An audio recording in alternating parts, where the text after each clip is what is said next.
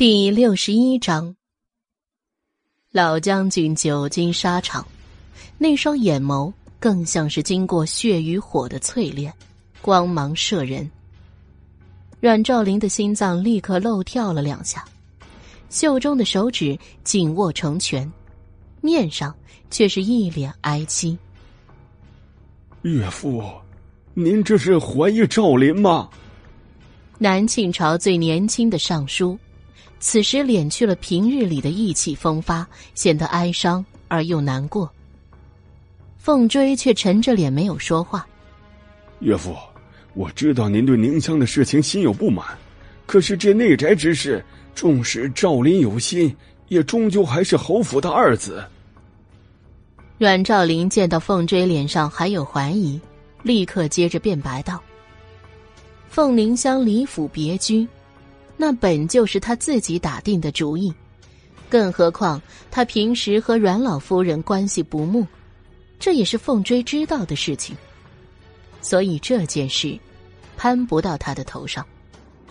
凤追还是不置可否，那双利眸直到把阮兆林看得心里发毛起来，这才淡淡的说道：“明星就留在将军府养伤吧，留在将军府。”阮兆林一愣，立刻想也不想就拒绝的说道：“岳父，这怎么使得？他年幼尚不知事，家里有照顾惯了的丫鬟婆子，怎么能来这里添乱？”刚才你不是说内宅之事你有心无力？凤追却用他刚才说过的话来堵他的嘴。既然这样，那就留在这里好好养着。这身伤你不心疼？我还心疼，赵林怎么可能不心疼这孩子？就是因为心疼。阮兆林还想要辩解，却被凤追直接打断：“你还要处理宁乡后事，肯定无暇照顾明星。就这样定了，在伤好之前，明星留在将军府，正好宁乡之前的丫头们也都在凤家，会把她照顾好的。”看到凤追心意已决，纵使阮兆林心有不甘，却也无可奈何。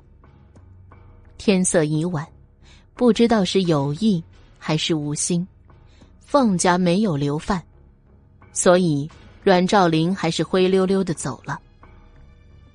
四九城内乾元宫里，傅伯将下午与左右减轻整理的案情上报皇帝。魏公公从龙椅上的高台走下来，接过傅伯双手举过头顶的奏折。宫廷内每隔几步就是一个坚守的太监，傅伯跪着，总觉得安静的死寂。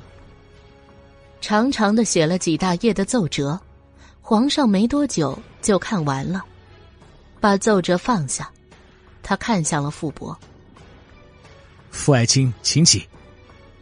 皇上说话时面带笑容，夸赞道：“傅爱卿果然是不负众望，一日之内就将案情审理清楚了。”傅伯不会说话，只能干巴巴的回道：“谢皇上夸奖，这是微臣的本分。主要是方大人雷霆手段。”他倒是没忘记，把大理寺丞夸了一下。皇上再次翻看了一下细节，将傅伯夸赞几句，就令人退下。魏公公伺候了龙腾大半辈子，他这太监生涯中一辈子都在揣测上面人的意思。此时看皇上凝着一个地方出神，也不出声儿，他自己也有自己的想法。确切的说，是他揣测龙腾现在的想法。傅伯离开后没多一会儿，一个深青色夜萨袍的小太监悄悄跑进来，在魏公公的耳边小声的说话。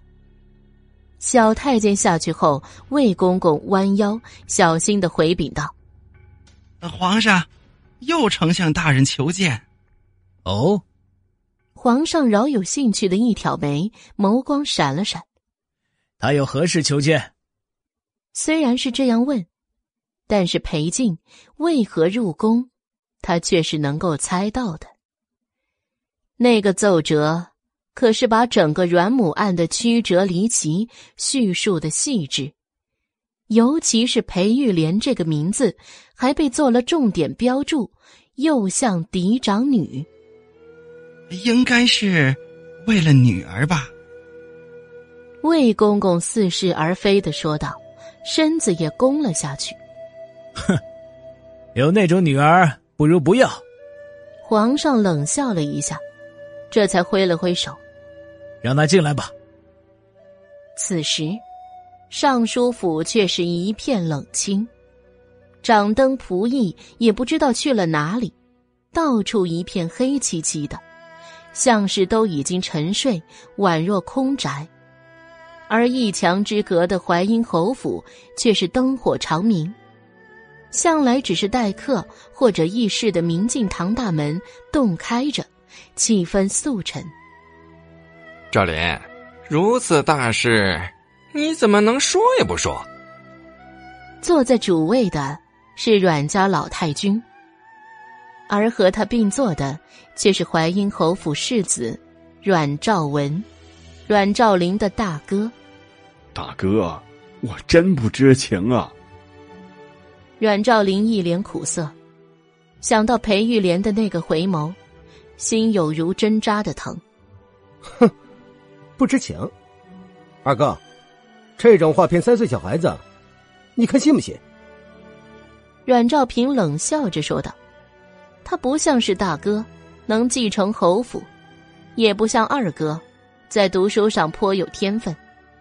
在这两个哥哥的衬托下，他就像是淮阴侯府最暗淡的一颗星星。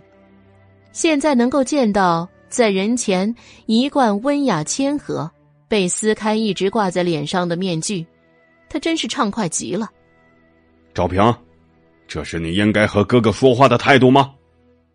阮兆林听到他这样说，眉头也不由拧紧，怒目而视。这是母亲最疼的腰子，一向纨绔，而且总是与他不和。都给我闭嘴！阮老夫人终于忍不住怒吼道：“今晚大家是来商量对策，而不是彼此揭短的。”明镜堂在老太太的怒吼之后，一下子陷入了寂静。三双目光看向那个有些暴怒的老妪，再也不敢多说什么。现在这个家还没分，你们就闹成这样！懂不懂什么叫做兄弟同心？阮老夫人拿着她的拐杖在地上狠狠的敲击着。今天这事儿对阮家来说简直是糟透了！你们还有心思在这里争执？老太君的眸子在自己这三个本来最得意的儿子面前扫过，再度说下重话：“攘外，必先安内。”你们三个兄弟都吵个不休，这是欺负你们父亲死得早，现在只剩下寡母，所以无所顾忌了，是不是？这最后一句话，像是千钧重压，瞬间把这三个人压得脸色苍白。母亲，您说这话让儿子惶恐。世子阮兆文站不住了，立刻蹲身一跪。阮兆林见到大哥都跪下，立刻也跪下说道：“都是儿子不好，修身齐家治国平天下，儿子连修身齐家都做不到，累母亲和兄弟受难了。”阮兆平看着这两个哥哥都开始认错，也闷声跪了下来，但是嘴巴却紧紧绷成一条直线，显见不愿意开口。这案子还没有完。今天也只会是一个开始，以后阮家算是被推到了风口浪尖儿了。阮老夫人看着跪在地上的三个儿子，都说多子多福，可是到现在，他才刚刚意识到，多子不一定是多福，也可能是多祸。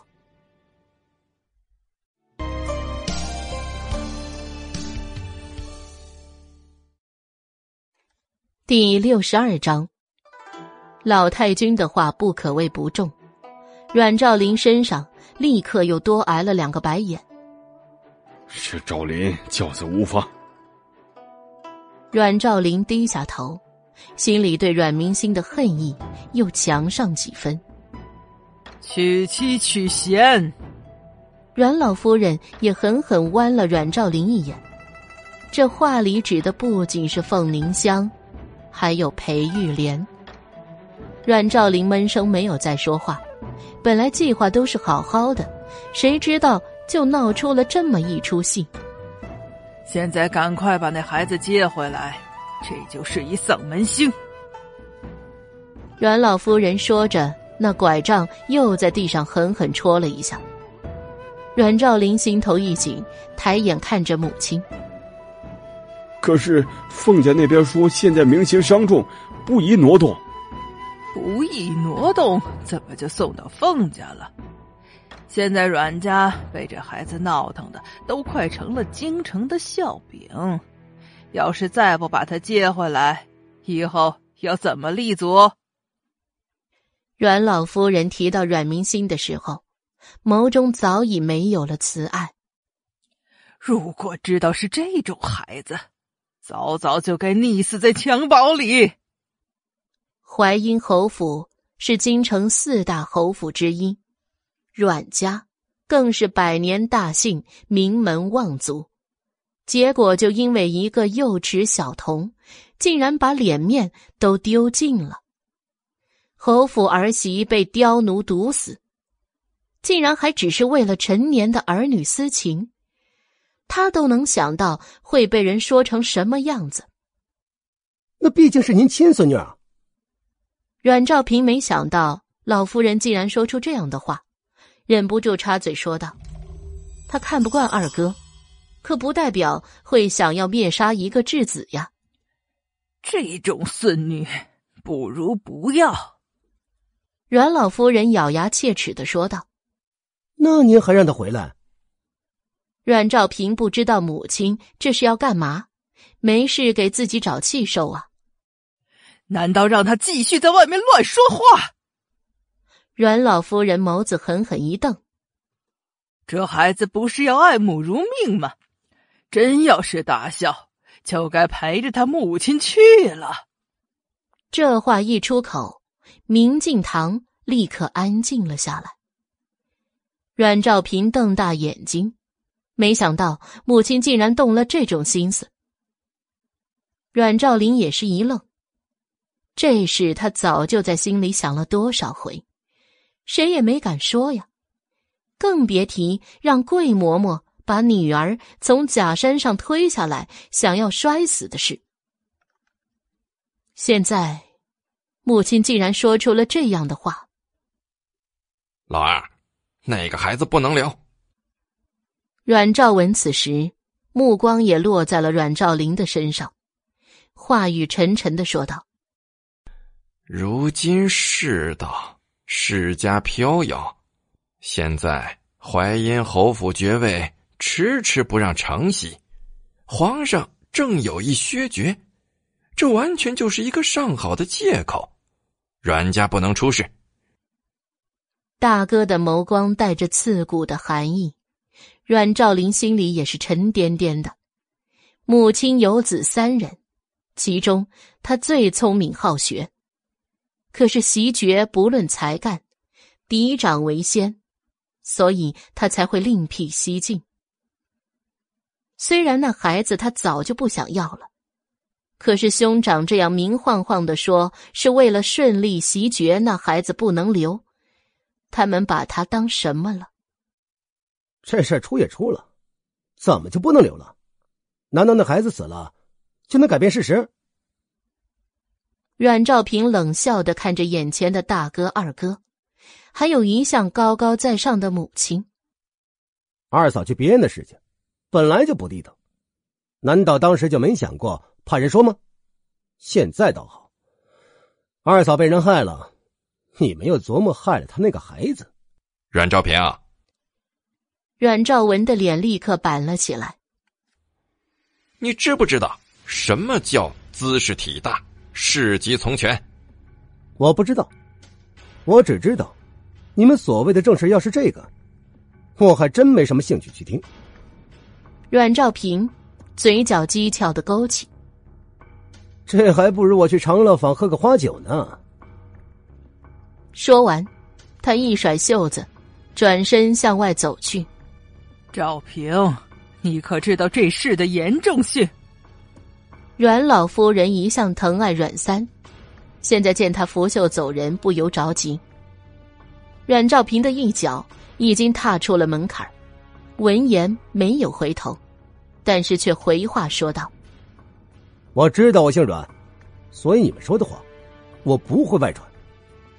但是除此之外，就没有想他出什么力了。”说完，他掀开帘子，径自离去。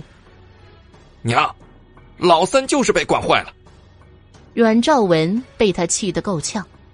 先不管他，赵林，这孩子必须接回来。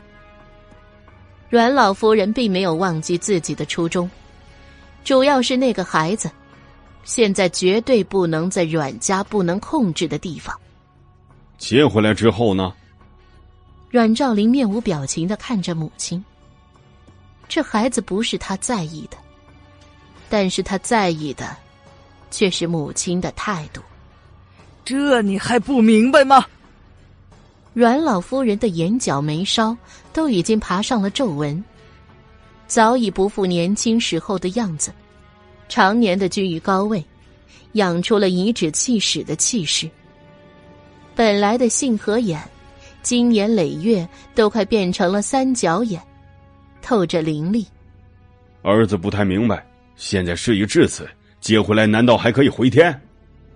阮兆林真不愿意登门凤家，纵然现在没有牵扯出他在这场谋杀中处于什么角色，但是见到凤追，他却忍不住的心虚。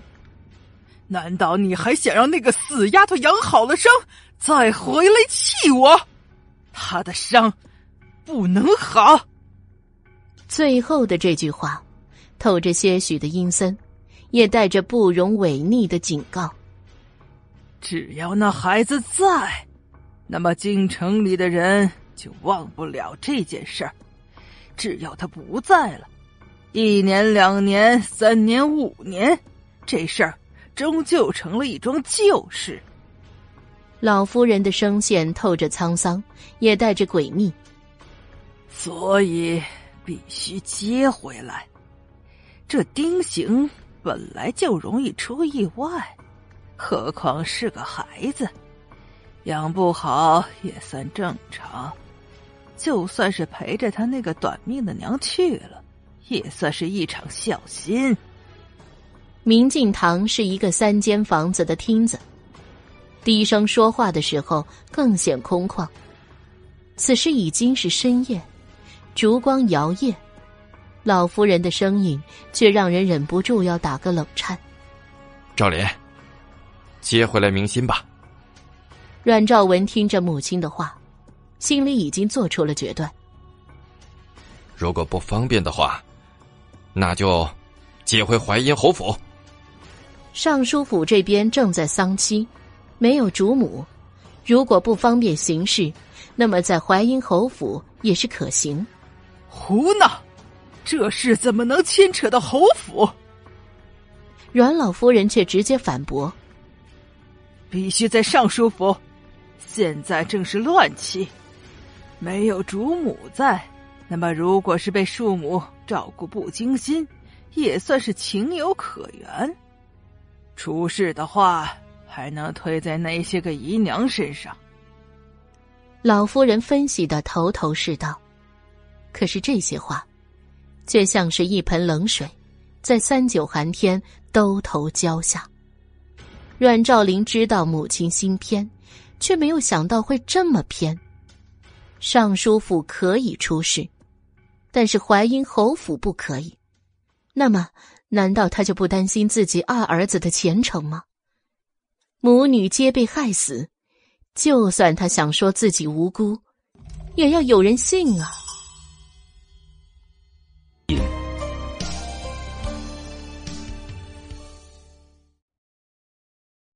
第六十三章，阮兆林就算心有不甘，可现在在阮家做主的人却是老太君。到最后被谆谆教诲了一通，他这才踏着月色回到了尚书府。两府相隔的小门内早有奴仆候在那里，见到老爷回来，直接报给了专门等着的侧夫人白氏。等到阮兆林回到他住的松林院，白氏已经让婢女拎着食盒候在了门口。老爷回来了。白氏有些担忧的看向阮兆林，知道这一天之中最为难的应该是他。他今天穿着朴素，表情此时更显温婉。啊，你还没睡啊？阮兆林看到是他。神色有些松动，刚才在明镜堂的压抑，此时才渐渐褪去。我担心你。白氏出身不低，也算富有诗书气自华的才女。平时和阮兆林最为相得，因此此时说话更透着旁人没有的亲近。唉，阮兆林叹息一声。还在惆怅，明天怎么把阮明星接回来？这凤家岂是这么好说话的？一定还没用膳吧？我让人煲了养生汤，先喝些吧。白氏猜测他还没有进食，让婢女打开食盒，端出来让人精心准备的汤盅和小菜。本来阮兆林没有胃口，但是见到精致的菜色，也忍不住坐下来。开始吃了起来。今天的事情已经传开，锦绣已经给父亲送了口信，让他注意点御史台的动向。白氏看着阮兆林，眸子透着安抚和心疼，这眸光像是刚好掌握了分寸，不会让人觉得反感，只觉得窝心。他父亲是御史台忠诚。算是掌握着言官的喉舌，这是最怕的，就是被御史们揪住不放，参阮赵林治家不严。辛苦夫人了。阮兆林看着白氏的眸中有暖意划过。凤凝香长期居住别院，因为在尚书府仆役口中，一般都喊白氏叫白夫人，因为主母不在。也显不出僭越，此时他这样称呼，更显亲近。这算什么辛苦？老爷才是辛苦。白氏说着，亲自帮阮兆林布菜，唇角不易察觉的微微勾起。他想要的，也不过就是“夫人”二字。凤凝香性格倔强，竟然直接避居别院。这才给了他能和阮兆林更进一步的机会。他一直都知道，他心底有人，但却不知道是谁。今日才知，原来是裴相家的嫡女。当年裴玉莲名动京城，却迟迟未嫁，没想到竟然是为了等他的夫君。可惜呀，当年他无论容貌。还是才华，都比不上他。但现在，陪在阮兆林身边，享受着夫人这个称号的，却是他。今天这件事情过后，不管裴玉莲和阮兆林到底有多少的感情，他们继续在一起，那是不可能的了。锦绣啊，这些年委屈你了。阮兆林深深的凝望着面前的女子，她当年嫁给他只能为妾，那是他母亲和他父亲商议的结果。娶了她，当时他并未动什么心思，也没有放什么心思。可是这些年下来，却只有他最懂他。现在裴玉莲已经不再可能了，他身边的解语花，也只剩下他了。只要能和你白首，就一点都不委屈。白氏明明此时也有些年纪，可是却一点都没有显出老来，娇羞的容颜更胜往昔，也带着生儿育女之后的风韵。锦绣，阮兆林突然放下了筷子，烛光摇曳下，看人朦胧中美感更浓。他突然有些情动。白氏的婢女已经知机的下去了，他拉起白氏就向内室走去。阮明星醒来，已经是在次日的数时黄昏。缠缠绵绵下了几天的风雪，终于停了下来。夕阳的余晖映在白绵绵的雪上，像是给天地都罩上了一层朦胧的薄纱，暖人心扉。小桃红一见他醒了，就激动的热泪盈眶，呜呜呜的哭泣着。小姐，你可算是醒了，奴婢好担心你，再也……呃。小桃红的声音一顿，赶紧捂上嘴，后悔不已。他这是在乱想什么呀？阮明星全身都疼，喉咙发痒。却还是对他虚弱一笑。这个前世今生，生死关头都从来没有抛弃过他的最亲近的人呢。在意什么？小桃红捂嘴的手还没拿下来，赶紧摇头，呜呜的说道：“嗯，没什么。”阮明行嗤笑他：“傻丫头，快点给我杯水。”一天一夜没进食，阮明星现在不仅疼还饿，嗓子是真的说一个字就像是拿锯子在割一样的疼。小桃红见到他干咳起皮的嘴唇，才突然反应过来，赶紧起身，边跑边说：“小姐，你等一下，桃红马上就来。”真是个傻丫头。阮明星看着帐顶上的青色，勾唇一笑。母亲，您现在可以安息了吗？女儿终于将你的仇报了。不过您别着急，阮兆林这个伪君子，女儿迟早也会帮你把他欠你的，给你一一讨回来。小姐，喝水。小桃红在桌边倒了一杯温水，小心的端过来，惯性的想将阮明星扶起来。手突然伸到一半，像是想起什么，又赶紧缩回去，又返回桌边取来一个空茶杯，将另一只杯子里满满的水一点一点的分入空杯子里，喂给阮明星喝。一杯水下肚，阮明星终于觉得整个人稍微精神了一些。见到他回复，小桃红终于放下了那根紧绷的神经。恢复了以往小姐贴身丫鬟的有条不紊，开始吩咐张罗谢含韵的嘱咐：先喝小米粥，然后吃药，并且派人通传小姐醒了。明心醒了，在凤家，几乎赖了一天的阮兆林得到消息，几乎和凤追一脚前一脚后的来到阮明星暂住的湘君院。我说了，不会让明星跟你回去的。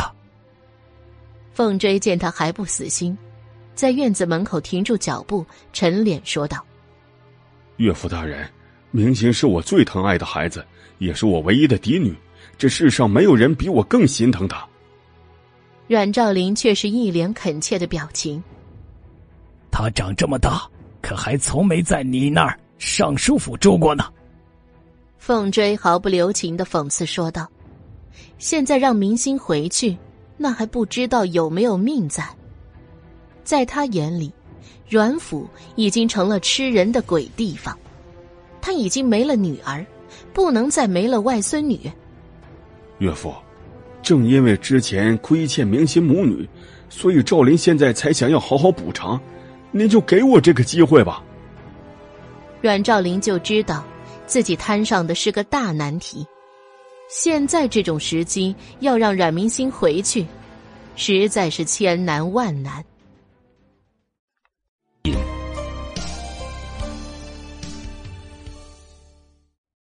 第六十四章。可是不论阮兆林如何舌灿莲花，凤追都不为所动，更是狠狠警告了他一通，这才走进了阮明心所住的香君园。挑帘进屋之后，是浓重的药味。是外公吗？里面传出阮明心虚弱的声音。虽然穿着天蚕甲，但是终究伤了肢体，且流了一地。因此，现在的身子也是弱的，需要将养。嗯，外公来看看你。凤追说着，走进了内室。里面，阮明心正躺在榻上，手臂似乎软软无力。小桃红正在一勺一勺的喂他吃粥。明心呐，阮兆林也跟了进来，看着女儿惨白的脸色。感觉不过是短短一天，似乎他整个人瘦了一圈，有些脱形。父亲也来了。阮明心的话语顿时疏离起来，他看了看小桃红，突然想起一件事来。父亲，我之前帮桃红把名字改了，回头麻烦您给管家嬷嬷说一声，她以后就叫做百灵了。阮明心开口说道：“之前心里悬着母亲的事情，顾不上这个。现在看着小桃红，就想起来改名的事了。这都好说啊，你不用和为夫客气。这么大院子，怎么只有他一个？你还是跟我回府休养吧。”阮兆林的眼睛一转，顿时趁机提出这个建议。凤家阳气盛，而阴气衰。阮明心只有外公，外婆已经去世，而凤追并没有妾室，所以家中没有主事的太君。三个儿子又都领军在外，大儿媳和小儿媳都跟在外地，只有二儿媳在京都。但是因为身体不好，基本上都在娘家将养，只有凤泽天回来常住的时候。二儿媳才会回来，所以偌大的将军府，其实人头少的可怜。别说没有正经配着的嬷嬷奴婢，就连府中管事，都是军中之人。你这是在含沙射影说我吗？凤追一下子怒了，这是当着主子的面说主子不好吗？岳父，小婿怎敢说您呢？只是担心这孩子。阮兆林连忙解释：“明星是我唯一的外孙女，我肯定会让人好好照顾她的。”凤追对着阮兆林怒目而视：“昨天媳妇马上就要回来，到时候就有人照看她了。”听说二嫂身体不太好，其实回阮家也是一样的。阮兆林还是想让阮明星回去。母亲那边的施压，让他只能把这件事办成了。这怎么能一样？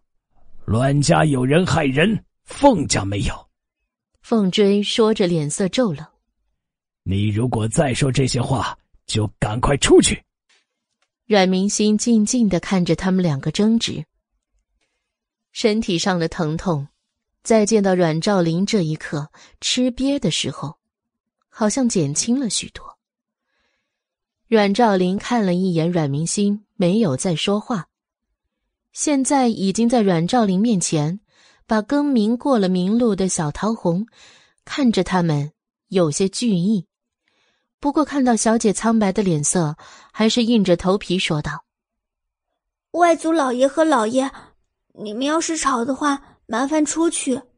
小姐需要静养。”凤追闻言，多看了一眼小桃红。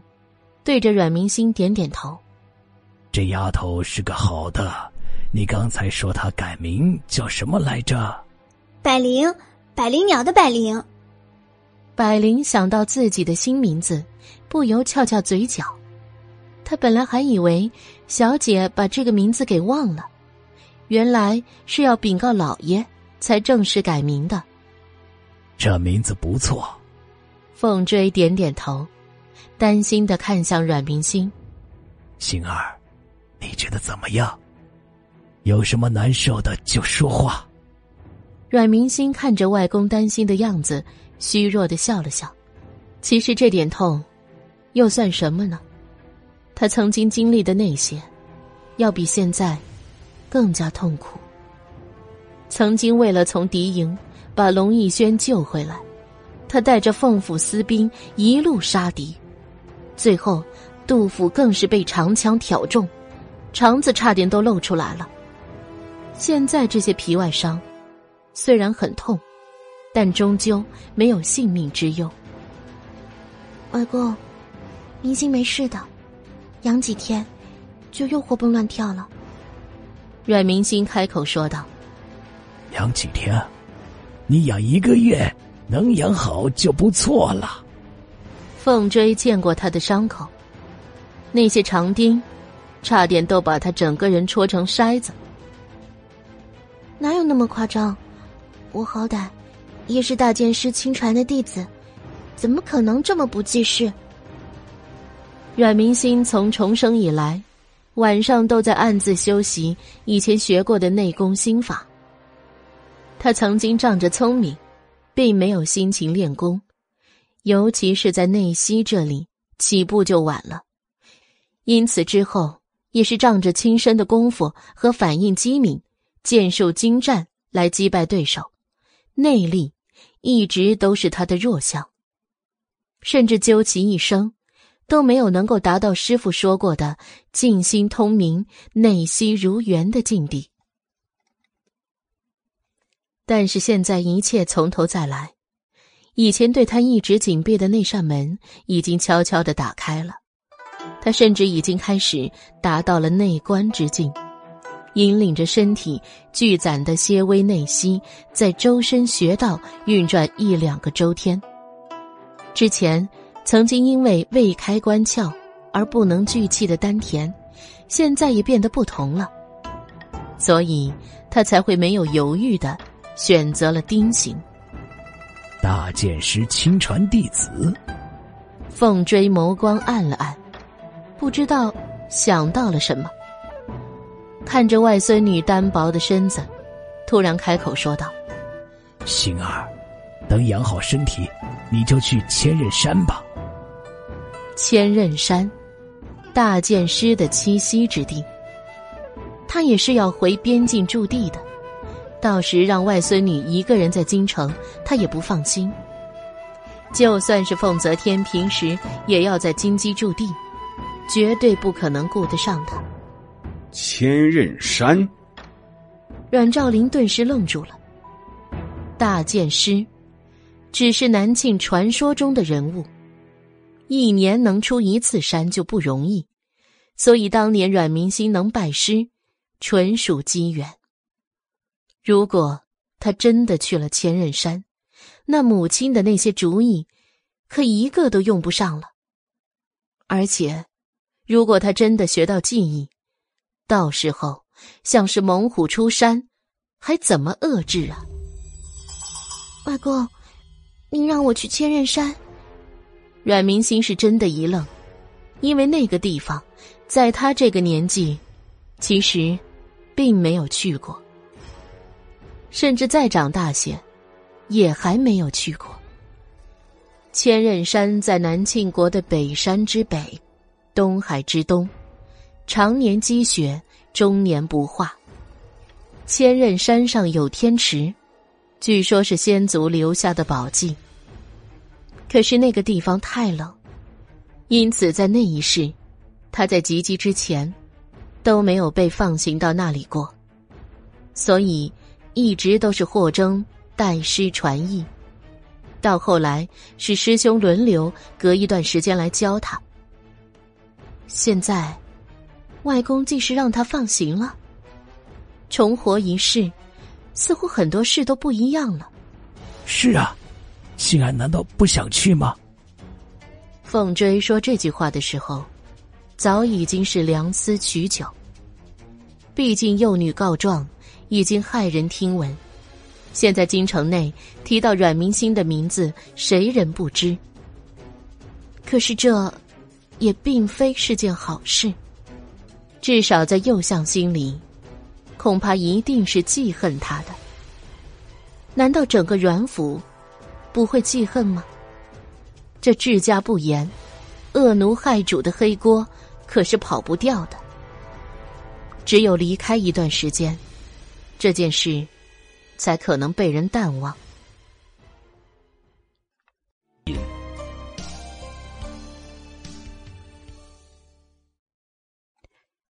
第六十五章，阮明心心思电转，面上却是不显。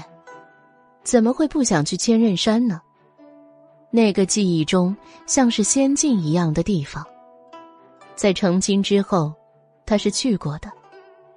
去那里，不过是为了龙逸轩求援。擅长机关设计铸器的三师兄，专门被他请下山，最后。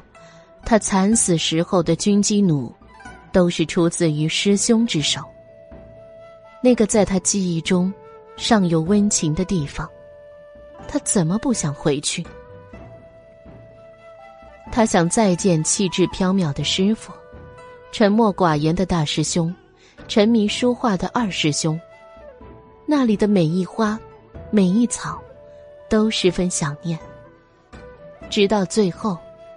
全毁了，外公，我真的可以去吗？女孩的眼眸有些湿润，那是她不愿去破坏的温情，那是她不敢去回忆的残景。当然可以，你是大剑师弟子，本来就该去千仞山休息。要知道，当初大剑师剑分四国，现在已经这么久了。凤追说起来面带忧色，当年的大剑师此时都已经是暮年。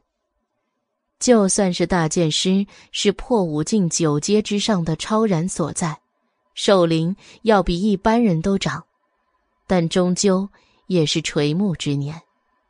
现在四国鼎立，那是因为大剑师都还在。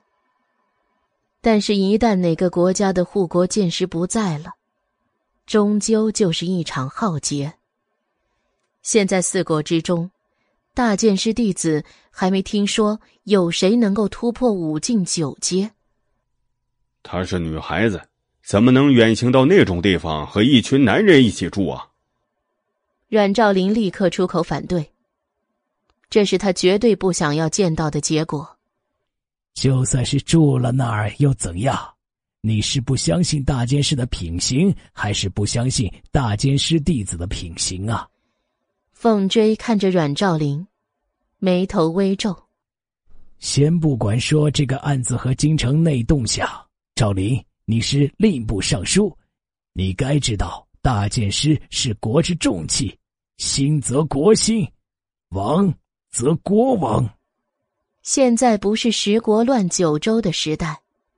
战乱频繁，这样四国平衡一旦打破，最终肯定是国灭的下场。现在哪个国家都不敢轻易发动战争，那就是因为还有大剑师这样超然的存在。岳父，你可别说你把国家之事放在区区一个小女孩的肩头。阮兆林却还有些不屑。虽然阮明星是大剑师的弟子，但是在他看来，却从没有见到过有什么特别的。你难道不记得心儿的命数啊？凤追却沉下了脸。阮兆林脸色一僵，他看了眼面色苍白的女儿，在他眼里，现在阮明星还是眼中钉、肉中刺。那个据说被国师看破的命数，他其实早就忘了。外公，明星难道还有什么特别的命数吗？阮明星看着外公，这是他自己都不知道的事情。他只知道，自己被认为难以存活，最后才会有母亲带着去别院山庄。现在看来，原来命运。不只是如此。没有，外公只是给你父亲说一下，女儿未必不如男儿。凤追却显然不想说这个话题，尤其是看着阮明心那双黑漉漉的眼眸，更是不想说这个话题。外公，您肯定有事没有告诉我。阮明心却想要知道这个所谓的秘术，因为这是他以前不知道的事情。外公是觉得心儿不凡，四国当中只有我们南庆这边大剑师收了女弟子。记得当初苍离剑师说过，这世间不会再有大剑师，但是星儿说不定就会是个例外呢。凤追看着阮明星，微笑着说道：“明明是不想说实话，但是说出的话，却不让人觉得敷衍。”岳父，您的这个建议还需要三思啊！父母在，不远游，明星要去那么远的地方，这还需要斟酌呀。阮兆林看着凤追，好像主意已定，不由有些头疼。心儿的母亲已经不在了。凤追却沉下脸看着阮兆林。既然宁香已经不在，你们阮府水深，心儿回去要是也出意外怎么办？他说这句话说的直接，显然是把阮家当成了龙潭虎穴，不想让星儿回去了。我一个好好的将门虎女折在你们家中，难道你准备让我外孙女也是这样吗？凤追说着，再不给阮兆林反驳的机会，直接把他赶了出去。当然，他自己也没有回来。阮明星静静的看着头顶的帐子，拧眉想了一下，看向百灵：“你有听说过？”这件事吗？小桃红自小就跟着服侍他，所以他不知道他是否知道这件事。没听说过，但是看着外公老爷的样子，是不准备回来了。百灵猜测着说道：“是啊，我知道各种遁走的借口，没想到外公用上感人这招。”给溜走了。阮明星无奈的摇摇头。凤追这一走，就没有回来。不知道是不是怕明星追问，所以第二天也没有出现。但是却听说二舅妈已经回来凤府了。阮明星这两天都是安静的躺在床上，百灵靠坐在床榻上，守着他打盹儿。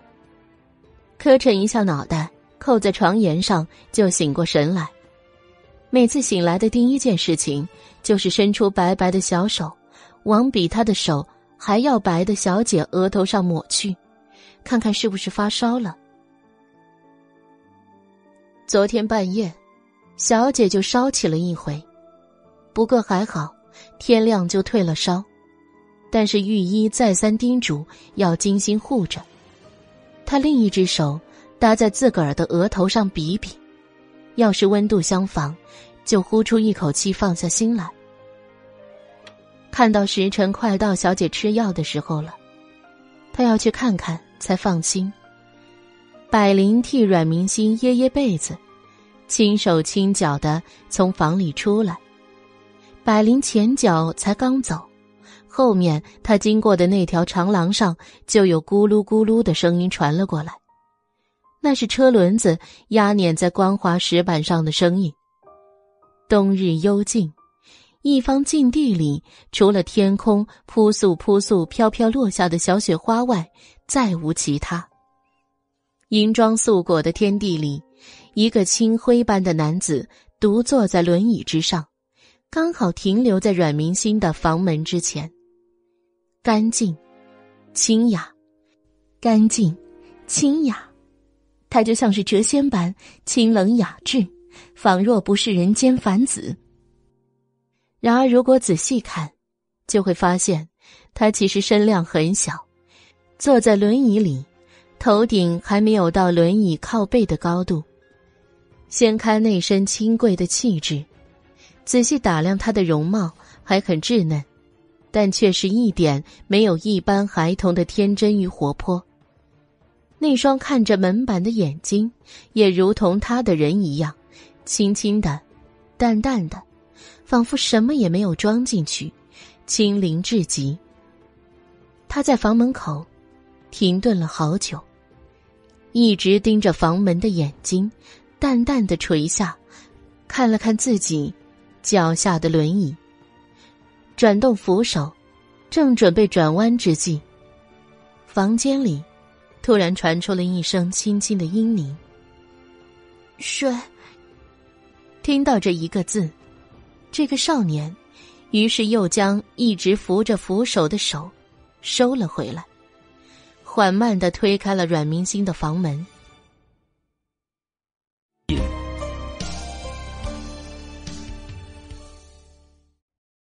第六十六章，打开房门。是阮明星房间的明堂。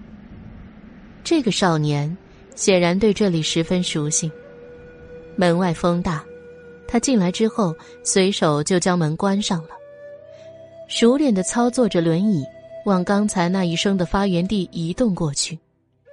他所有的动作都是那么不紧不慢，有条不紊，与他的人一样，散发着淡淡的清雅。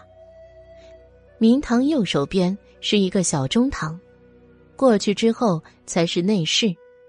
内室的床上，阮明星还在半睡半醒之间，正满头细汗。他蹙眉，似乎有些不适，但在翻身的微动之间，好像又触动了伤口，不由闷哼出声。少年仔细的看了一下床上的女孩，锦被把小女孩几乎完全盖住。只剩下女孩巴掌大的小脸，她的脸色比白雪还要苍白，虽然闭着眼眸，但是也能看出唇红鼻挺，眉若远黛，发如乌绸的秀丽样子。这样的一个女孩，竟然做出让整个京城都震动的事情。满灵，水。阮明星嘴唇干涩。眼皮仿佛千斤重，怎么也睁不开。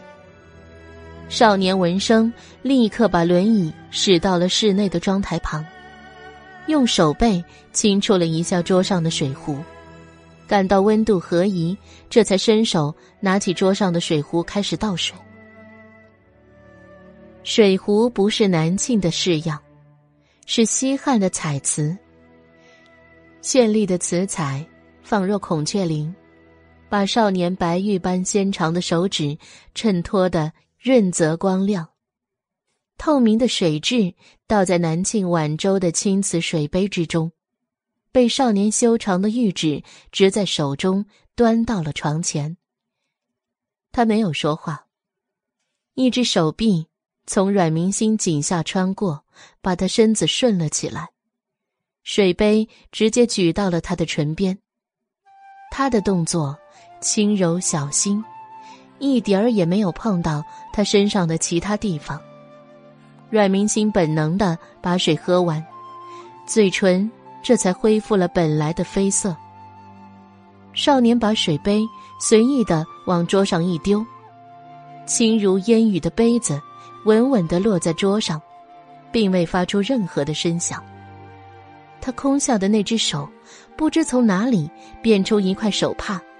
在阮明星的头上轻柔的擦拭，直接将他额头上的薄汗擦干了去。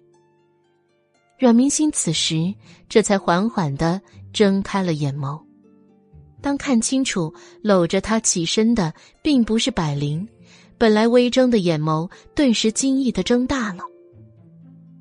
他面前竟然是一个少年，一个不认识的少年，看样子。大约十一二岁，比霍征大一些，身着一身月牙白的锦袍，干净无尘。看到他的第一眼，就像是九天之下流泻的一抹白云，又像是最澄澈的碧湖上氤氲的那场烟雨。虽然陌生到两世第一次见面，但是少年却是有一种让人一眼心安的气质。尤其是他那双如湖水般清澈见底、如皓月般皎洁明亮的眼眸，那里面的光芒是温柔的，那温柔之中又带着点点怜悯以及心疼，就仿佛这世上所有的美好都揉碎在一抹波光里。他被他这样一副说不出道不明的眼神吸引，尤其是那份心疼。带着理所当然的淡然，让他拿不准他是谁，为什么这样看着他。少年看他醒来，迎着他愣怔的眼神，轻柔一笑，如同散着清辉的霁月。我是凤准，你的三表哥。说完，他突然把手臂放低，将阮明星放平在床上之后，这才驶离床边一尺。这才不可抑制的捂着嘴咳嗽起来。阮明星这才注意到，他竟然坐着木质带着转轮的椅子。这是前几年才从百炼门铸造传出的一种给不良于行的椅子——轮椅。这个二表哥的腿有毛病吗？真是可惜了。明明一个陌上人如玉。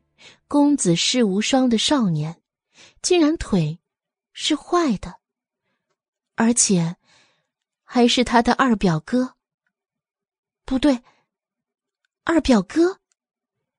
阮明星的眼眸不由睁大，见到这样清淡俊美又孱弱的少年，虽然在低头努力克制，但却难以自抑，又连续不断的咳嗽起来。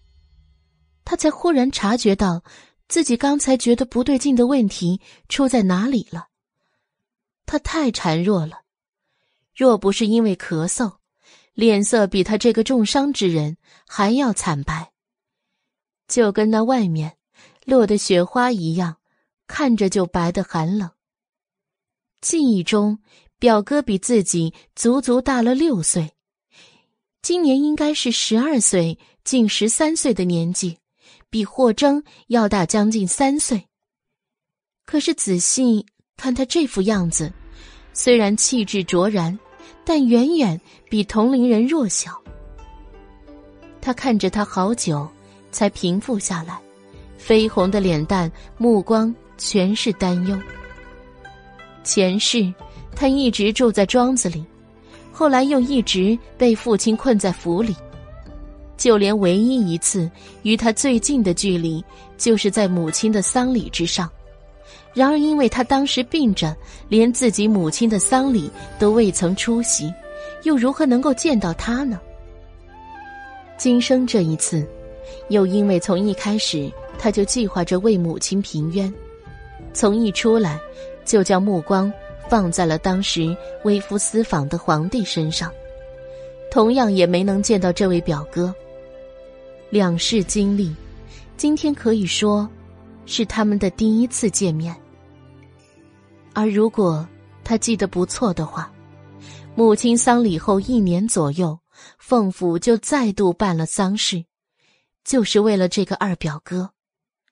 他少年早夭，享年十三岁。当初整个凤府为了这个表哥悲痛了好一阵子，除了他。是二舅舅唯一的儿子外，更是因为从小这位表哥就少年英慧、聪明才智，比起后来撑起凤家的凤玲，还要更胜一筹。他一直以为，这位出生时候胎里带弱的二表哥是过于早慧，慧极则伤。现在看来，他身子像是有问题的。坐着轮椅的少年，看到小表妹回神了，眸光无比的柔和。我这次是随着母亲回来的，以身之弱，有什么事就说话。如今表妹的仇也报了，以后莫要再伤心难过，好好调养身子。这句话听上去，就像是安慰的客套话，但是从他的嘴里说出来，却无比认真。让人能够听入心腹。阮明星这才明白，这个二表哥是随着二舅妈一起回来的，来照顾他的。见到他没有说话，少年也没有恼怒，继续说道：“以后千万不可像这次，拿自己的性命犯险了。人这活着多不容易，表妹，可知道你这一滚，爷爷跟伯父们有多担心？”他轻轻的说着，最后一句惊呼呢喃句也不成句了，轻轻慢慢的淹没在了他的咳嗽里。明明是初见，他这些劝告的话，却一点儿都不生疏。尤其是那双眼眸中的担心，浑然天成，绝对不是参假。阮明心四肢受伤，不能乱动，只能担心的看着表哥咳嗽的样子。他想到一年后，这样如玉的少年就会故去，心间的疼痛。突然大过了手足之痛。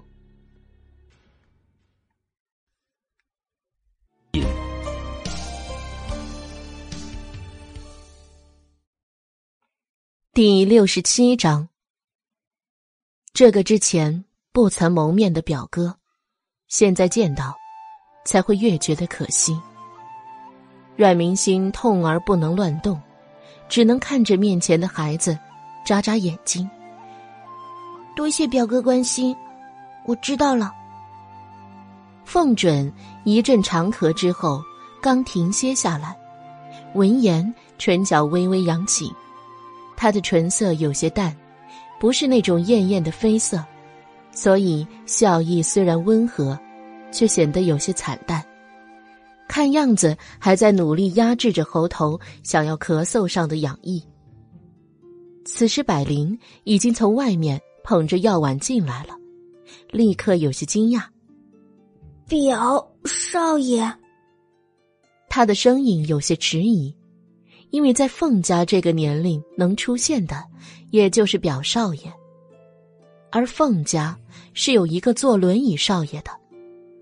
像是知道他后面要说什么话，凤准率先截住百灵的话头：“我就过来看望表妹，如今没事了。”我就回去了。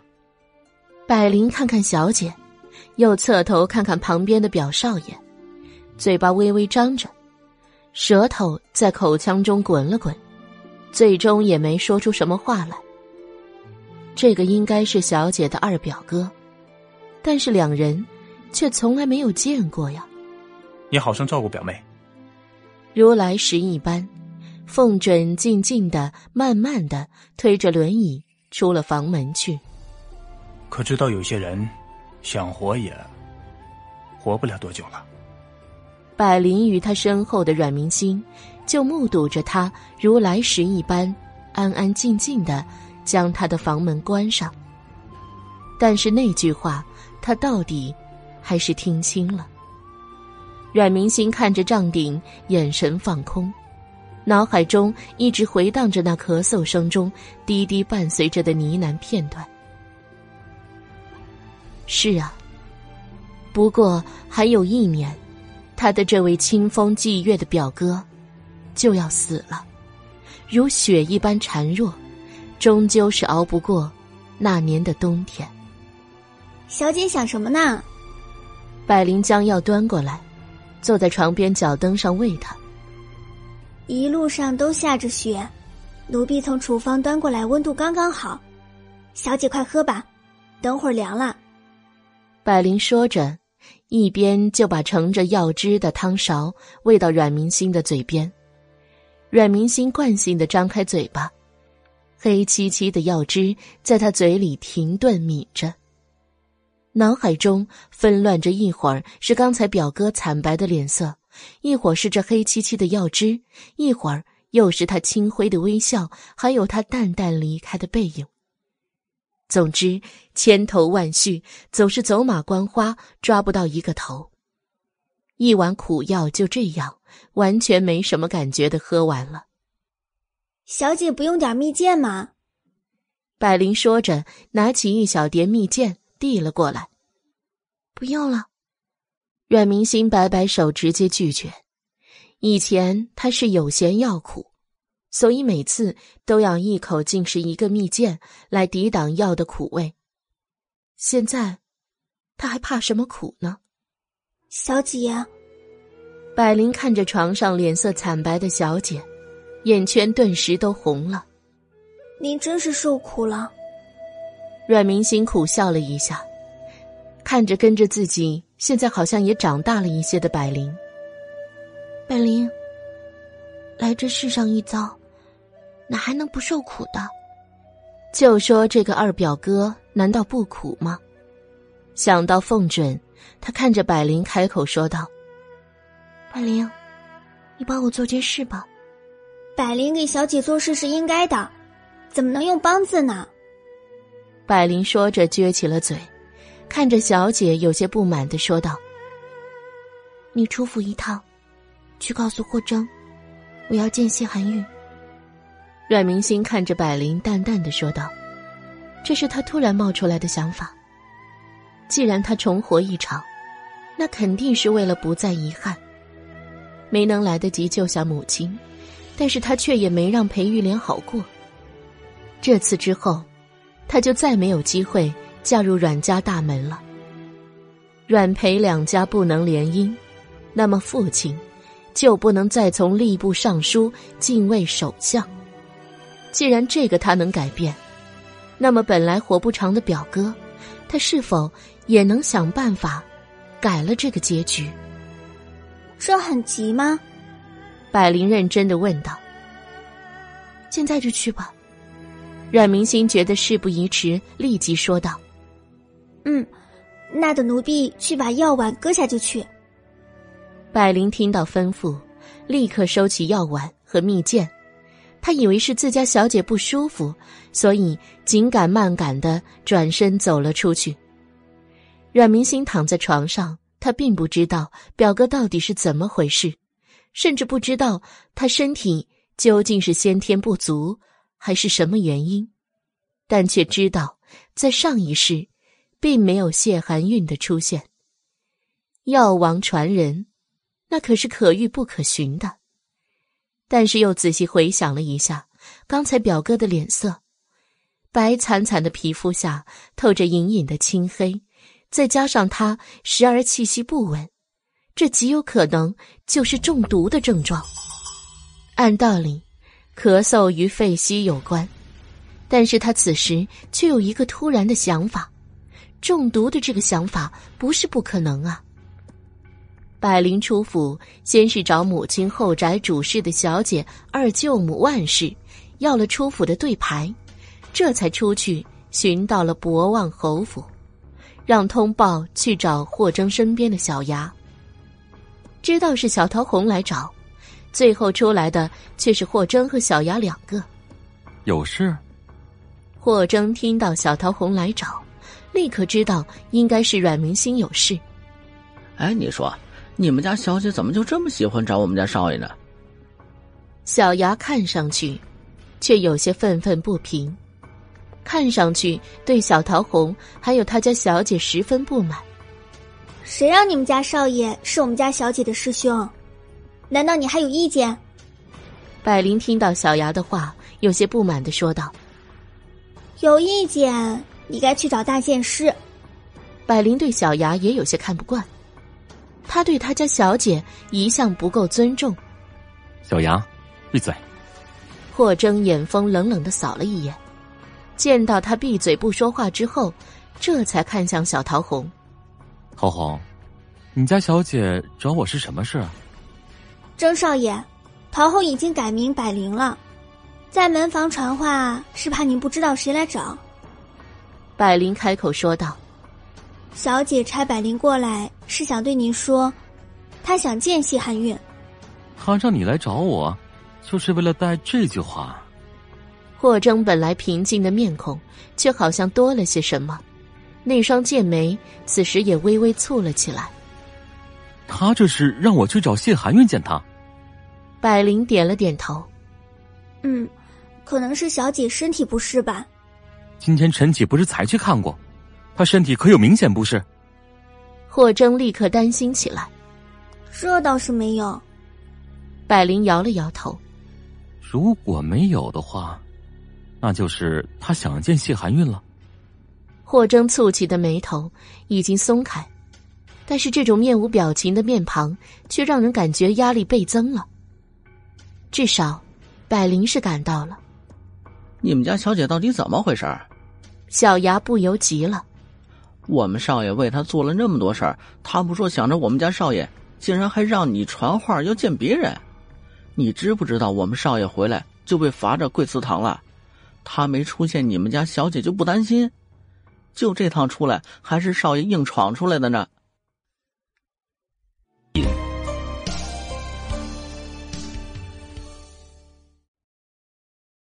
第六十八章，小杨。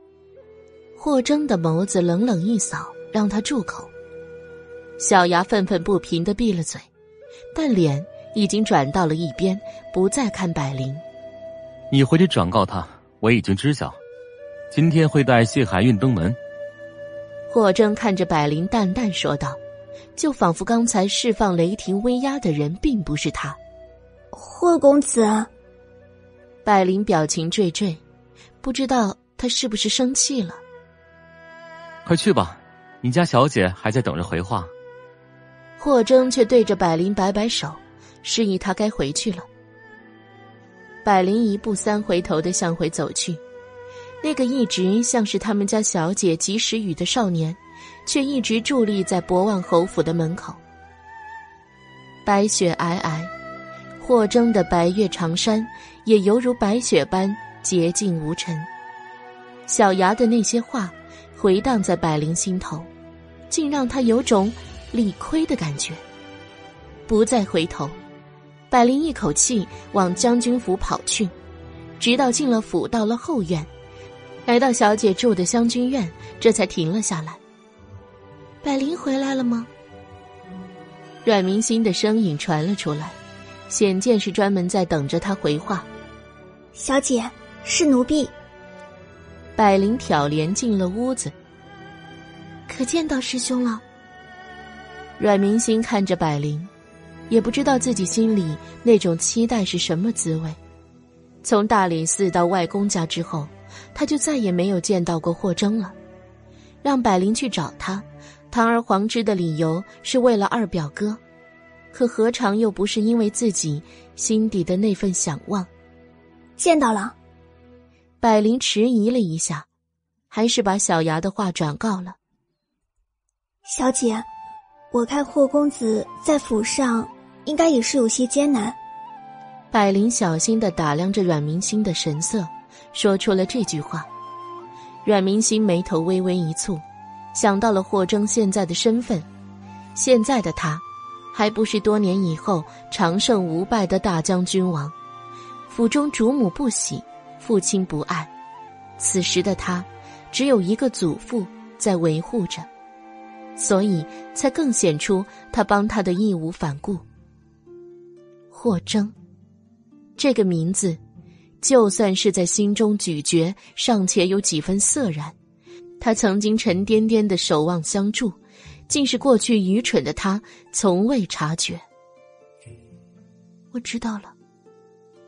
阮明星的这句话像是叹息，又像是对命运的回应。这一次，他知道了，所以不会再是他一个人独自艰辛。喂，霍长夜，这是你师妹主动要找我，又不是我自己扒上去的，你对我摆什么冷脸啊？谢寒韵看着自己面前脸色铁青的霍征。不由得了便宜还卖乖的说道：“我是嫌你太慢，你怎么不干脆像个女人一样涂脂抹粉算了？”霍征没好气的看着谢寒韵，他光衣服已经换了三套了。告诉你，你这是绝对的嫉妒。谢寒韵本来穿着湖蓝色的长衫，但是对着铜镜看了看，摇摇头，又脱下换上了一身月白色的长衫。你有完没完了？霍征眉头拧了起来。你再换，信不信我把你直接打晕了，给拎过去？哎，还是不是兄弟了？为了个女人啊，不，为了个小丫头，就这么对我？谢寒韵穿着月白长衫转了一周，这才满意的点点头。好歹人家在众校里，总不好穿的太花哨吧？霍征想到阮明星母亲的事，心头也是一紧。这两天大理寺已经提审裴玉莲，准备定案，因为右相的关系，加上事主也未到场，所以并没有公开审理。哎，我告诉你啊，你要是再这样对我一副爱答不理的脸，本大爷不高兴就不去了。谢寒韵傲娇的一扬下巴：“你可以试试看啊。”霍征说着，直接亮出了自己佩戴的宝剑，目光比外面的冰雪寒天还要冷冽。谢寒玉摸摸鼻子：“哎，好了好了好了，我真的怕你了。本公子去还不行啊啊！本来好好的下山玩耍，变成了困守京城了。哎，真不知道我是欠你的还是欠他的。快走！”霍征见他穿好衣衫，转身就准备走人。哎，等等等等等，我都还没想好配什么腰带呢。哎呦，这腰带上缀什么玉珏呢？谢寒韵还是不紧不慢的说道，直接在他的衣柜中翻翻捡捡。少来，这样就好。霍征说着，干脆直接伸手拽住谢寒韵的衣领，就向外一跃，两人直接撞开了窗子，飘身出去。喂，你是不是嫉妒我比你英俊潇洒、玉树临风，竟然不让装扮好就出门？哎，我承业，你知不知道这是不道德的？谢寒韵的声音越来越远。什么人？百灵惊慌的声音惊醒了本来正在浅眠的阮明星，他抬眼就见到了霍征和谢寒韵，不知何时已经进了他的屋子。霍公子，谢公子。百灵也认出了他们，却不知道他们为什么不正大光明的走正门，偏偏要爬墙越窗的进来。是这家伙胁迫我这样进来的，和我无关啊！谢寒韵想要再度美美出场的愿望再度破灭了，他可是一路被霍征拎着穿墙过户进来的。霍家少爷，就算你是我家小姐的师兄。也不能这样像是采花贼一样的进来吧？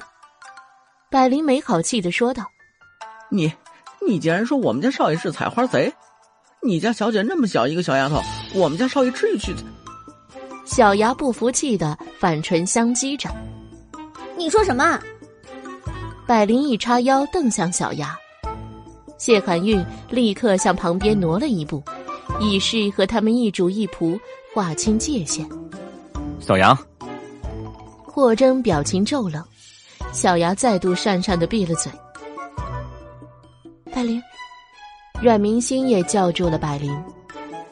事急从权，家祖父已经给我下了禁足令，绝对不可以再踏进将军府半步，所以没办法从正门进来。霍征开口对着百灵解释，目光却看着床上的女孩，她的脸色比二审当天好了些许。但是依然苍白孱弱，看上去和以往机灵欢畅的丫头迥然不同。霍征眸中有怜惜渐渐升起，阮明星撑着身子坐了起来，在见到霍征的那一刻，眸中已经没有了别人。他努力的扬起一抹苍白的微笑，让霍征放心。如果是这样，师兄，还是赶快回去吧。明星这里也没有什么别的事，就是对谢公子有事相求。霍家唯一护着霍征的，也就是霍老侯爷了。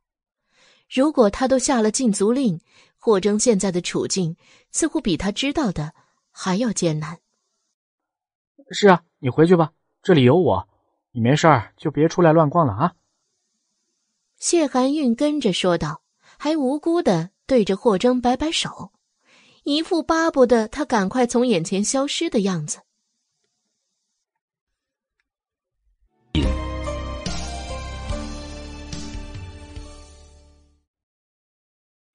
第六十九章，既然已经来了，也不着急回去。霍征说着，眸光清凉的瞥了一眼谢寒韵。再说，我也好奇明心究竟拜托谢兄何事。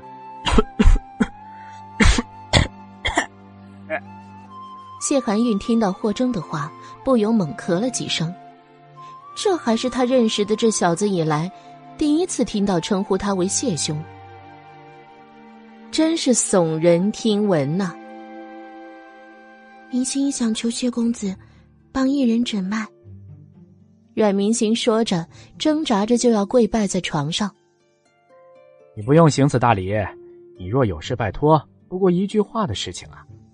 谢寒韵说着，准备把阮明星扶回去躺下，可是霍征却比他先一步上前，直接把阮明星按回被中，让他好好歇息。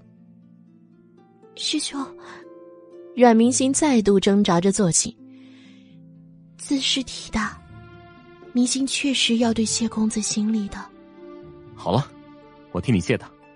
霍征说着，瞪了一眼谢寒韵。谢寒玉摸摸鼻子，立刻跟着说道：“阮小姐现在身体不适，这份谢意可以暂且记下。”他无视于霍征警告的眼神，说出了记下人情这样的话。好，等来日必会报答。阮明星点点头，认真的说道：“那是为谁诊脉啊？”谢寒玉开口问道。也相信阮明星虽然年幼，但却会是一诺千金。是明星的二表哥。明星正色说道。阮明星受着伤，冒着风雪，出了湘军院，去往凤准居住的长生院的消息一下子传开了。这么大的事情，怎么能不惊动凤府里的其他人？当凤追听到下人说外孙小姐。竟然要去阿房凤准的院子，不知道出了什么事，因此也抬脚向长生院走去。白雪皑皑，病弱少年坐在廊下的轮椅上，正在看书。他裹着一身的锦裘，身周布了两个火盆，即使这样，也掩不住身上的咳意。虽是冬季。门口的长廊还布了一层纱帘，被风吹得如波浪般浮动，算是勉强挡了一层风寒。院内静谧，却不妨院门口进来了一行人，为首的是一台软轿，软轿有两个少年一左一右守着，皆着素衣，气宇不凡。你们是何人？为何来长生院？凤准的书童本来侍立在他旁边，见状立刻走下廊阶，不由朗声问道：“凤准的目光却依然落在书上，似乎对何人前来有何事并不感兴趣。”软轿的轿帘被一下子掀起，掀帘的手白皙纤长，却像布满了麻子一样的细碎伤口。二表哥。外面风大，你怎么可以在廊下看书？阮明星不由开口。凤准听到他的声音，不由抬眼，脸上的诧异一闪而过。表妹怎么过来了？阮明星身上有伤，还没养好，怎么居然来了他这里？说着，凤准不由得把书卷一放，立刻转动轮椅，准备从廊上下来。凤准长廊下虽然有台阶，但也额外设计了一条滑道，专门方便他坐轮椅滑下。二表哥，不用下来，你们快抬我上去。阮明星对着轿夫说道。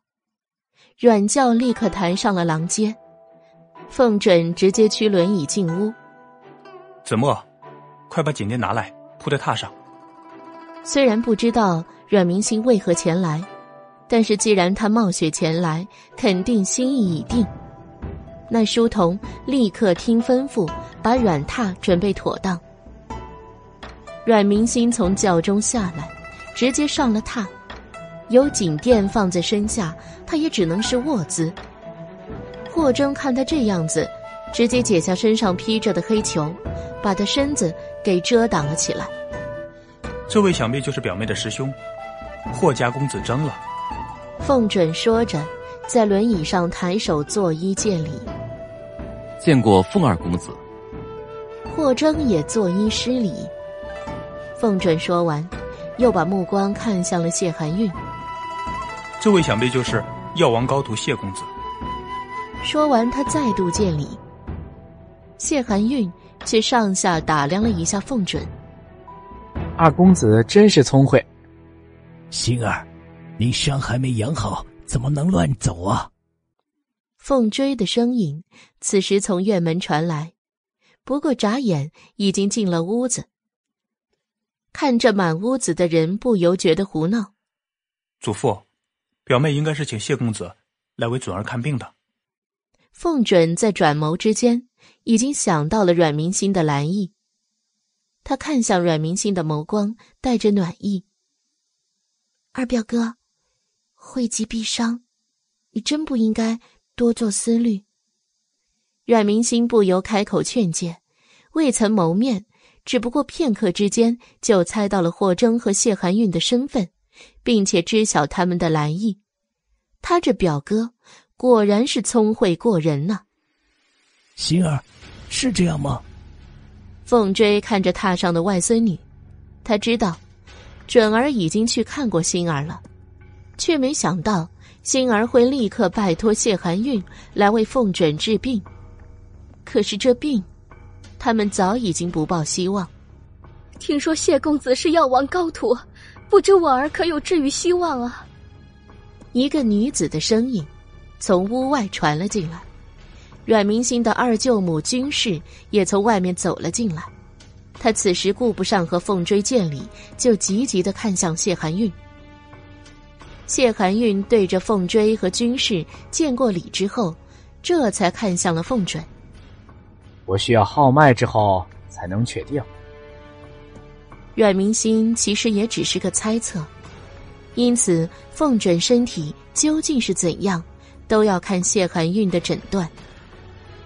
谢寒韵伸手搭在了凤准的手腕之上，屋内众人皆屏息等待结果。谢寒韵把完左手脉，又把向右手，眉头不由微微蹙起。如何？阮明心再度挣扎，坐起了身子。霍征不忍见他如此，不由坐在榻上，让他倚了过来。充当着他的枕靠。谢寒韵将搭在凤准脉搏上的手收回来，皱眉沉思：“怎么样？”军士也急急的问。谢寒韵还是沉默不语，不过却把目光看向了倚在霍征身上的阮明星，接着又看向霍征，看神情似乎有些迟疑，不知道怎么开口。阮明星眉头紧紧蹙着，难道表哥还是注定无救吗？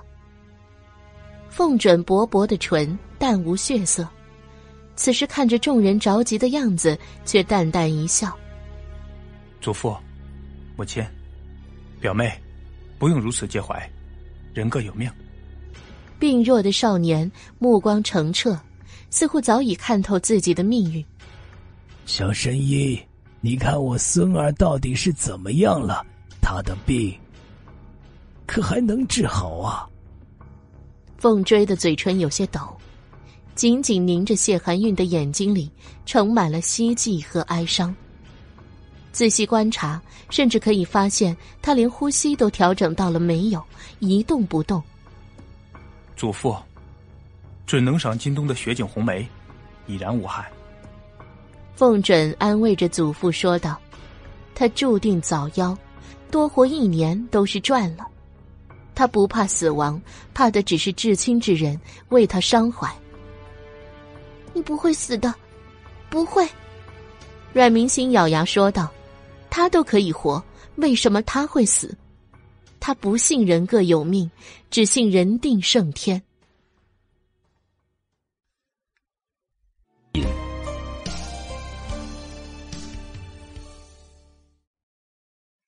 第七十章。是啊，准儿，你不会有事的，娘不会让你有事的。军士一脸悲怆，眼圈也红了。你们干嘛把气氛搞得这么悲壮？谢寒玉摸摸鼻子，看了看情绪激动的众人。我又没说不能治。这句话像是天籁，一下子点亮凤追、军士还有凤准眸中的希望。我的病还能治？凤准的声音很轻，带着一脸的不可置信。本来放置在轮椅上的书也不经意的掉在地上，就连呼吸都变得紊乱起来。他还是第一次这样的激动。谢寒韵静静的看着这个轮椅上的少年，嘴角突然斜斜勾起，又扫了一眼阮明星。你真该谢谢你这个表妹。他说着摇摇头，似乎也没有想到会遇到这样的事情。谢寒月，我表哥身子到底怎样？你倒是说话呀！阮明星被他的话语弄得心里也有些发毛。他说这句话到底什么意思？你这样子不是病，是毒。谢寒韵说着，望向了军士。凤儿夫人，令公子是中毒了。这句话出口，室内有片刻的静寂。接着，军士不可置信的摇摇头：“什么？准儿是中毒？谁有机会下毒给准儿？大夫可都是说他胎里带弱。不是给他下毒，是给你，所以是胎里带毒。”谢寒韵说着，上下仔细看了凤准几眼。他是不是从小就生长的比同龄的孩子慢一些呀？是的，小神医。这是什么毒啊？凤追也将目光投向了他，脸色凝重。凤家二房竟然是被人下了毒，谁能有这样的机会和手段？此毒叫千机，换这世上除了我师傅和我之外的任何一个人都诊断不出来。谢寒韵的表情有些奇怪，说着看向了阮明星，他的唇角。虽然还在勾着，眸中却没有了笑意。阮小姐，你是如何知道我能诊出来的？白衣的温雅少年眼眸深邃，此前那副翩翩若仙的样子全部褪去，眸光还带着些许的锐利。千金。阮明星喃喃重复：“这是连他都不曾听说过的毒。”谢寒韵。你这是在质问我师妹？霍征没想到，谢寒韵竟然会有这样的反应和态度，是这毒不太妥当吗？谢寒韵看向了霍征，神色也是他未曾见过的凝重，但话语却依然透着轻佻。我知道你看中你这个小师妹，但我也有我看中的东西。霍长燕。他是如何知晓我能诊出这个脉象的？凤追和军士对视了一眼，知道这个毒有可能关系重大，不然本来和阮明星关系尚可的小神医，不至于是这样的反应。不是我认为你能诊出这毒，是我不想错过任何一个机会。阮明星很平静的说道。明星未曾见过表哥时，还不曾想过这些。但是既然见了，就不想让表哥继续再坐在轮椅之上。他说着，目光转向了凤准，这个风姿卓然的少年，如果有着健康的身体，将给凤家带来怎样的变数？他睿智机敏，外公早说过。无人可以出长生之右，而长生是二表哥的字。凤家在他这一辈的表哥一共五个，但最被惦念的却是这个二表哥。也罢，既然我见了，那何该如此？谢寒韵听到阮明星这样说，又凝视着他的神态，发现没有别的隐瞒，这才长长的一个叹息。我身上这毒可有不妥当之处？凤准眉头微蹙的问道。他本来已经不抱任何希望，但是谢寒韵的话却让他再度期盼可以发生奇迹。可这里面似乎还有什么隐情。这毒我能诊出，却不能解，我需要去禀明师傅才能定夺。谢寒韵说着，对着众人一拱手：“好了，各位，事不宜迟，韩韵先告退了。”说完，他竟然也不等众人回话，径自转身离去。师兄，你帮忙去问问怎么回事吧。阮明星也是一愣，没想到谢寒韵会有这样的反应。千机，这名字听着完全不像是几大奇毒之中的一个。霍征倒也没想到会是这样，他看了看众人期盼的目光，点点头。把阮明星又放回榻上躺好。你好好养伤，他既然这样说了，那肯定能治。嗯，师兄，你快去追他吧，不然万一他离京，就不好再联络了。阮明星此时有些担心，这毒是不是涉及了谢寒韵师门秘籍？如果是这样，万一他不肯治，那就坏了。尤其是论说起来，他和谢寒韵也不曾有任何关系。等到霍征告辞，阮明星躺在榻上，看着凤追沉着脸的样子，不由微微一笑。外公，既然他已经说了能治，你就放心吧。说完，他又看向凤追：“二表哥，你一定会没事的，相信我。”小女孩的眼眸黑亮而坚定，就好像她说出的话一定会做到。我相信你。凤准也微微勾唇。其实今天得到的消息，已经比以往好太多了。至少以往，不管是什么名医，都只是说他身体先天不足，胎里带弱，所以寿数不长。中毒？怎么会是中毒啊？军士却猛摇着头，还不敢相信。望他一直以为自己的儿子只是因为难产体弱，原来，原来一切的一切，竟然是因为中毒。那毒到底是哪里来的呢？他就说当年自己的怀相明明很好，怎么突然生产的时候几下就使不上力气？最后九死一生，才把儿子生下来。可原来，这毒是下在他的身上，是他害了自己儿子。眼泪一滴滴掉下来，心里难过至极。二舅母，您切莫伤心了，现在只要解毒就没事了。阮明星看着自己的这个舅母，二舅母身体一向不好，所以他们交集并不多。但却是这个孱弱的舅母，在二舅父死后，撑起了凤家二房。君家曾示意他回家改嫁，毕竟二舅母娘家也是第一皇商，可是他却坚定守节。大舅母和二舅母是名门千金，虽富有诗书，但却不曾通术务；而二舅母虽然出身商贾。但自小善经营，懂谋略，屡在凤家危难之中力挽狂澜，孱弱而有气节，这是二舅母给他的印象。这已经超脱了他的出身，立起了自己的风骨。可是他会救吗？能救吗？军士却神情惶惶，不敢置信。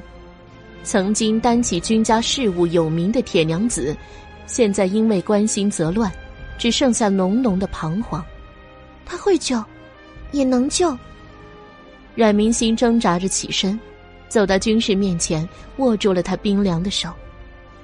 有明星在，二舅母，且宽心。多年前，他到凤家登门求助，彼时外公不在，大舅妈和三舅妈不知如何应对，是正在养病的二舅妈。起身握住他的手，坚定的说：“放心，只要有凤家在，就不会让他求助无门。彼时情谊，如今定当偿还。”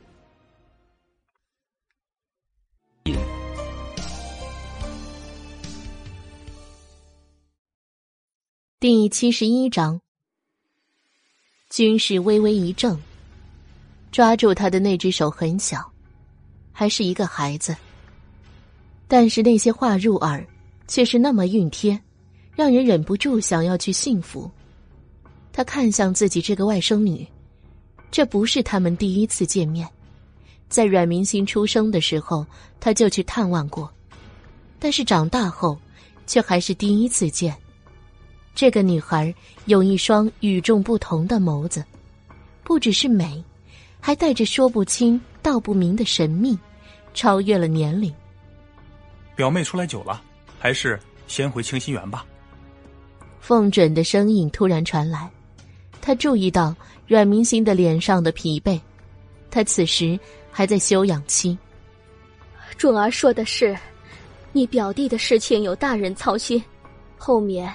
你就不用多思多虑了。军士这才想起阮明星的身体，立刻让百灵扶着小姐上阮轿回去。凤追却直接抱起了阮明星，还是外公抱你回去吧。说完，他没有等阮教，径自大踏步转身离去。百灵立刻撑起伞遮在他们头顶，也匆匆跟着去了。娘。别多想了，现在应该高兴才是。凤枕看着还在表情惊疑不定、还在思忖着什么的娘亲，微微一笑，安慰他说道：“可是那个谢公子真的能治好你吗？”军士的眼圈红红的，有了希望之后再失望，这不知道经历了多少次。这一次会不一样吗？不知道娘亲。是否还记得准儿的拼命？凤枕脸上还是一片温和，只是仔细看的话，一向古井无波的眸子，此时多了一丝以往没有的亮光。记得？怎么会不记得？说起这个，军士的眼眸再度湿润。大师说过，除非能遇到破命之人，才会有一线生机。娘。明心也许就是能破命之人。凤准看着母亲开口说道，手中拿出一个帕子，帮母亲轻擦着泪水。你说明心？军士有些惆怅的看向了门口的方向，风未静，雪地上的脚印伸向远方。外公老爷，小姐可是女孩子。百灵手高高的撑着伞。有些小不满的看着凤追说道：“这言外之意是男女授受不亲，小姐已经大了。”星儿，你这小丫头有点意思啊。凤追被百灵的话逗得一乐：“嘿，是呀，她是极有意思的。”阮明星看着百灵说道：“这个丫头，一直都是一根筋，对她无比的忠心。”外公老爷，我可是说真的。百灵微微撅起了嘴。那星儿可愿意外公抱着你回房啊？凤追哈哈大笑，开口问道。阮明星没有说话，只是窝在外公怀中，静静的听着外公的心跳。现在的外公还像是山一样的高大，能为他遮风挡雨。这心跳强劲有力。还没有因为憔悴操劳而得了心疾，多好！这一切，就像是多年后只有午夜梦回的时候才能忆起的场景。心儿不说话是不愿意外公抱你了吗？你比现在小的时候，外公不但抱着你，你还坐在外公的肩膀上呢。凤追有些不愿意的说道：“当然不是。”只要外公抱得动，多大心儿都愿意。阮明星眸光有些湿润的说道。凤追这才再度开怀，直接把阮明星抱回了清心园，重新放在床上，给盖好了被子。星儿，你为静儿的事费心了。凤追看着躺在床上脸色苍白的阮明星，想到那个今天才终于见到希望的孙子，眸光。有些晃动。他这个外孙女真是出人意料。告御状，滚钉板，铁骨铮铮，现在又为本来绝望的家人带来一线希望。那算什么费心？心儿只希望凤家好好的，外公好好的。阮明心说着，眼圈有些发红，唇角却还带着笑。因为心儿，只有你们了，只有他们，始终不惧风雨的站在他的身后，一步一步曾送他去想要去的地方，也助龙逸轩翱翔九天。现在一切重来，他不希望他们有事，一个都不可以。他要他们都好好的，好好的活着。傻孩。凤追的声音也有些哽咽，而去追谢寒韵的霍征却没这么好过。谢寒韵几乎脚步未停，一直飞身前行。霍征皱眉跟着，冷风中夹杂着雪花，这滋味实在说不上舒服。小牙远远的跟在两人后面，也是双手都缩在袖子里，不知道这二位爷在闹什么别扭。谢寒韵。你这是要去哪儿啊？见到谢寒韵竟然要出城，霍征终于忍不住上前拦住了他的去路。你难道不会看吗？谢寒韵一挑眉，有些冷淡的说道：“所以你现在这是要离开？”霍征脸色骤寒，他现在离开的话，凤准怎么办呢？我说了这件事要禀明师傅。谢寒韵看着霍征。千机本不可能再出现，但是现在却出现了，而且是被人用了害人。那凤准怎么办？霍征直接问道：“如果他走了，阮明星又怎么办？”就算是我，难道你就认为一定能解千机的毒吗？谢寒韵不由冷笑：“我才多大，那不是我能根治的，必须我师傅出马。你不是不知道你师傅在哪儿？”霍征看着谢寒韵，似乎在判定着他说话的真假。是啊，我不知道，所以才要去找啊。谢寒韵说着，伸手推了一下霍征：“行行行行，别挡道啊！事不宜迟，你现在是要出城？”霍征却动也没动。出城之后再让他回来，那可就难了。多新鲜！不出城怎么找人？你觉得我师傅会在京城吗？他老人家，可是说过再不入京的啊！谢寒韵似乎有些按耐不住自己的脾气，好像从见到了千机开始，他身上就有一种造诣。你真要出城，那我跟着你。霍征见他态度坚决，因此也下了决断。少爷，你疯了？你忘了老太爷说什么了？你要是敢出城，回去肯定要挨板子的。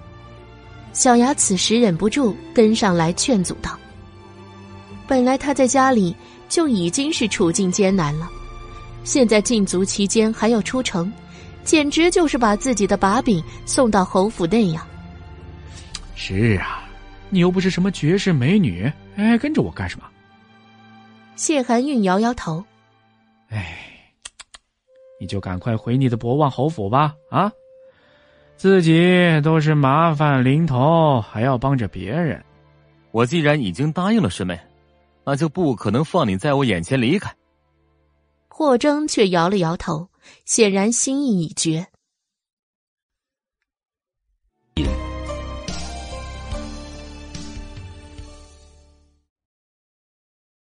第七十二章。哎，你说说你，那还只是一个小丫头片子。你别告诉我你现在喜欢上他了啊！谢寒韵摇摇头，看着霍征咂咂嘴说道：“这家伙以前不是挺讨厌他那个小师妹的吗？”你想多了，我是他师兄。霍征一脸正色的说道，也只是不忍见他那样。哎呦，师兄了不起呀！你欺负我师门，只有我一个师弟，是不是？谢寒玉没好气的说道：“何况你这师兄，管的也未免太多了。”现在你首要任务是找你师傅。霍征提醒他说道：“现在不是他之前急吼吼的要找师傅的样子了吗？”哼，你说的倒是轻巧啊！你又不是不知道，我师傅这个人出门在外行踪隐秘，我要去找他，最起码也要找个一年半载。谢寒玉慢悠悠的说道。霍征的眉头拧成了一个川字。你不想救凤准？哎哎，你这个大帽子扣的也太严重了吧？谁说我不想救他了？谢寒韵抵死也不承认这点。一年半载，你觉得凤准拖得了那么长时间？霍征拧眉，那个凤准看着也没多久好活的了。那可是千机。谢寒韵收起了戏谑的表情。提到这位毒，神色也凝重下来。说实话，他能活得这么久，绝对算是命大了。只希望他命可以更大。凤准心思敏捷，他能好好活着是男性的福气。霍征想到那个少年，有种预感，只要他能活下来，那绝对不是一般人物。凤家的人，多活几个都是国之幸事。这我又不是皇帝，南庆福气和我没什么关系。谢寒韵摆摆手，没好处的事他不做。你能赶快找到你师傅，你师傅要找的那个东西，我就给你。霍征看着他，淡淡说道：“哎，党真。”谢寒韵眼睛一亮，那本药经可是绝世孤本，师傅这次云游就是为了找到这本。失传已久的药经，没想到竟然是在霍征手上。当真？霍征点了点头。哎，你可不许诓我啊！那东西真的在你手上？谢寒韵还要再确定一遍。霍征从鼻腔里嗯出一声，算是回应。谢寒韵眸子转了转，温雅的脸上突然露出狡黠如狐的表情。哼，霍长夜。我算是知道你的弱点是什么了。以后估计涉及到他小师妹的事情，都可以捞到好处。你废话还真多，走吧，去找你师傅。霍征显然是要跟定他了。既然你有药精，那就好说了。我去找我师傅。哎，你可别跟着了啊！为了你那本书，我也不会逃跑的。谢寒韵笑眯眯的说道。我现在啊，就给你开一副药，哎，那好，你拿回去呀，给这个凤家按照分量抓药熬着啊。这药方啊，虽然不能解决他身上的毒性，不过延缓他的毒性蔓延作用还是可以的。现在哪里找笔墨之间？霍征仔细端详了他一下，见到他不是说谎，点点头，算是同意。哎呀，作为一个大夫。怎么可能不随身携带？谢寒韵说着，拍了拍他挎着的特制药箱，临街找了间茶馆，直接从里面拿出纸笔，刷刷刷写了方子。只要他们照顾的好，多活个一两年还是不成问题的。把药方递给霍征，谢寒韵眸光晶亮的说道：“咦，书呢？只要你能找到药王，并且将他带来解了毒，那东西自然是你的。”霍征收起药方，却没有现在给他药金的意思。哎，你可要记得今天的话啊，到时候可不许反悔啊！说完，谢寒韵挥手告别，嗖的不见了人影。霍征没有耽误，也迅速再向凤家赶去。凤追还没有从阮明星的房间离去，凤泽天已经闻讯赶了回来。这是以前从来不敢想象的事情，原来他的儿子还有希望治好。在凤准那里确定之后，他径自来到了阮明星现在住的清心园。糙老爷们儿心情激动，看着自己这个外甥女，有些话也说不出口，那份激动倒是明明白白、实实在在。你看，你来星儿这里当什么门柱子？现在星儿应该好好休息。凤追虽然说着凤泽天，但他自己的心情其实也难以平静。屋子里几乎是可谓其乐融融，凤府里好久都没有这样轻松过了。外公不碍事的，二舅，表哥的身体要等药王来了之后才能确定是不是能够根治。阮明星开口说道，他也怕希望越大失望越大。这是第一次知道种儿是中毒，药王老人家过来，一定能治的。凤泽天这话像是告诉阮明星，又像是安慰自己。不过，是谁如此有能耐，能神不知鬼不觉的把毒下到将军府来的？而且，还是好多年前。舅舅，你可记得表哥是什么时候身体开始不好的？阮明星错开话题问道。现在大家都在喜悦中，却忘了。这才是根本上的威胁，也是将军府还没有拔除的一根刺。刚刚放松的气氛又紧张了起来。凤泽天表情几经变化，最后愤恨而狰狞，但却没有说话。外公，阮明星不明白二舅为什么不说话，他求问着屋里最有威严的长者。凤追小心的摸着乖外孙女的头顶。长长的叹了一口气，深吸了几口气，他这才收起身上的寒冰，以免吓着他的乖外孙女了。这才开口说道：“是博望侯府霍家。”霍家，阮明心不由一惊。霍征他们家，外公见到他的惊异，不由叹了口气：“是啊，是霍家。”就是你师兄他们家。阮明星咬住了嘴唇，两家原来不只是互看不惯，难道已经发生过下毒这种阴损的事了吗？凤追看到外孙女的脸色变化，开始解释起这么多年来凤家与霍家许多摩擦中的一件再平常不过的争夺。多年来。北狄经常时不时的骚扰南庆的边境，北疆一直都是轮流戍边，但是有很长一段时间都是凤家军驻守着，是凤家带领部下平定边境。为此，同样作为军功世家出身的霍家，在朝堂上的地位就很尴尬。十几年前，北狄又一次攻打南庆边境。凤家与霍家就要想揽下这次的帅印，两家人私底下关系早就已经恶劣到了水火不容的地步，而恰巧，皇帝考虑到最后，依然把这次出征的人选选定在了凤家，而那个人选，就是阮明心的二舅，凤藻，凤泽天。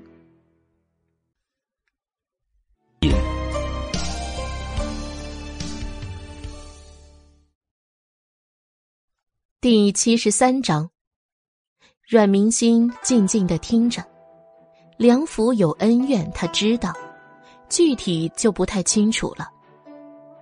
皇上定了你二舅舅接帅印，所以裴家肯定不愿意。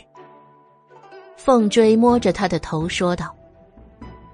阮明心也顺从的把头顶往他温暖的手心里拱了拱，享受着这片刻的温馨。然而，就在出征前半个月，就是你二舅母的生产期。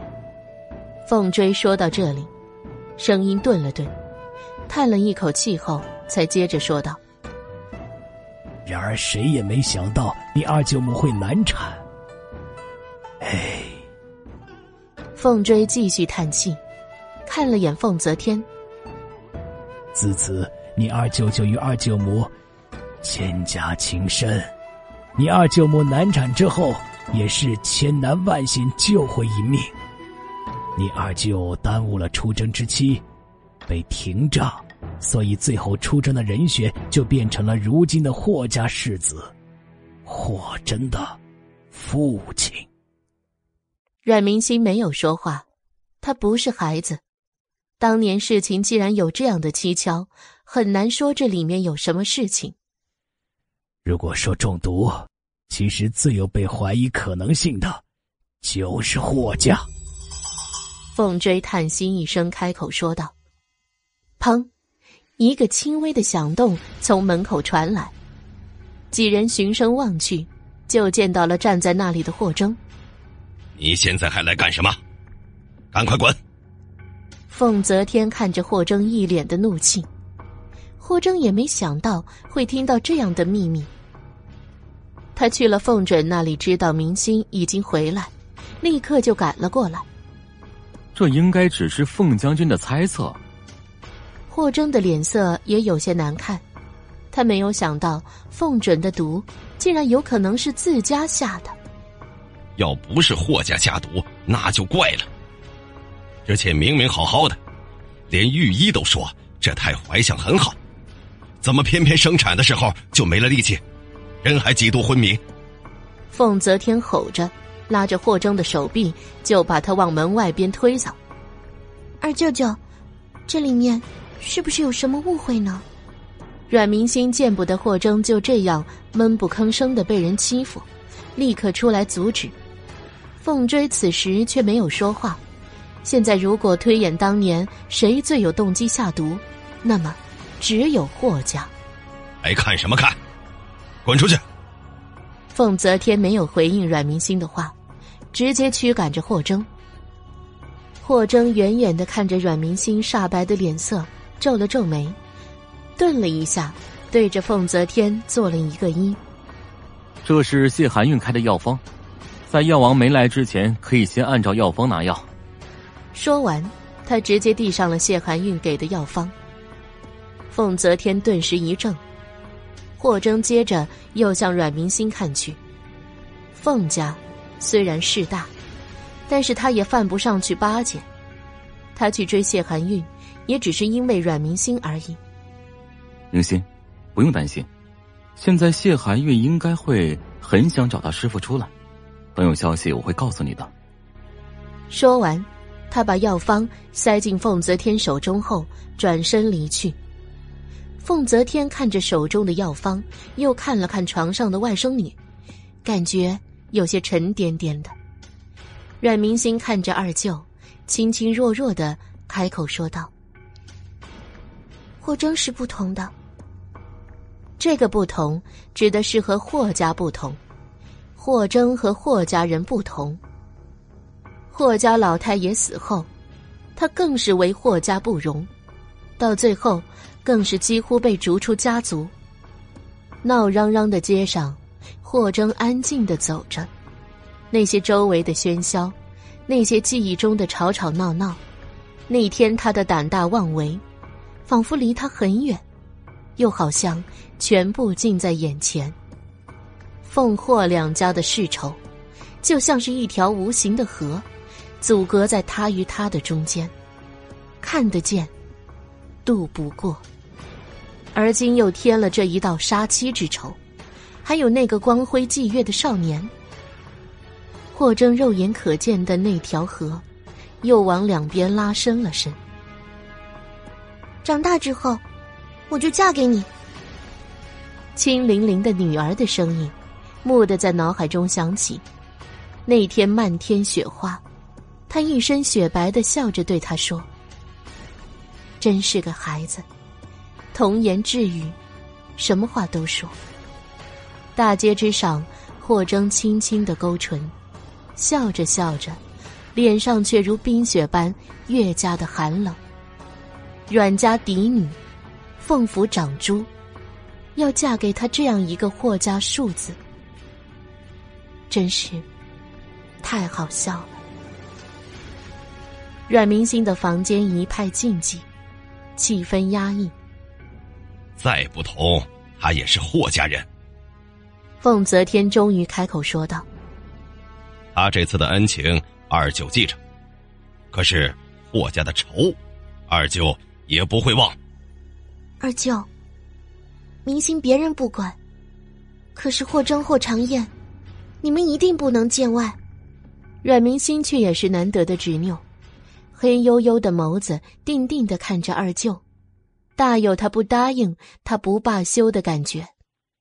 我知道他是你师兄，你们情谊不同，二舅尽量。凤泽天在他的目光下败下阵来。二舅记着今天的话就好，赶快回去吩咐人给表哥熬药吧。阮明心知道，这心结不是那么容易解开，但是只要有进步就好。凤追和凤泽天离去，他总算是可以安心躺下来了。二舅妈见他身边只有百灵用着不太方便，已经把白嬷嬷。派了过来。白嬷嬷把着他的身子，小心的让他滑到被窝里去。期间滑动，将伤口的愈合的痒意不断扩散，弄得阮明心又痒又疼的，一直紧绷的冷清的脸都绷不住了。嬷嬷，我累了，想要休息了。阮明心轻轻的说道。白嬷嬷张着的嘴。话卡在了喉咙里，不上不下，最终只能给他放下蚊帐，出去了。有些时候，有些话，他没办法再听。他知道白嬷嬷想说师兄的事，可是这件事，他早就有了定论，并且今天折腾的，他真的累了。这副身子还小，武功基底薄弱。受了伤，许久都不好，还一点点活动就累得不行了。最重要的是，加上前世，他都算是活了半辈子了，一直到今天才真真正正的第一次认识到凤家与霍家之间的关系到底有多么的水火不容。他原本还一直以为，两家的关系不和，仅仅是因为朝堂之争。没想到，私下里还有这样的龌龊事情在里面，且世世代代积累，早就说不清了吧。他目光悠悠的看着床上蚊帐顶部亚麻色的织布线缝隙，看得眼睛都花了，终于闭上眼睛睡觉了。门外面有脚步声，停停顿顿，急急徐徐，毫无章法。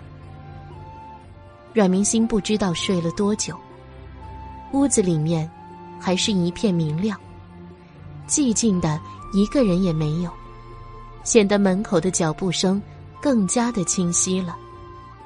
他在床上躺了一会儿，外面的人还不见走，或者是未进来，他等得不耐烦了，唤道：“屋外何人？进来。”吱呀。百灵推开门，看着他欲语还休。什么事情？说吧。阮明星的身子一动不动，闭着眼睛问道：“是老爷来了。百灵听说老爷要来带小姐回去。”百灵急急说道。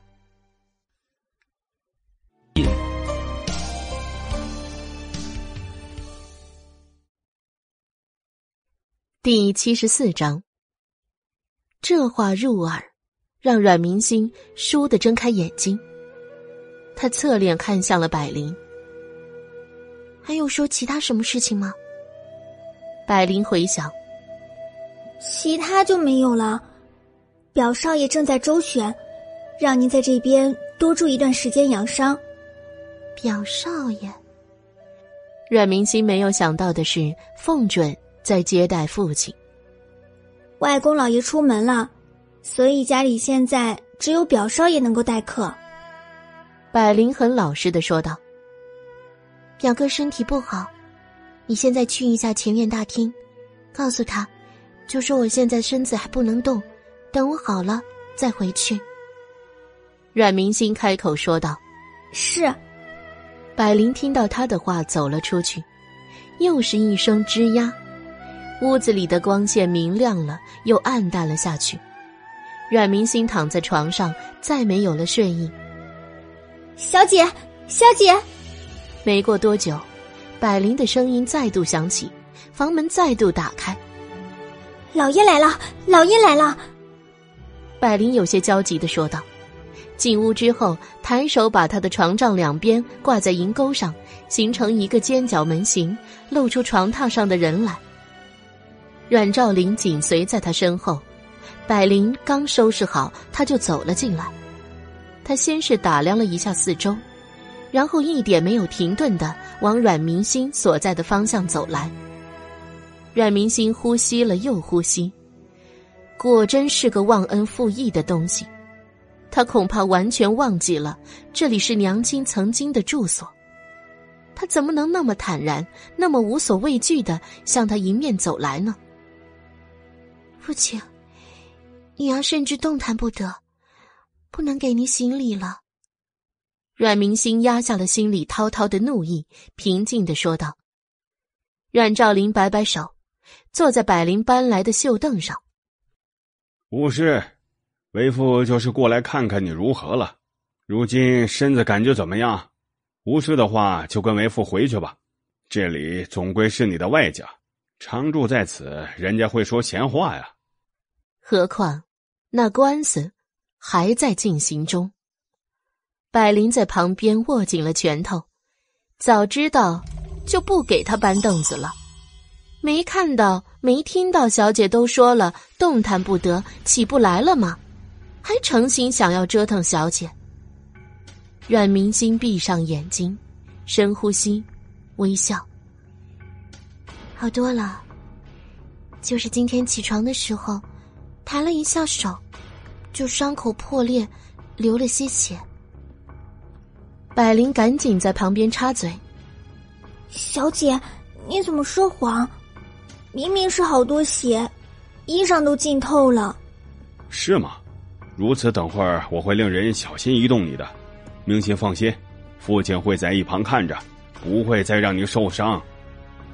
阮兆林却是十分坚持，老太君已经下了死命令，所以他一定要把阮明星接回去的。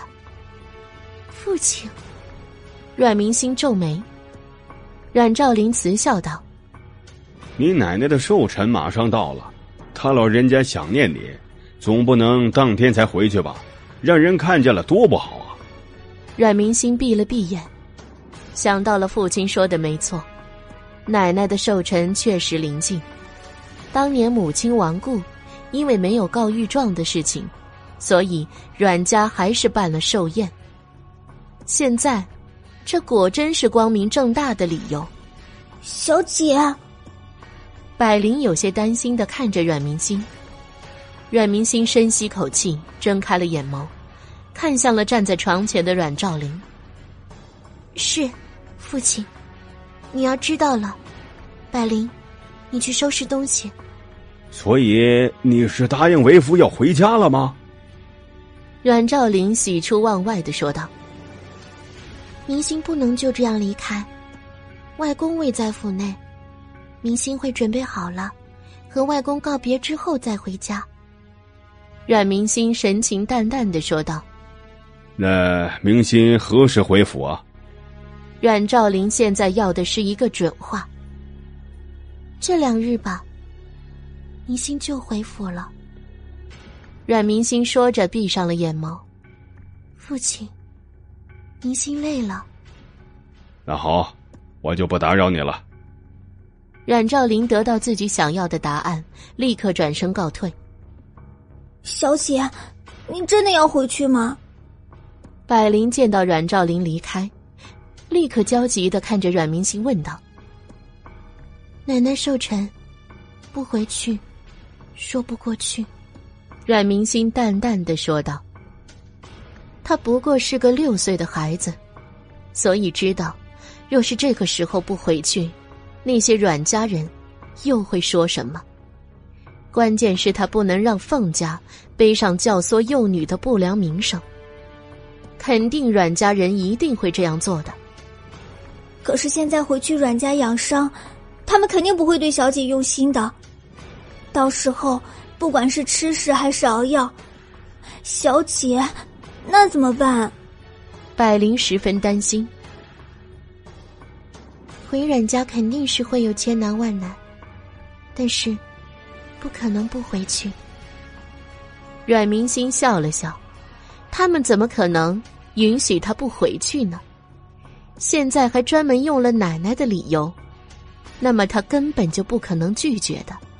可是小姐，百灵看着阮明心确定的神态，最后无奈的再度开口：“百灵怕自己没有办法照顾好小姐，回阮家，她一个小丫头根本左右不了任何事情。”就算是她有护着小姐的心，都怕没有护着小姐的能力，所以需要白嬷嬷他们先回去，把院子护好了。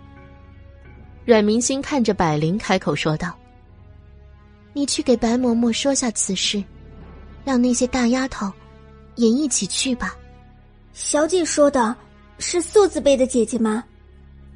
百灵已经想好了。之前被接到凤家，现在又被专门进行训练的那些姐姐们，嗯，让他们从金鸡大营那边回来吧，去阮家。阮明星开口说道：“金鸡大营，姐姐们是去那里了？小姐，他们去那里干什么？”百灵一脸的好奇。他只知道太太的八大丫鬟，还有一些二等、三等丫鬟，都是去金鸡大营了吗？是，阮明星点点头。这是他私下里拜托二舅的。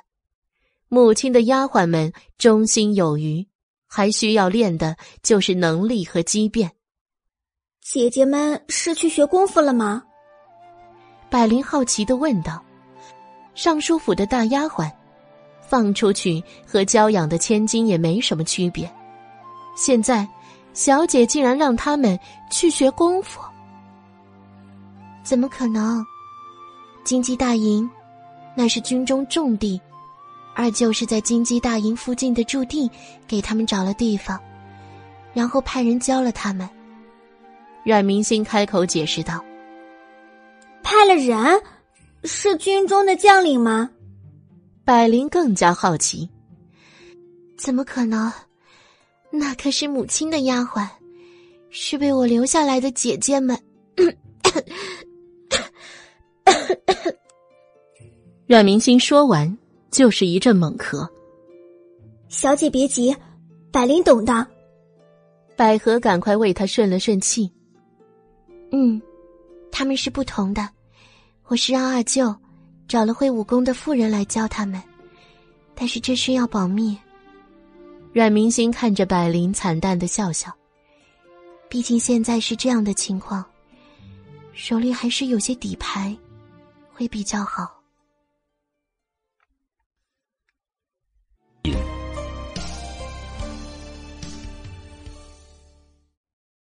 第七十五章，小姐，百灵明白。百灵说着，看向了小姐，似乎有些欲言又止。怎么了？阮明星不知道他在纠结些什么。小姐，霍公子在小姐大理寺收审那日问过百灵。百灵咬着唇，似乎不知道这些话告诉小姐合不合适。他问过你什么？提到霍征，阮明星的眉眼都温柔起来。霍公子问奴婢：“是不是真的想要帮小姐？”百灵想起自己当时跌坐在雪地上的难过，想到看到小姐受刑的无能为力，眼圈顿时红了。所以呢，他该不是想要教你武艺吧？阮明星看着百灵问道。霍征的想法，他可以猜到的。小姐猜的真准，不过不是霍公子教百灵，是小牙。百灵说着，小心翼翼的看着阮明星。小姐，奴婢答应了。明知道什么主意都应该小姐来拿，什么决定都应该小姐来做，可是他答应了霍征，说要成为有用的人，再也不能只是眼睁睁看着。嗯，我也早有此意，你答应也好。阮明星现在年岁尚幼，自顾尚且不暇，教百灵更不太适合。那百灵这就去完成小姐的吩咐。百灵心头的大石头终于放下，喜滋滋的走了出去。阮明心又沉沉睡去。等到晚间，凤追听说阮明心要走，立刻担心的来到了清心园。你这孩子，这是要做什么呢？那就是狼我虎穴，你怎么还要回去呀？凤追看着阮明心一脸的担心，阮家在他眼里绝非善地。父亲用了祖母寿辰做借口，明星不好不回去。阮明星此时已经醒了过来，进了些吃食，看着外公柔柔的说道：“何况外公的话没错，明星还是要去千仞山的，所以阮家只是短暂回去一下而已。”我不放心。凤追沉着脸说道：“他已经失去了女儿，不想再失去外孙女。那外公。”就派几个能干的嬷嬷跟着明星回去也好啊。等星儿身体大好之后，就会动身去师傅那里。阮明星看着外公说道：“这一次，他会好好修习各种技艺，绝对不会再像前世那样的窝囊。”真要回去？凤追看着外孙女，明明这还是一个孩子。但是和他说话的时候，却忍不住像是对待一个大人似的。嗯，到时候还麻烦外公帮明星造下声势了。阮明星的黑眸中光芒闪烁，显然有些事早已经是胸有成竹。你用这个帮字，不就见外了吗？凤追拍拍外孙女的肩膀，只要外孙女有求。他绝对会帮他达成愿望。两日后，阮家此时已经名声大噪的狄小姐明心从凤府归家，凤家送阮明心回府，几乎是用了一个车队，那阵仗竟不比普通人家嫁女儿差。光带着红绸的箱子就抬了二十箱进府，据说都是名贵的药材给他养伤的。更别说前有凤府男丁开道，后有凤府送给明星的丫鬟婆子殿后。长长的队伍足足排了两条街，用让人瞩目的姿态进入了阮府，而队伍的中心就是拉着阮明星的那辆马车。凤府的马车一向带着军中的简单大气，可是这辆马车却显然是特制的。两匹汗血宝马拉着，马车四角垂了八角挂铃，外面也挂上了遮风挡雨的绿泥质料，内里地板却铺上了海外传来的花毯，颜色绚丽，价格昂贵。花毯上铺了铺盖被褥，阮明星就躺在上面。马车两侧还专门设计了摆放吃食杂物的八宝盒。纵使马车遮得严严实实，挡住了风雪，却没有办法挡住那些看热闹的声音。那就是阮家大小姐的马车，现在他们这是要回阮家呀？是啊，看样子是。这大小姐受了丁请，怎么着？现在还得折腾赶路啊？哦，哎据说是回阮府参加老夫人寿宴，真是有孝心呐！我去。可是阮小姐这小身板要是回去了，谁知道还能不能活下来？是啊，连他娘都能害死，这孩子能有好吗？嗨，那是恶人作恶。阮尚书还是好的。唉，他要是真好，也不会招惹到裴家大小姐呀。马车内，阮明星靠在软枕之上，悠悠的听着外面的议论。自得的拿着身旁的葡萄干，一粒一粒往嘴中放着。小姐，您还吃得下？百灵也在关注着外面的议论。为什么吃不下呢？外面那些议论声让他心情可是大好，所以怎么会吃不下呢？小姐的名字被外面那些人胡乱议论，这对小姐来说可是大不敬。百灵不满的说道：“小姐闺名，本不该被外人知道，现在不仅是京城人尽皆知，竟然还成了那些平头百姓议论的焦点。什么大不敬啊？你家小姐又不是宫里的娘娘。”阮明心勾唇一笑。外面的那些议论，可是他的保命神符啊！小姐的身份，将来就是当宫里娘娘，也一定可以的。百灵很骄傲的说道。百灵，阮明心的笑容突然收起，表情骤冷。百灵有些懵懂的看着小姐，不知道小姐怎么会神情大变。小姐怎么了？你要从现在起就记住你家小姐说的这句话。阮明星目光炯炯的看着百灵，似乎代表着他接下来说的每一个字都很重要。小姐，您说。百灵认真的张大眼眸。这辈子，我都不会入宫，更不会成为什么娘娘。阮明星一脸正色的说道。所以那种话，不要再说。你家小姐绝不为妃，誓不入宫。他人还小，但语句铿锵。小小的面庞更是认真无比，百灵不明白小姐为什么这么说。按小姐的聪慧品貌，就算是做个妃子，绝对没问题的。但是既然小姐这样说，那她就要听小姐的。百灵明白了。阮明星见到百灵郑重点头说明白，这才继续又从食盒中拈出一粒葡萄干放进嘴里。不过。百灵有些迟疑的再度开口：“不过什么？”阮明星慵懒的看向他，不知道他想说什么。不过小姐如今说了这样的话，是不是因为霍公子啊？小姐不想入宫，是因为想嫁给霍公子吗？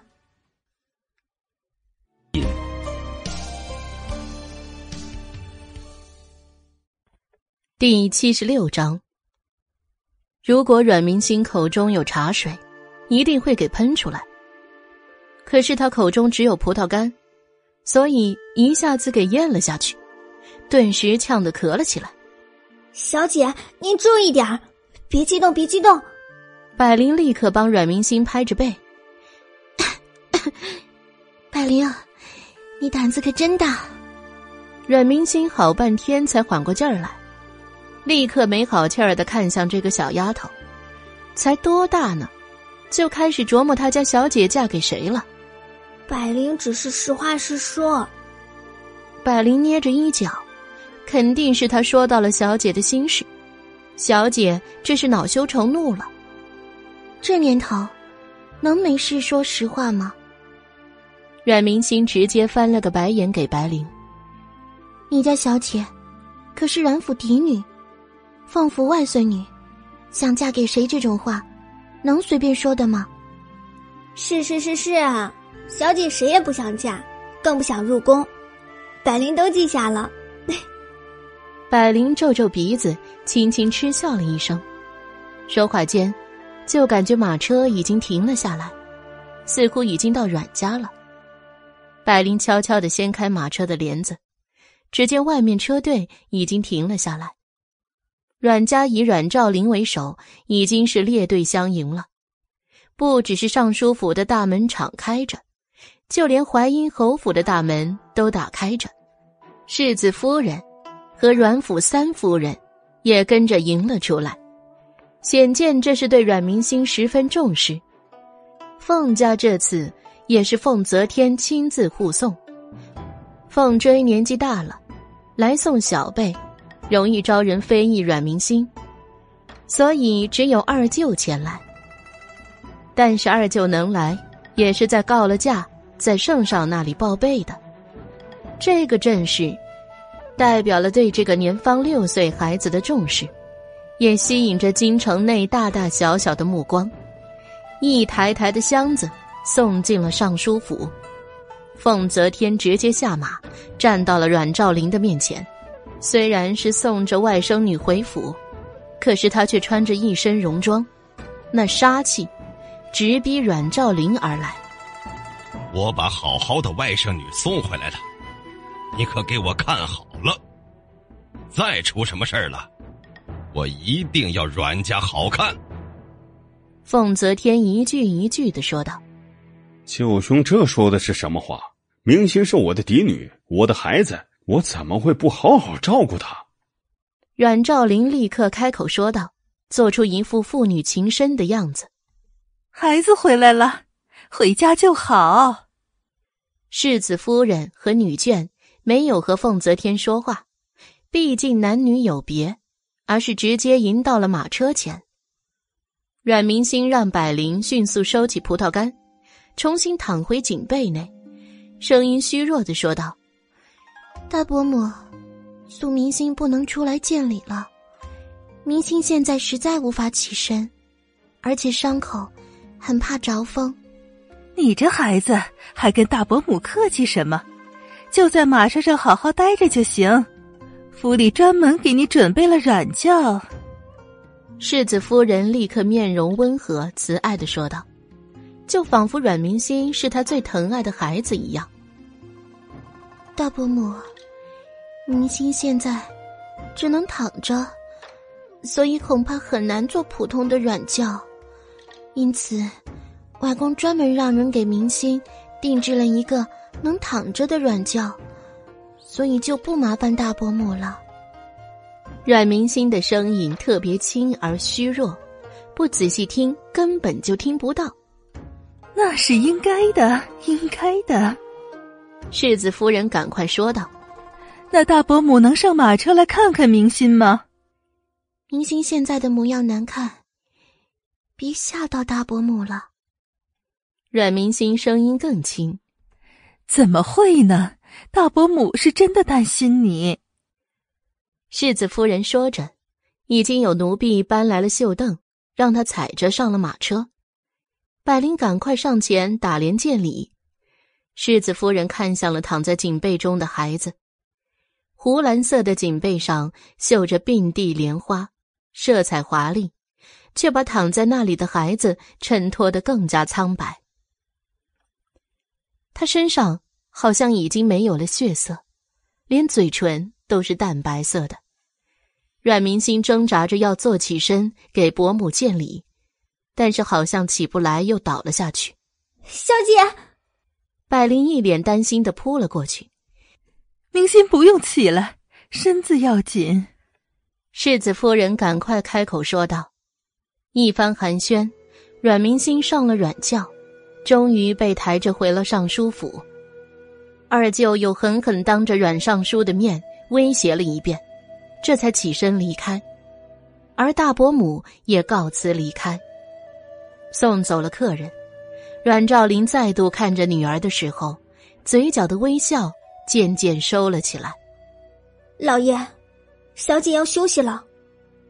百灵见到没有外人，也开始准备赶人了。明心。既然回来了，就好好休息，好好养伤。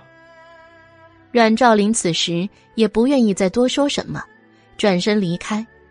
等他走人，一个悲伤的声音传了过来：“小姐。”阮明星抬眼望去，是素兰。哎，你们先回来了，怎么样？还适应吗？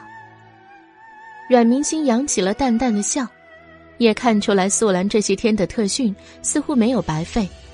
在阮府一向娇养的大丫鬟，现在不过短短几天，竟然已经多了一丝前所未有的坚韧。小姐，素兰的眼圈已经红了。她的小小姐，现在竟然变成了这个样子。没事的，不用担心，就是一些皮外伤。素兰姐姐，还适应吗？阮明心更关心的是这个，因为这些对他和母亲都很忠心。小姐，素兰很适应，只要能帮到小姐的，素兰都会去学。素兰说着，眼泪都掉了出来。素兰会帮着夫人照看好小姐的。绝不会再让人欺负到他们家小姐。怎么又哭了？我们以后可是要好好过日子的。阮明心柔柔的笑了，他们都受过苦，所以以后更要笑。这次别看明星受伤了，但是没有白受伤，不是吗？小姐，素兰咬唇，眼圈红的厉害，百灵也跟着红了眼眶。素兰姐姐，你本来就是母亲身边得用的人，以后明星就靠着你了。阮明星看着素兰，语重心长的说道：“今天明星身体不适。”你帮我和五嬷嬷们带个好，等明星有精神了，一定好好谢谢他们。放心吧，小姐。素兰知道怎么安排的。素兰擦擦眼泪，又恢复了大丫鬟的淡定。素兰姐姐，百灵也想学那些。百灵说着，看向了素兰，目光期盼。百灵。素兰还不知道小桃红改名的事。是呀，她之前的名字我帮她改了，希望这丫头能活到一百岁，所以叫百灵。阮明星说着这话，目光却看着素兰。如果可以，他希望他们都活着，好好活着，活得久一些。小姐不是说是百灵鸟吗？百灵诧异的看着阮明星，刚刚知道小姐为他换名的良苦用心啊。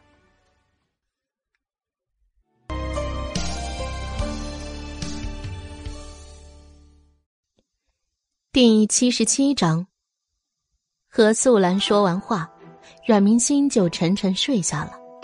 他的身体虚弱，现在正在恢复期，因为素兰和白嬷嬷在。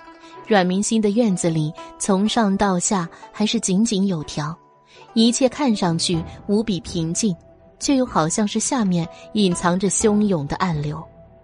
嫡女阮明心的归来，不仅是在尚书府，在淮阴侯府也引起不小的议论。一个六岁的孩子，竟然让阮府丢了个大人。尚书府和淮阴侯府同气连枝，这孩子让很多人。都咬牙切齿。素来没有跟在小姐身边，并不知道老爷和小姐之间的事情。可是除了接小姐回府之外，老爷竟然没有再来看过小姐，甚至是林府的老夫人，也不曾有只言片语，就好像之前亲切的开府门迎接他们，不过就是走一个过场。等了一天未见老爷，素兰的内心不禁有些怨怪。自从小姐回来，老爷一次也没有来看望过。他怕阮明心伤心，所以自己憋着。这会儿派下面的小丫头去通传的时候，语气难免就流露出了一些抱怨。阮兆林听到后院的小丫头来报的时候，正在书房。管家收到消息后，挥退小丫头，自己走到书房的门前，恭敬的说道：“老爷。”小姐刚才醒了，您要不要去看一看？不去。暴吼的声音从书房里传来。阮兆林此时正烦闷呢，老夫人给他的施压，他正不知道要如何去处理。而大理寺也要结案了，这两天的事情种种都让人烦躁。而且仔细想来，阮兆林越想越觉得阮明心是知道了什么。下一个目标是不是就要针对自己了？阮明星肯定是不能留下去了，他得想个办法。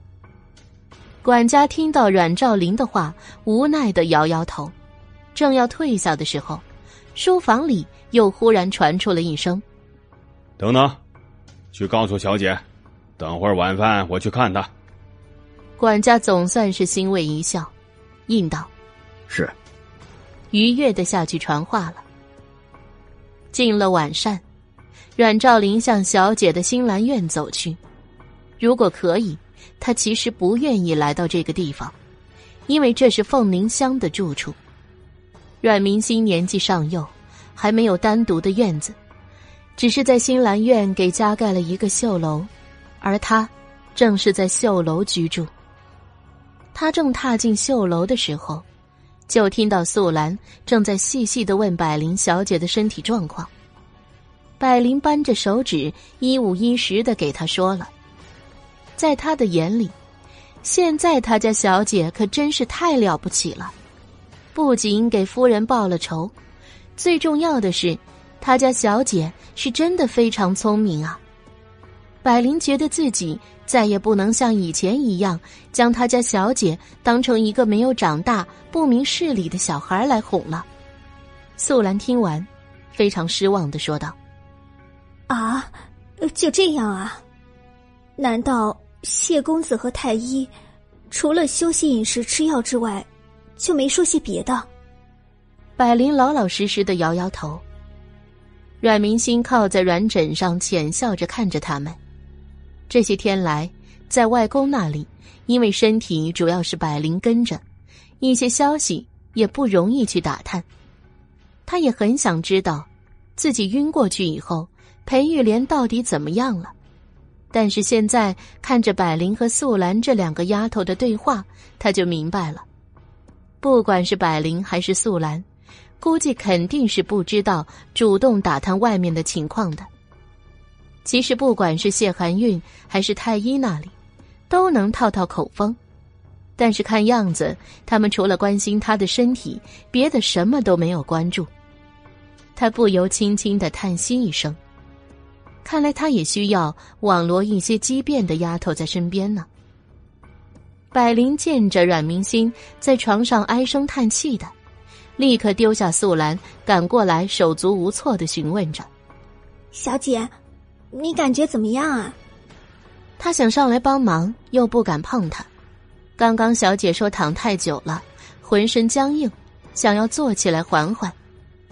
这可是他和素兰姐姐还有几个小丫头费了九牛二虎之力，仔细的劲儿，才把他给摆成现在这个样子的。这会儿，屋里就他和素兰姐姐在，素兰姐姐又素来有规矩，他是再着急也万万不敢动阮明信一根汗毛的。没事，你家小姐又不是纸糊的，这点皮肉伤长长就好了。阮明星笑着说道：“这哪是皮肉伤啊，小姐，你有没有问谢公子或者是太医，开祛疤美容的药方？”素兰径自问道：“小姐身上的伤口那么多，长好很难说不留疤吧？”素兰姐姐，你就别多心了，男女有别，谢寒韵和太医可都没有见到你家小姐身上的伤呢。如何开药呢？阮明星有些戏谑的说。百灵想起给阮明星换衣服的时候，脱下来的那一身血淋淋的血水浸泡了衣服，又伤心的哭了起来。那全身密密麻麻的窟窿，他看着都觉得自己疼。我说你这傻丫头，哭什么呢？阮明星大事已解决。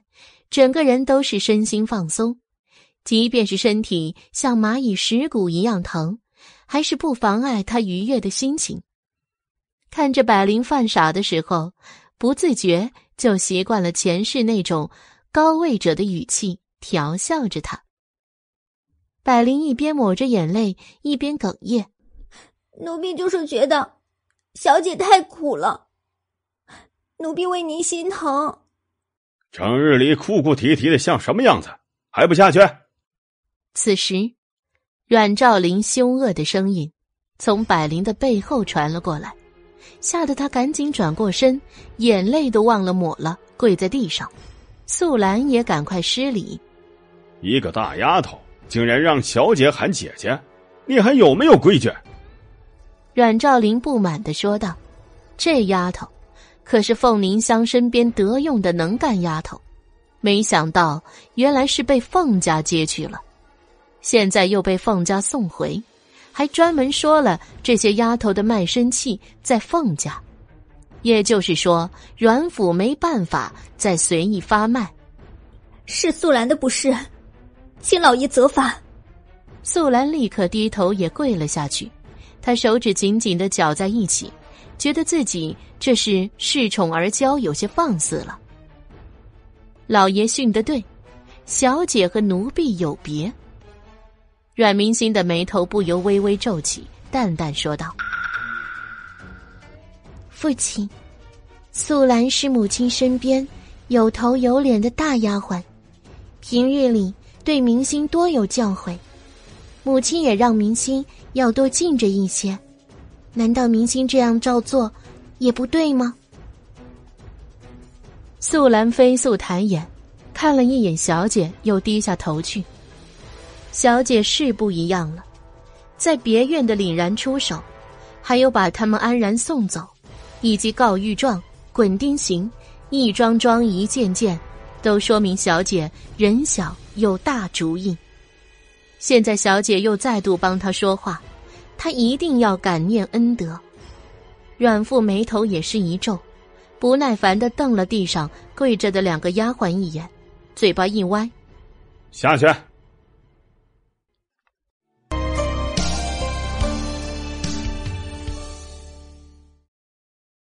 第七十八章，素兰起身准备离去，百灵犹犹豫豫的看着阮明星，磨蹭着跪在地上不起身。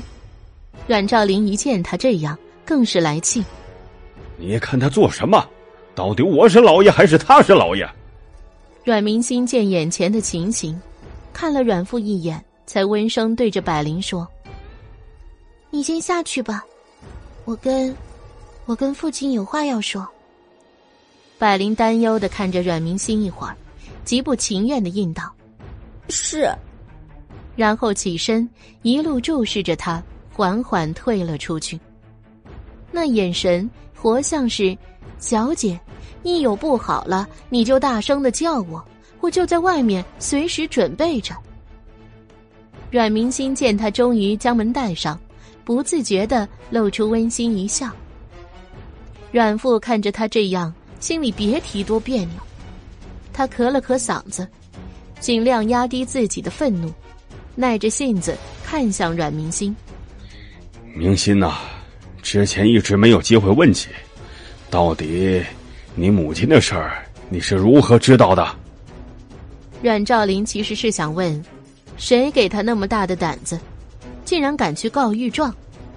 但是开口的话在嘴里溜了一个弯儿。就变成了他是怎么知道的？阮明星靠在床上，软绵绵的大银枕阻隔了他的身子和床横杠的间隙，既温暖又舒服。他轻抬起头，从下往上的看着阮兆林，轻轻一笑：“父亲这话是什么意思？难道女儿给母亲报了仇，父亲不满意吗？”他这是在堵他呀！阮兆林看着他，深吸一口气，牙齿来回空中搓咬，带着嘴角左右歪了好几歪，才压下心中的怒气。哼，高兴？怎么不高兴呢？我女儿出息，终于报了杀母之仇，为父深感欣慰啊！阮兆林说的咬牙切齿，还依旧面带微笑。阮明星看着都为他感到牙酸，笑容更加甜美，装出一副懂事又期盼父爱的乖乖女儿，可怜道：“父亲，终于来看望女儿了。女儿身受重伤，盼望了好久都不见父亲来，心中甚是忧伤。不知道是不是女儿哪儿做的不好，惹了爹爹生气了。”阮明星低着头，边说边啜泣，恍然一抬头，对上阮父那张不耐烦的脸，泪眼朦胧。阮兆林此刻的脸色简直是又青又黑。猛然一对上阮明星可怜兮兮的表情，面孔顿时僵硬下来，脸部肌肉抽搐了好久，才调整好面部表情，却不想，阮明星紧接着的一句话。打得他猝不及防，险些脸色皲裂。是不是父亲知道还有凶手逍遥法外，母亲的仇还未得报，所以才不满意女儿的，才这么久都不来看望一下女儿。怎么会？你胡说什么？阮兆林那个惊天霹雳，险些跳脚发飙。怀疑的种子一旦种下，就是生根发芽，长成参天茂密的大树。他忽然想起那个阮明心在公堂之上说的话，几乎一字不错。那些，可都是他跟桂嬷嬷在别院的对话呀。虽然说的简短，又穿插了其他。阮明心无辜的说道：“父亲。”为甚发怒？难不成桂嬷嬷害了母亲，女儿还要容忍她的丈夫、儿子继续享受荣华富贵吗？爹爹这样，难道说，除了桂嬷嬷和裴玉莲，还有其他一同谋害了母亲的人不成？听他如是说，阮兆林立即反驳道：“没有的事儿，别胡思乱想啊！”阮兆林这几日一直在想，阮明星说的那段话是从何处得知的？因为太过正确，他几度怀疑阮明星是知道了那晚他与桂嬷嬷对话的全部。但是又由于阮明心在公堂之上只提了那么一点，还是只关于桂嬷嬷的，阮兆林又怀疑是有人调查了桂嬷嬷，告诉阮明心的。所以此时他来，就是来试探阮明心到底知道多少。但是显然，阮明心的回答也是在对他的试探。阮兆林想通了这一点，就放下心来。你好好休息，为父还有要事要办，就不陪着你了。说完，阮兆林就背着手转身离去。关于他身体的状况，一句话也没有问。阮兆林一离开，百灵就立马闪进身来，看着他家小姐嘴角的嗤笑，还以为她心情很好。毕竟是亲生父女，小姐回来这么久了，老爷一步都没有来看过，百灵都为他家小姐感到委屈，更别说是小姐本人了。现在看着小姐笑得这样开怀，他心中也是倍感安慰。百灵上前给阮明星递了一杯水，说道：“小姐现在总算是拨开乌云见太阳了，老爷一来看您，整个人都喜气洋洋的。”阮明星手疼，抬不起来，只能让百灵喂。刚喝下一口，听见他这话，就调笑他说道：“是拨开云雾见青天，说的什么跟什么呢？”年纪比我还大，平日里教你读书也不用心，现在就显出不通文理来了吧？还有，谁说我是看见那个老头子高兴的？本小姐高兴的是另有其事。百灵也不跟他计较。是是是啊，我的好小姐，奴婢以后一定好好跟着小姐学习。您先把这杯水喝了成吗？百灵真的是倍感无奈，她家小姐明明比她还小，怎么教训起她来一道一道的？她不知道，前世里阮明星教训总是小事上犯傻的百灵，早已成了习惯使然。而这一生，阮明星一重生就是丧母，然后告御状，没一件舒心的事情了。这会儿。终于将母亲的仇怨报了一半，又暂时性的忽悠住阮兆林，保住了自己养伤期间在阮府的安稳，他当然得高兴了。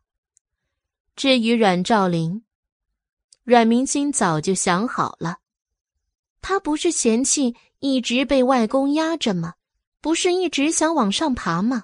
阮明心怎么能让他得偿所愿？一个将名利重于一切的男人，那他就让他受到万人唾弃。他还想像前世一样拜相啊？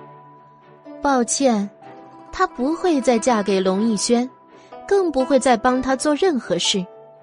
给他挖个坑再推一把，倒是他乐意之极的事情。他要一步一步的将他从人生的顶峰拖下来，践踏成泥，那滋味想想就很销魂。百灵被阮明星阴森的笑意吓得干颤。小姐，小姐，你醒醒啊！啊！右手臂突然刺痛，阮明星猛然的回过神来，看向百灵：“你推我作甚？”百灵终于回神了，刚才小姐的表情好可怕。此时，尚书府重重院落中的一个，一个丫头正在愤愤不平：“夫人。”我们就不管那个丧门星了。白侧夫人不由斜睨了贴身丫鬟一眼。这丧门星三个字，也是你能说的？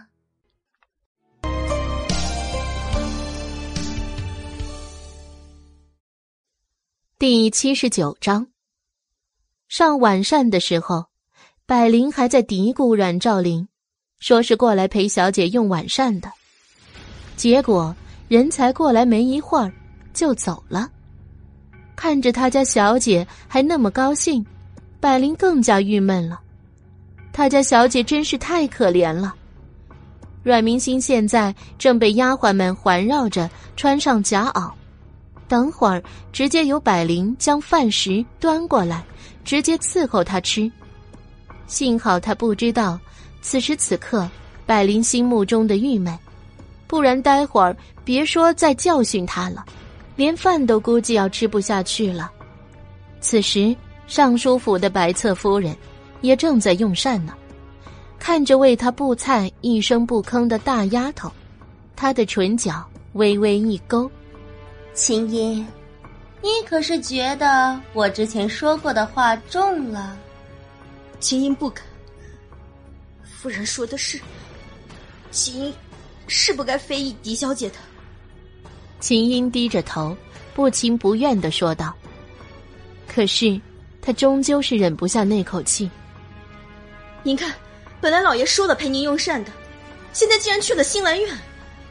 嫡女回府，老爷去那里本就是应当的。”白侧夫人脸上却还是淡淡的笑，似乎对此并不介意。可要不是狄小姐，我们尚书府怎么会被人议论成那样？甚至连累了夫人您的名声。秦英气呼呼的说道：“凤凝香被毒杀，裴家小姐没得好。可是他们夫人这是招谁惹谁了？本来凤凝香去别院就是自请前往，现在还有人暗暗议论是尚书府家的妾室太嚣张了。”而首当其冲的就是他们侧夫人，青衣。这事儿要怪，其实该怪那个裴小姐。没有她惹事，也就不会有尚书府的祸事了。白侧夫人淡淡的说道：“这祸害的源头一下子没举到了裴玉莲的身上，她唯一在意的也就是裴玉莲而已。”一个已经死掉母亲的小女孩，对他来说没有任何威胁。门口传来轻咳的声音，显然是听到了他们最后的对话。老爷来了。秦颖脸上立刻露出了喜色，给阮兆林又添了一副碗筷。老爷，不知道锦绣说的对吗？白侧夫人似笑非笑的看向站在门口的阮兆林。阮兆林面色有些尴尬，踏步进来，并没有说话。秦英静静的帮着他们布菜。下去吧。阮兆林却挥挥手让他出去。是。秦英扶了一下身，转身离去。白锦绣知道，阮兆林有话要说。做出洗耳恭听的样子。不知道那件事儿准备的如何了？阮兆林意有所指的问道。也没有明说，但是显见白锦绣明白他的意思。他的唇勾了勾，没有回答阮兆林的问话，却帮他夹了夹菜。锦绣。阮兆林面色微沉，这话他也就只能和白锦绣说说。尚书府目前也就只有白锦绣在主持内院大局了。林氏是娇养不知事的，叶氏更是上不了台面，只有白氏目前最得他心。老爷，夫人的头七可还没过呢，怎么也要等到宴客之后了。白锦绣不骄不躁的说道，显然胸有成竹。唉，还是锦绣最明白我心意啊。阮兆林松了口气。老爷，您这话不知道对多少人说过。白锦绣挑了挑眉，眼眸中似嗔似怪，光芒流转，嘴角的笑意却勾着人心。怎么会？只有锦绣最是知心呢。阮兆林有些心猿意马。牵住了白锦绣的手。新兰院内却没有这等的旖旎。阮明星晚上过后吃过药，百灵接过丫头打来的热水，站在水盆架子前，迅速的在高热的水中将洗脸帕子拧了起来。一路上，白烟滚滚着来到床前，小心翼翼的给阮明星擦了把脸跟手。然后又是几个人扶着，缓缓的将阮明星放了下去。夜晚清凉如水，一盏昏黄的黄豆灯芯跳动在屋内。一天纷杂的结束，夜彻底的静了下去。百灵将阮明星的被子掖好，说道：“小姐早点安歇，有事儿就叫奴婢，奴婢就在外面的小榻上。”轻声的话语，就像是外婆桥上的摇篮曲。阮明星点了头之后，他这才把这小姐的帐子放下，就烛火的昏黄光线，坐在自己的小榻上，将被子展开，脱衣，躺下，一系列的动作就跟他的话语一样的轻柔。阮明星白日里睡得多了，夜晚就不太困顿。在这混混沌沌、什么也看不清的光下，睁着眼睛。现在事情已经告一段落，阮明星此刻的大脑陷入些许的迷茫。他的目标极其明确，他要阮兆林身败名裂，万人唾弃。明明是杀母亲的凶手，没有证据，却只能看着他就此逍遥法外。但是现在，他却甚至要为了自己的生存而与他虚与委蛇。身体是暖热的，但他的心就跟外面的雪一样冰冷。要是能够快点长大多好，不至于像现在这样束手束脚。想着想着，阮明心就睡了过去。深夜，漆黑一片。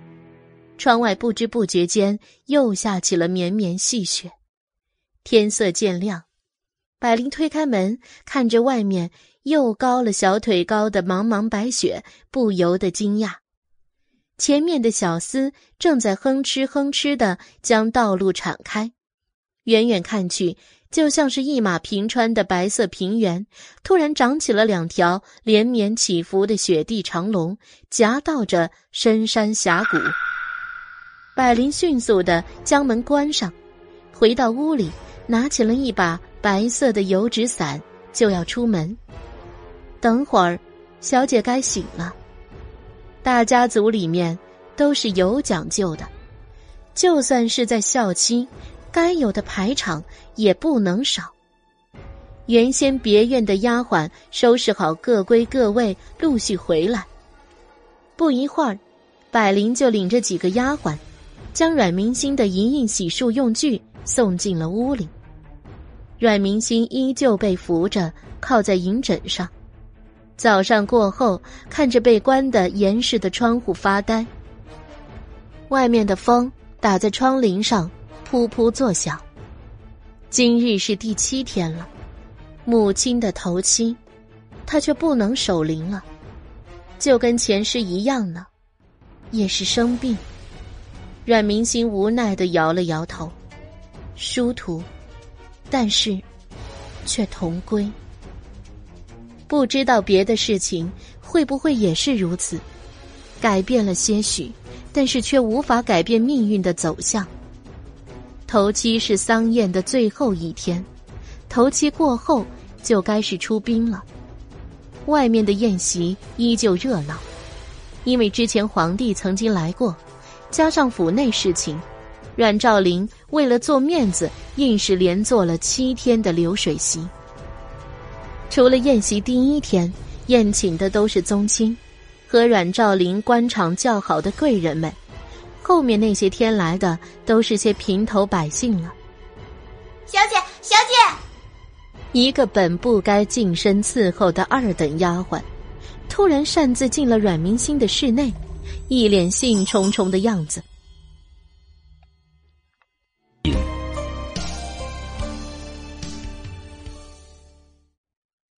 第八十章，铺天漫地的大雪都抵挡不住外面的喧哗。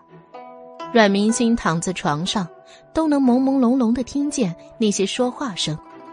只是听不真切而已。不过这一点也不妨碍阮明星知道外面的消息。现在，送消息的人不就来了吗？灵珠，谁让你进小姐内室的？正在整理小姐饰品的素兰抬眼看向那个冲进来的丫头，柳眉不由一竖。灵珠被吓了一跳，立刻止住了步子。阮明星看向了素兰，微微一笑。是我让她过来了。灵珠是素兰麾下的二等丫头，今年约摸十二岁，是几年前凤凝香在京郊从牙婆手上买来的。灵珠长得圆圆的脸，因为长得讨喜，嘴又甜，算是那一批丫头里穿得最整洁干净的一个小姑娘了。凤凝香本就要为女儿找一个从小伺候起，好培养主仆感情的丫鬟。见到她见人也不露怯，就留了下来。后来才知道，这丫头何止不露怯，简直就是八面通。别院里有什么风吹草动，都能传入他的耳朵，回头一讲，说的头头是道。前世里，阮明心觉得他太不稳重了，加上名字不喜，母亲去后，他渐渐长大，就远离了灵珠。将她分去做了扫洒的丫鬟，再也没有理会过。可是这丫头是个念着他好的人，后来还曾参加了他建立的女子军团，最后喋血沙场。重生归来，阮明心醒来之后，就将灵珠拉到了自己身边，也不多管束她，依旧是跟前世她六岁时一样，做一个负责茶水的二等丫头。只是把前世里母亲分给他管的针线取消了，让他整日多在府里溜达溜达，一有什么风吹草动就回来回禀他。这可将灵珠乐坏了。他最喜欢那些茶余饭后婆娘们之间唠的话头，更何况这还是小姐交代的。一离开阮明心，新兰院的绣楼立刻就像是吃了糖的喜鹊。跟谁都能说到一块儿去。此刻，灵珠从外院与内院相交的月洞门回来，就跟那地上捡拾粮食的麻雀一样，叽叽喳喳的说个不停。只见他非常夸张的张牙舞爪的比划道：“小姐，小姐，你是不知道，外面那些人可佩服您了，都说您是为母翻案的女诸葛，还说您气质坚韧，将来一定不是池中物。”小姐，您是不知道有多威武呢。以后他们还说见着你都要退避三舍呢。嘿 嘿灵珠说的眉飞色舞，百灵却是惊讶道：“啊，为什么？咱们小姐又不是洪水猛兽，为什么见着还要退避三舍？”灵珠一听，一拍桌子，激动的说道：“因为小姐比洪水猛兽更可怕啊！”灵珠卷起袖子。继续比划着说道：“你看啊，那么长的钉板啊，就算是老虎滚上一圈，也该死了吧？咱们家小姐呢，嘿，不仅没死，还硬是熬死了裴玉莲那个贱人。阮明心听到他那夸张的说法，只是笑笑，不发表任何意见。忽然问道：“裴玉莲死了吗？”林珠一个激动，想都不想：“那还有假？他害了咱们家夫人，杀人可是要偿命的。他敢不死？他不死，京城的唾沫星子都能将他淹死。”灵珠的现身说法，将屋子里的几个丫头都逗得发笑，连素兰嘴角都有了笑意。灵珠看着一屋子欢笑的众人，洋洋得意，可目光落到了阮明心这里，不由得撅嘴：“小姐，您怎么都没表情啊？这不正常呀！他说的那么绘声绘色，他家小姐怎么一点反应都没有？”阮明星看着他问道：“你从何人那里听说到裴玉莲已经死了的消息？”这，这个，灵珠尴尬的挠挠头说道：“这个女婢是没有听说了。不过小姐您放心，外面都是唾骂她不要脸的声音。况且她不是已经下天牢了吗？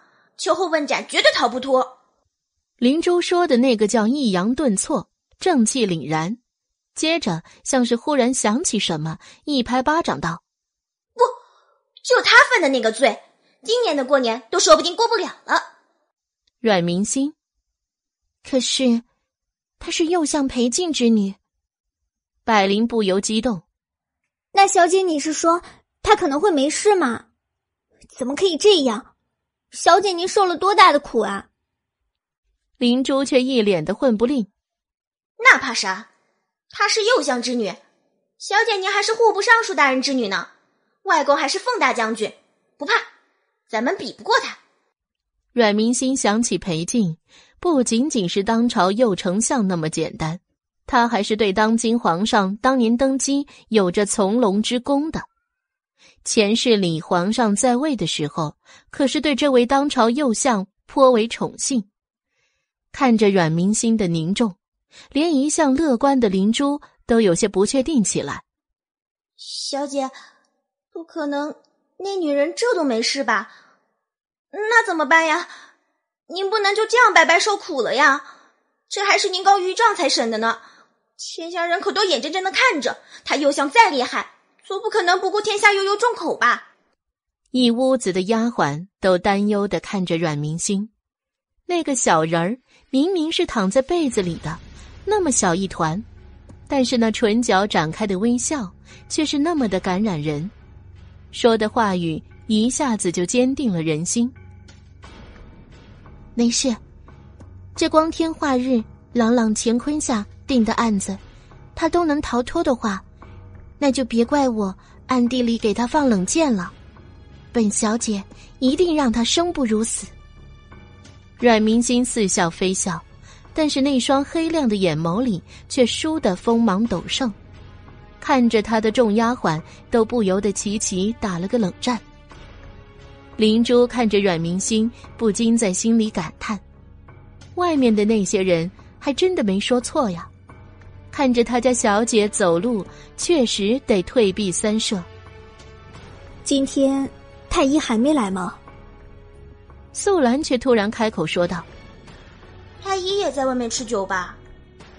灵珠指指外面说道：“今天李太医没来，素兰心中还惦记着事儿呢。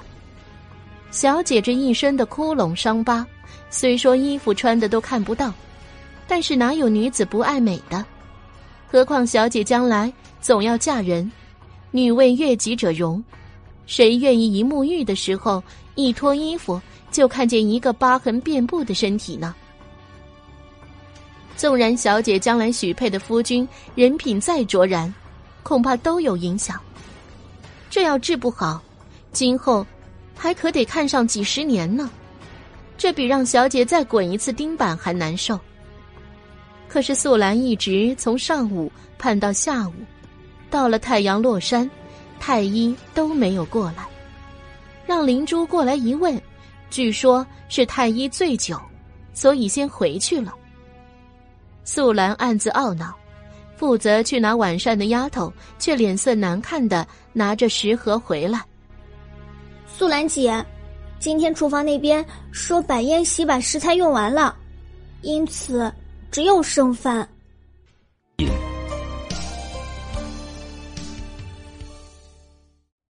第八十一章，素兰的眉头轻轻蹙起，她看了眼小姐的内室，走了出去，示意拿饭的丫头跟着她到外面说话。府上的宴席是专门请八宝楼厨子做好送来的，怎么偏偏说咱们府上没了食材？素兰姐姐是这个道理，林罗和他们理论，他们直接把林罗推出来了。而且我可是亲眼看到大小姐的丫鬟去领饭，却是热腾腾新出锅的。凤凝香身边有四个一等丫鬟，八个二等丫鬟，一等丫鬟是四素：素兰、素菊、苏梅、素竹。素菊因为被煮已经被发卖，现在只剩下三素，而二等丫鬟是四灵四巧，这绫罗和之前的灵珠都是四灵里面的。这事儿，素兰刚要开口说什么，内室里却传来阮明心的声音：“今天是母亲头七，这碗膳不进也就不进了。”在这个日子里，他不想扰了母亲安心。是，素兰也想到了这个，不再说话。可是，绫罗还有些不甘，被素兰冷冷一个眼风扫来，也顿时住了嘴。阮明心靠在床上，此时却顾不上想府中的那些龌龊事情，他正在恍惚想着前世里。头七那天的事，虽然没有参加母亲丧礼，但是在这晚，他好像是做梦了。母亲入梦，似乎是告别还是什么，已经记不清楚。阔别多年，如今想起母亲的样子，已经有些模糊。今生不知道还能不能再一次见到娘亲。头脑杂乱的一天结束。晚上，阮明星如同昨天晚上一样，被伺候着躺在床上。他闭着眼睛，期盼着今晚的梦境的降临，希望母亲不会怪罪于他打扰了他的安息才好。夜晚三更，棒子敲过，阮明星睡得模模糊糊，好像听到什么响动，睡梦中的唇角都勾了起来。娘。你果然是舍不得星儿的，你终于回来了，星儿好想您。梦想中的腾云驾雾、仙鹤飘零没有降临，一声嗤笑响起在阮明星的耳边。阮明星猛地睁开眼睛，看着床前的那个黑影，少年挺拔清瘦的身形隐在夜色中，虽然看不清长相，可是他已经猜到是谁。你怎么突然出现在这里？阮明星看着站在床前一身黑衣的清秀少年，不由得问道。霍征饶有深意的看着他，答非所问道：“真是没看出来呀，你到底还是不是女孩？真没想到啊！”他话语间带着鄙夷的嫌弃：“快将口水擦擦，擦擦！就算本少爷玉树临风。”一见倾心，抑制不住，拜托，也请你矜持一点，好吧？说完，霍征简直是目不忍视，直接将头撇开。阮明星被他气得不由得翻白眼，想说什么却无从反驳，因为他自己也感觉了一下，好像似乎嘴边确实有点凉悠悠的。想到多年后他的淑女凤仪。他立即想要拿一块手帕来擦擦嘴角的口水。谁让他现在才六岁，睡觉流口水，很可耻吗？但是这几日他行动不便，已经在两日都没下床了，一切事应该都是丫头们给他打点好的。此时他费劲的往床右边的十字荔枝木衣架上看。那里挂着他要穿的衣裳，以及他现在需要的手帕。霍征身子几乎背对着他，但是不知道是出于什么原因，转了大半个圈的身子却是没有完全背过去，眼角余光小心的缩睨着他，将他那丝丝皱眉的痛苦表情全都看在眼里。他转过来，没好气的说道：“好了好了，本公子看你可怜，就大发善心，帮你这一回吧。”在衣架的小枝丫上取下手帕的时候，霍征有些愣神。这是阮明心的衣裳啊，虽然是一身校服，没有任何熏香。霍征的鼻孔里觉得自己好像还闻到了香味，那是他从前都没有闻到过的。家里的伺候他的丫头，也不是没有佩戴香囊的习惯。霍征一个小纨绔，几乎可以说是在那些粉红堆里长大的。此时闻着这稍稍有点甜丝丝的皂荚味道，居然有些脸红。你找到没有啊？阮明心在床上等了老半天了，那边一点动静也没有，他又看不到，只能出口询问。他不知道他是不是已经走了。半夜扰人清梦，居然还敢嘲笑他，这根本不能怪前世他看不出他的心思。这小子就是欠揍嘛！话还没有听到回答，阮明星以为他已经走了，就直接豪迈的往被子边沿一撇脑袋，准备闭上眼睛睡觉。他可忙了，还要睡梦中去会他的娘。见到阮明星又要睡去，霍征负气一般，凶猛的扯下那块他在手里摩搓许久、绣墨蓝的白色锦帕。这手帕也太柔软，上面似乎有他的味道，勾得他手痒痒，心跳也不正常的走过来。一见阮明星就大叫道：“嗨，我说你到底是不是女人啊？”阮明心才刚闭上的眼睛被他吓一跳，睁开瞪着他不说话。霍征被他看得面色有片刻的僵硬，房间内顿时静默下来。师兄，明星不是女人，是女孩，好吗？阮明星终究没好气的回了句嘴。可即便是女孩，也是男女授受不亲。师兄，您这可是……夜探女子闺房，霍征把手帕傲娇的递了过去。你不是说要嫁给我吗？还谈什么男女授受不亲？这句话说完，他自己差点咬了自己的舌头。这说的都是什么话呀？明星也顿时怔住，手帕还擦在嘴角，眼睛眨了眨，看向霍征。师兄。你这是决定要娶明星了吗？你，你你你你你！霍征瞬间话都说不利索了，结结巴巴的你你你了半天，在斗嘴的这方面，似乎从来就没有赢过这个丫头。前世如是，今生亦如是。卧室内诡异的静谧，好一阵子后。霍征才一手握拳，抵着薄唇轻咳。真是个不知羞的小丫头，本公子走了。说完，一眨眼的功夫，他就从房间里消失了。若不是那窗户边吹来的一阵冷风，阮明星几乎怀疑这是幻觉。他来这里，就是为了和他斗嘴吗？他这是梦游了，还是发烧了？阮明星还看着窗户边出神，眼前突然出现一道黑影，又将他的光线挡住。他不由万分无奈的说道：“你怎么又回来了？”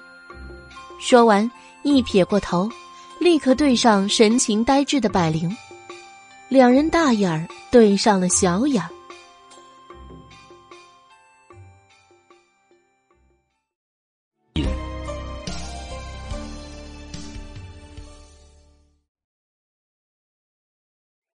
第八十二章，阮明星心里的那个尴尬，但还是装作若无其事的样子。百灵，醒了。百灵还处于出神的状态，机械的问道：“小姐，刚刚是霍少爷来了吗？”阮明星闭着眼睛，算是默认。百灵惊叫：“他怎么这样啊？擅闯女子闺房，不知道小姐你是女儿是吗？这要是传了出去，那小姐你的名声岂不是毁了？小姐你可不能纵容着他。你知道外面都是怎么传你的吗？”知道啊，不就是比母老虎还厉害吗？阮明清无所谓的说道。百灵那个着急呀。那您还让他乱闯？这要是传出去，小姐将来还怎么嫁人了？阮明心看着他，宠溺的笑笑。小姐，您可别不当一回事儿。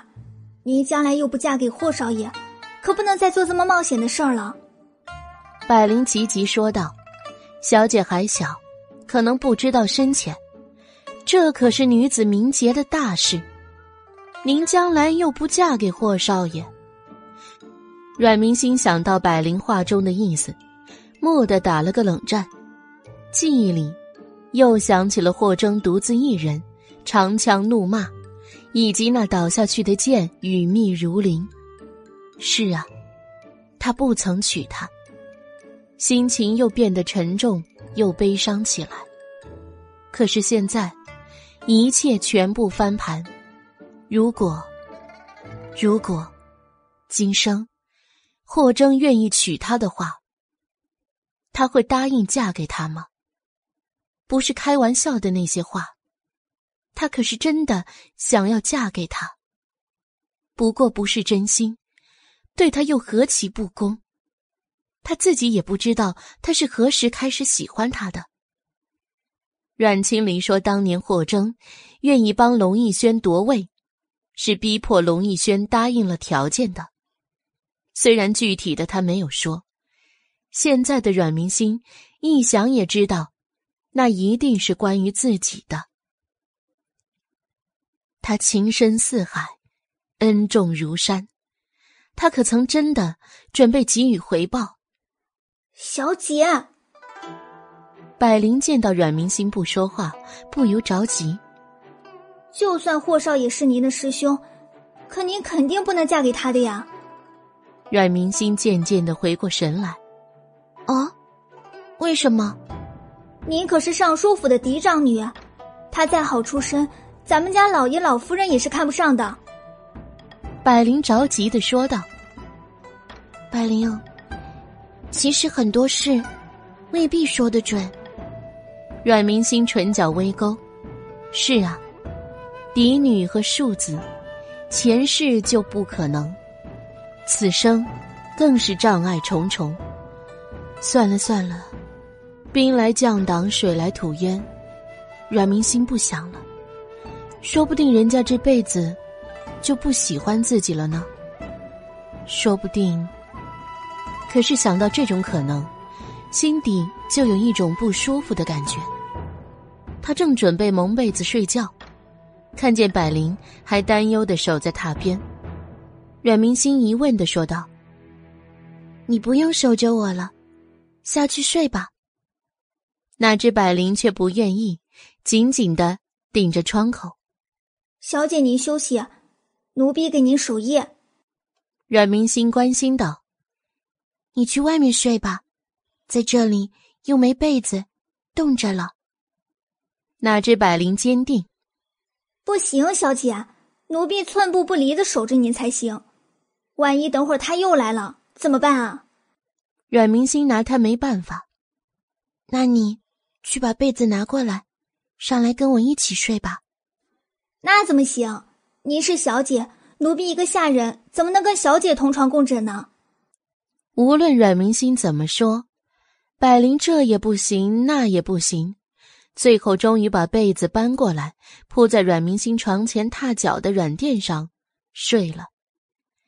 经过这一折腾，阮明心怎么也集中不了睡意。他有一搭没一搭的跟百灵聊着：“你刚才是什么时候醒的呀？我怎么都没听见动静？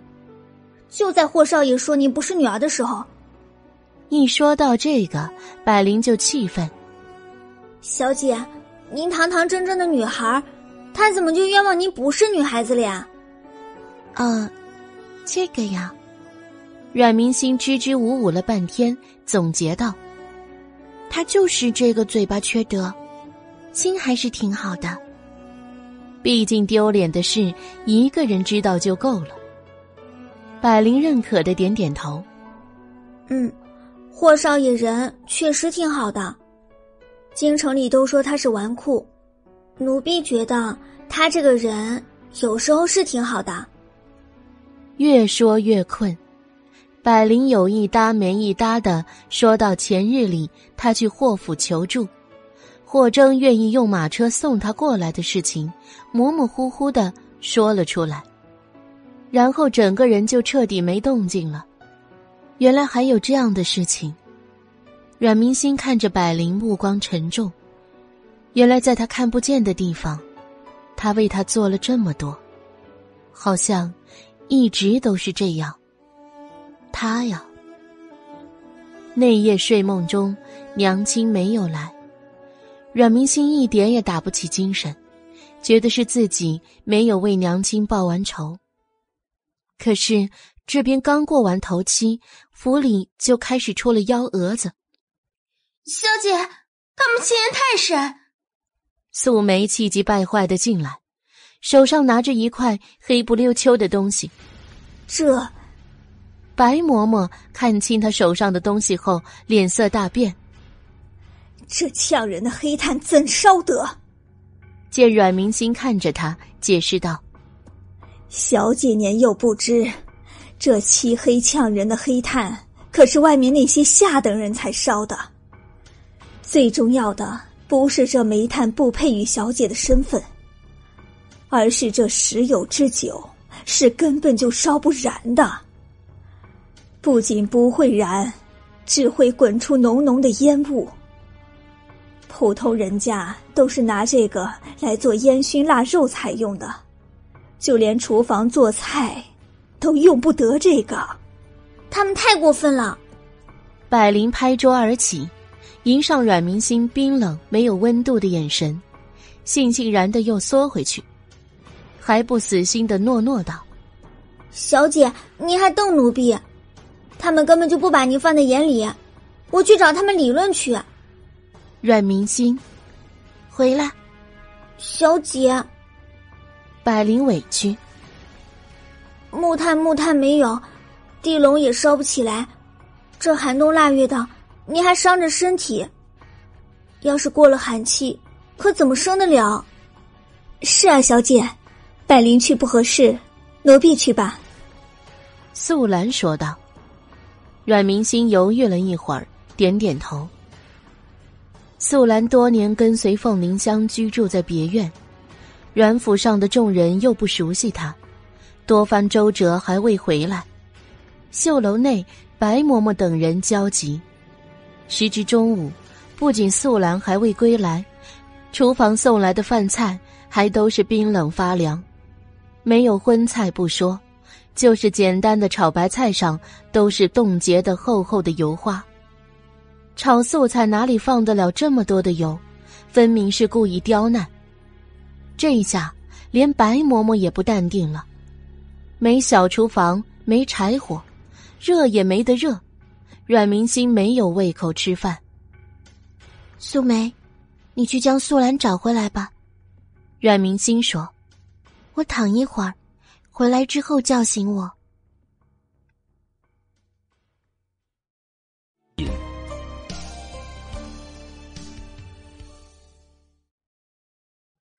第八十三章。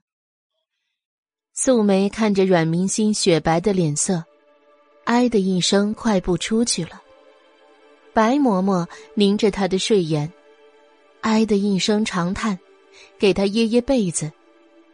小姐说的没错，阮府里毒蛇猛兽，现在才是真的开始而已。真是一个苦命的孩子。素兰，你怎么样？素梅找到素兰的时候，她正在假山后面的小道上低垂着头，失魂落魄。那雪白的瓜子脸上，鲜红的五指印，隔得老远都能看清。他急急忙忙的奔上去，拉着他上下检查，问东问西。素兰轻抬眼睑看他一眼，与他一起边往回走，边将自己一晌午经历的事情长话短说的给他道来。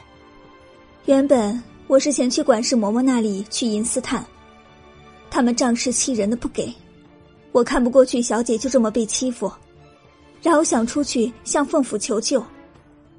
没想到在门口根本出不去，他们说要有侧夫人的对牌才能出去。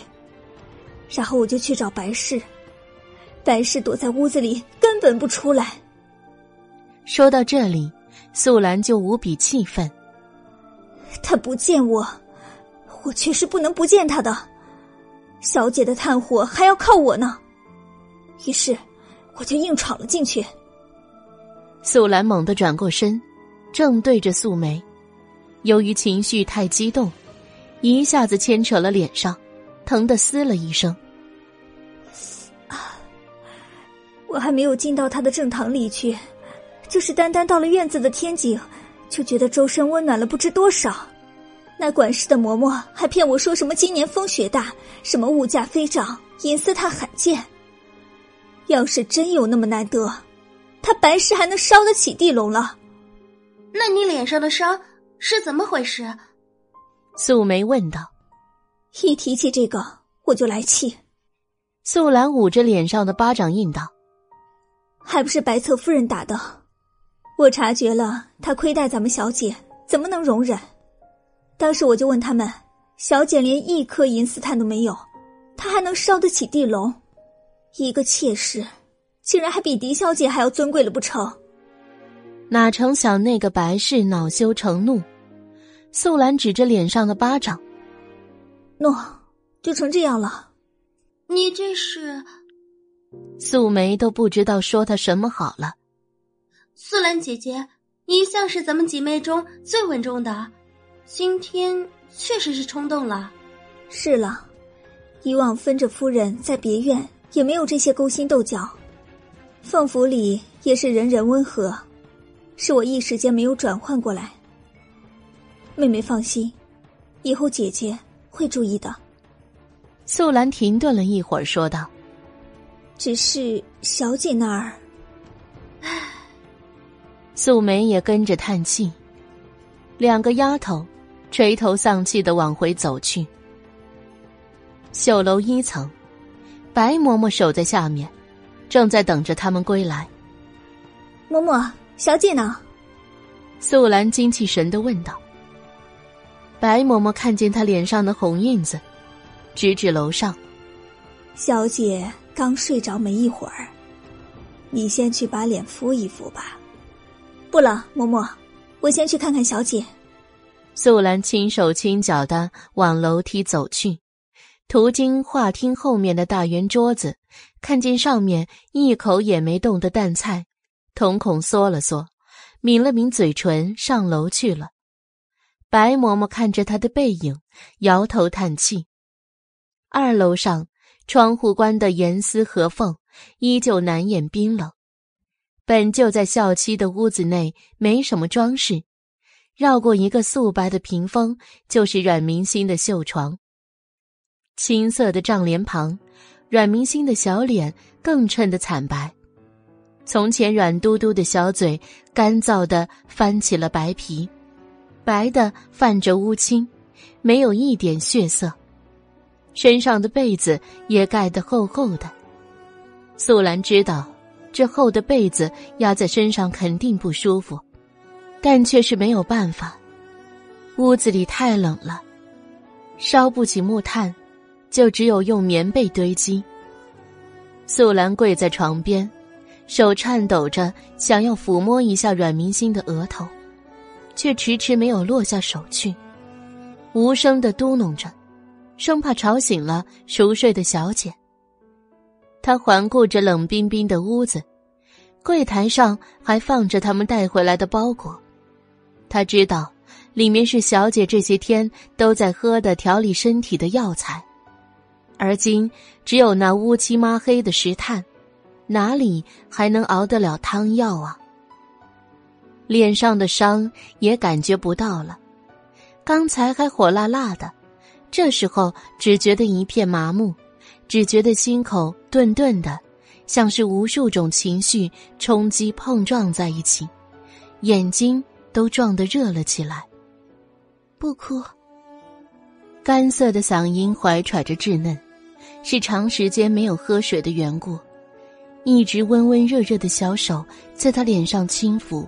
带起一点涟漪，片刻湿润，消失不见。小姐醒了，奴婢吵醒您了。素兰的手快速的在脸上胡乱的抹两下，快，将手放进被子里，小心冻着了。他快速的取下脸上的小手，掖进被子里去。他们欺负你了，阮明星陈述着说道，声音冰冰凉的。素兰恍惚了一下，若不是看着他是一个小孩子，且面色无碍，素兰都觉得这样的小姐陌生。没有炭火，他们才回来，屋子里竟然连一口热水都没有。小姐，你等着，奴婢这就去给您找一壶热水来润润嗓子。素兰安慰着他，飞速的转身就要下楼去。等等。将白嬷嬷叫上来。阮明心在他转身的消失那一瞬说道：“是小姐。”素兰行了个礼，快速的下楼去了。小姐，白嬷嬷上来，见着阮明心独自半撑坐靠在床栏上，赶紧上前将银枕垫在他的身后。您怎么这么随意的折腾自己？白嬷嬷嘴里小小的嗔责了一下，阮明心笑笑。无事，他吩咐着白嬷嬷身后跟上来的百灵说道：“百灵，你下去告诉素心他们一声，看好院门，谁也别让进来。白嬷嬷，帮我把那几个凤家送来的嬷嬷也请来吧。”百灵眼珠转了转。飞快的跑了下去，白嬷嬷的眼睛亮了一下，她知道，小姐这是要采取行动了。阮家做事太绝，凤追担心外孙女会被阮兆林用孝道所压迫，所以不但特地将凤林香生前的几个贴身丫鬟派遣给她，另外还专门找来了两个会武功的嬷嬷，一并给了阮明心。等到那两个嬷嬷进了屋子，那种直挺的站姿，虽然她年纪大了些，但是在凤府却不仅仅是一个普通嬷嬷的身份那么简单。江嬷嬷，李嬷嬷，把您二位请来，是明星有事要拜托。阮明星此时卧床不起，很多事都不方便，因此也只能拜托这二位嬷嬷了。小姐，小姐，但有任何吩咐，您尽管向奴婢说，奴婢万死不辞。江嬷嬷和李嬷嬷同时说道：“他们如果没有看错，凤家的儿女从来就不是任人拿捏的软柿子。”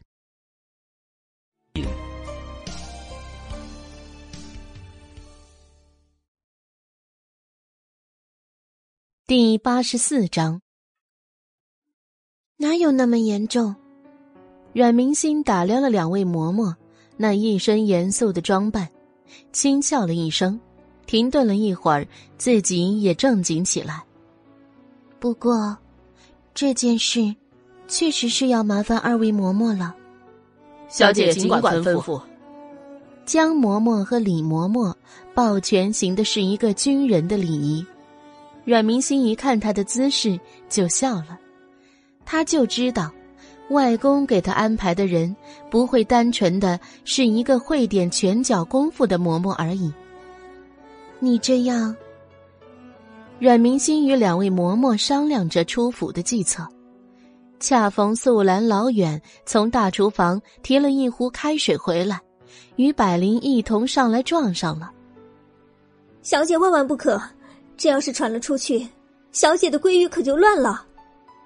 茶壶还没放下，素兰就急切说道：“怎么不行了？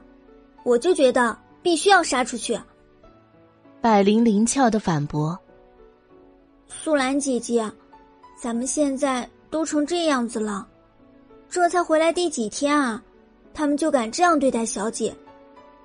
这个寒冬还有好久呢，况且小姐身上还有伤没好全，现在更是连汤药都煎不成。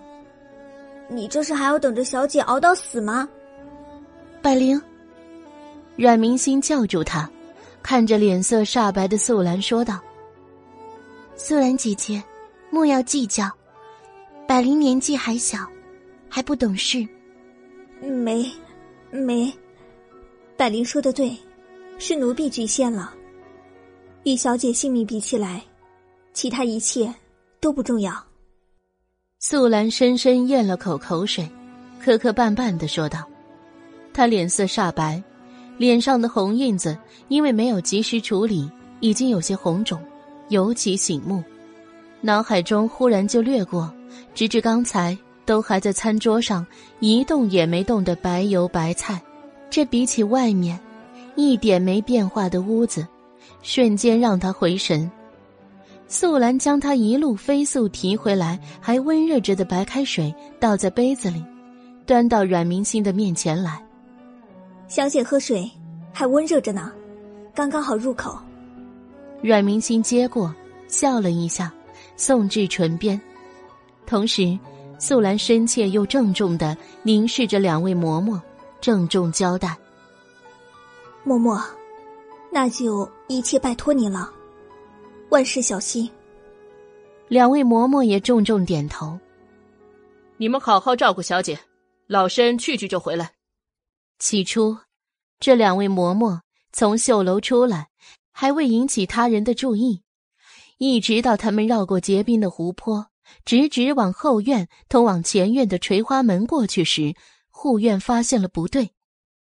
毕竟后院女性是不能随意到前院去的，再加上老爷回来是在正门口，那对小姐看似关心，实则软禁的话，恐怕阮明星本身还没有回到绣楼，就已经传遍了阮府二房的大大小小每一个角落。护院当他们发现四小姐带回来的嬷嬷要私闯二门时，劝阻无效，就要将他就地制服，却没想到一个看似普通的老嬷嬷，竟然还有这么大的本事。他们两个护院竟然还不能将他制服，于是群拥而上。这些三脚猫的功夫，两位嬷嬷还不放在眼里。两下三下就将人全部掀翻在地，一路像拖尾巴似的，一边逗着他们，一边往正门走去。等快要接近正门口的时候，两位嬷嬷突然拉开嗓子嚎了起来：“救命啊！要出人命救命啊！要出人命啦！”那洪亮的嗓门吓了周围群起而攻之的护院们一大跳。大家的动作都愣了一会儿，像是没见过这么无赖的，动手还动口。等他们发觉嬷嬷们这嚎啕的嗓音不对劲儿的时候，已经晚了。整个阮府苛待狄小姐的声音，已经被两位嬷嬷加深内力传了出去。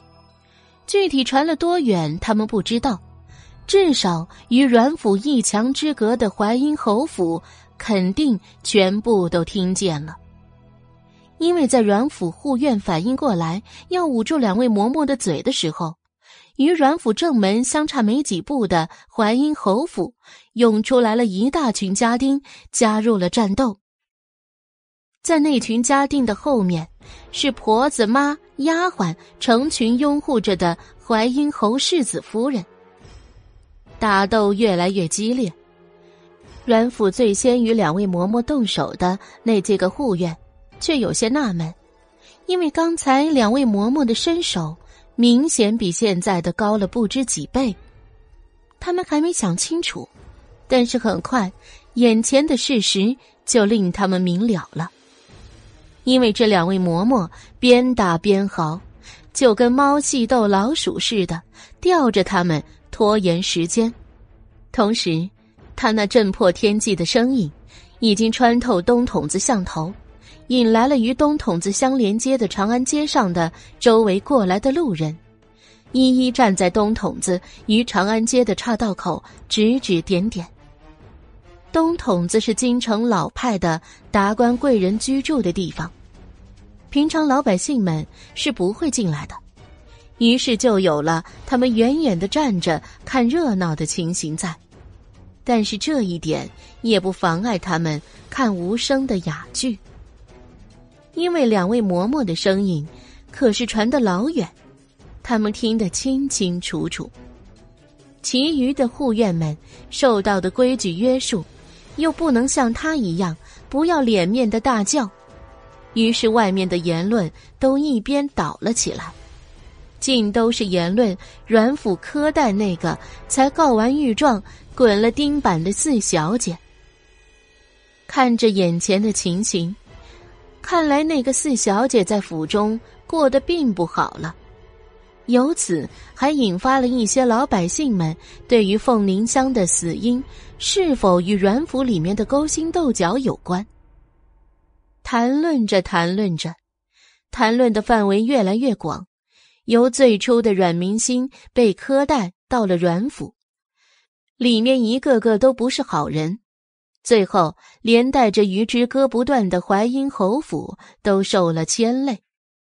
世子夫人站在靠近长安街的那一头，听着后面谈论阮府跟淮阴侯府的点点滴滴，脸色非常暗沉，冷怒道：“还不快点动手，将他们拉进去，捂上他嘴巴！”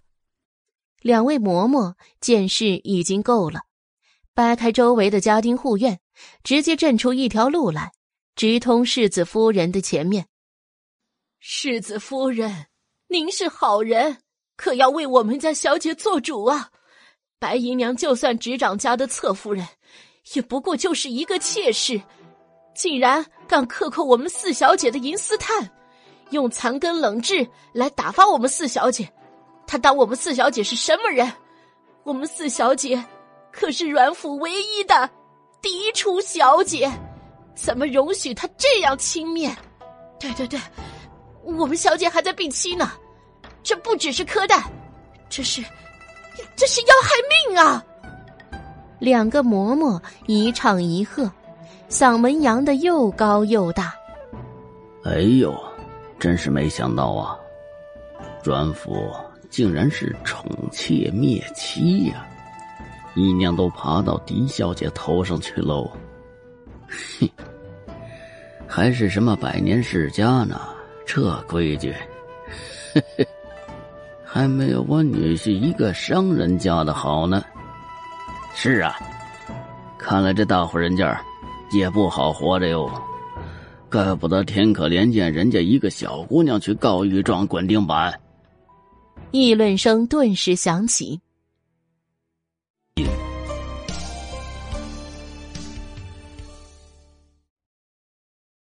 第八十五章。后面杂七杂八的声音不绝于耳，一个洪亮的壮汉声音尤其突出。世子夫人长吸一口气，紧帕下遮掩的手紧了紧，看向这两位衍生的嬷嬷：“你们说的可是确凿？”奴婢说的千真万确。世子夫人，不信，请随奴婢到小姐的绣楼一看便知。两位嬷嬷不卑不亢的说道。世子夫人峨眉平蹙，冷声道：“你们带路，阮府家风清明，如果查明，一定会严惩。现在不光是尚书府的问题，是淮阴侯府会不会被影响？”是是，两位嬷嬷忙不迭的从地上爬了起来，走在前面。世子夫人，请随奴婢来。边走。两位嬷嬷边将他们从回来就一直被冷遇，小姐的贴身大丫鬟去要煤炭，还被反扇耳光的事情一五一十的说道。临近进门前，两位嬷嬷还说道：“你快去看看我们小姐吧，她到现在都还一口饭都没吃上呢，药也熬不了，再这么拖下去，没准小姐就这么……”两位嬷嬷压着嗓音说不下去。世子夫人轻喝他一声：“胡乱说什么！阮府的小姐，岂是你能诅咒的？”两位嬷嬷做事扇了自己一个嘴巴子。哎呀，坏的不灵，好的灵；坏的不灵，好的灵。奴婢刚才都是乱说的。四小姐一定会平平安安、长命百岁。接着。两位嬷嬷领着世子夫人往二楼的楼梯那边走去，途经饭厅，特地将世子夫人引过去，指着那盛着白白油花的几道冷菜说道：“这就是今天大厨房给我们小姐送来的午膳，小姐一口没动。从早上到现在，唯一喝的水还是素兰去大厨房自己烧的提回来的。”世子夫人看着那几道明显过分加工过的菜，薄唇抿着，眉头再度紧了紧，没说话，直接往楼上走去。阮明心坐在床上，看见忽然出现的美貌妇人，愣怔的一下，没想到引来的是他的堂嫂呢。哎呦，明心怎么坐起来了？世子夫人看着床上那个苍白的小人，快步的走了过去，关切的说道：“明星肯定是记得我了，我是你大伯母。你小的时候啊，我还见过你呢，那时候你才这么点高。”世子夫人坐在阮明星的床边，笑着比了一个比他膝盖高不了多少的高度，那么矮。说明阮明心才两三岁，小孩子本就健忘，世子夫人也没觉得阮明心不跟他打招呼有什么。确实，阮明心会记得他，完全是因为他前世对他为数不多的几个记忆。世子夫人亲热的拉着阮明心露在被子外面的小手，哎呀，怎么这么凉？你们怎么伺候的？都不知道给小姐准备一个手炉吗？世子夫人连把自己袖筒里的铜丝掐花镂空小手炉递到阮明星的手上，然后把他两只手拥到被窝里捂着，紧接着一转脸，对着素兰等人就冷脸发落。素兰、素梅、素竹，还有百灵，以及两位嬷嬷。砰的一下跪在地上。伯母，不怪他们。阮明心虚弱的笑笑。百灵年纪小，心直口快，他看一眼小姐，又瞄一眼同跪着给他打眼色的两位嬷嬷，直视着世子夫人的眼睛道：“咱们也想要给小姐守炉，暖暖的屋子，热热的食物，可是咱们没有啊。”世子夫人，你看这冷冰冰的屋子，还有素兰姐姐的脸。他指着素兰脸上还未消退的印子，哭诉道：“素兰姐姐为了去给小姐要取暖的炭火，没想到好好的一个人出去，炭火没要到，还被人给打了。白姨娘实在是太过分了，她怎么能这么欺负我们小姐？”世子夫人顺着他的指引，看着素兰脸上那个因为长时间没有处理，又因为寒冷冻得已经由红变得隐隐青色的印子，凝了一下。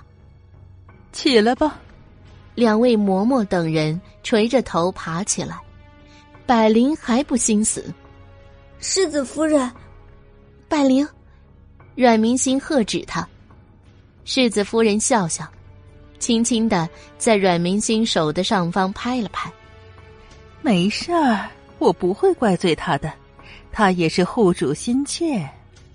明心，你放心，这件事儿，伯母会给你个公道的。阮明心做了一个虚弱又乖巧的样子，勉强牵起嘴角，无声的笑笑，仿佛伯母做什么他都认，无比感激的模样。世子夫人再度轻抚他头顶一下，下楼去了。世子夫人就坐在老夫人的厅堂里，手边一杯铁观音，徐徐冒着热气。她手下的婆子已经根据素兰说的话下去查证去了。老夫人坐在上首，对于这个儿媳妇还是比较爱护的，因为他身后罗家庞大的家世。淮阴侯固然是百年世家，但是近些年来。后辈们就不怎么出色，已经逐渐从主流世家中退下。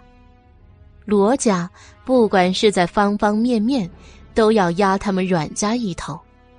老夫人不得不重视这个大儿媳妇，但是阮明心的事并不光彩，所以也只有儿子们知晓，媳妇们无论如何是不知道的，所以。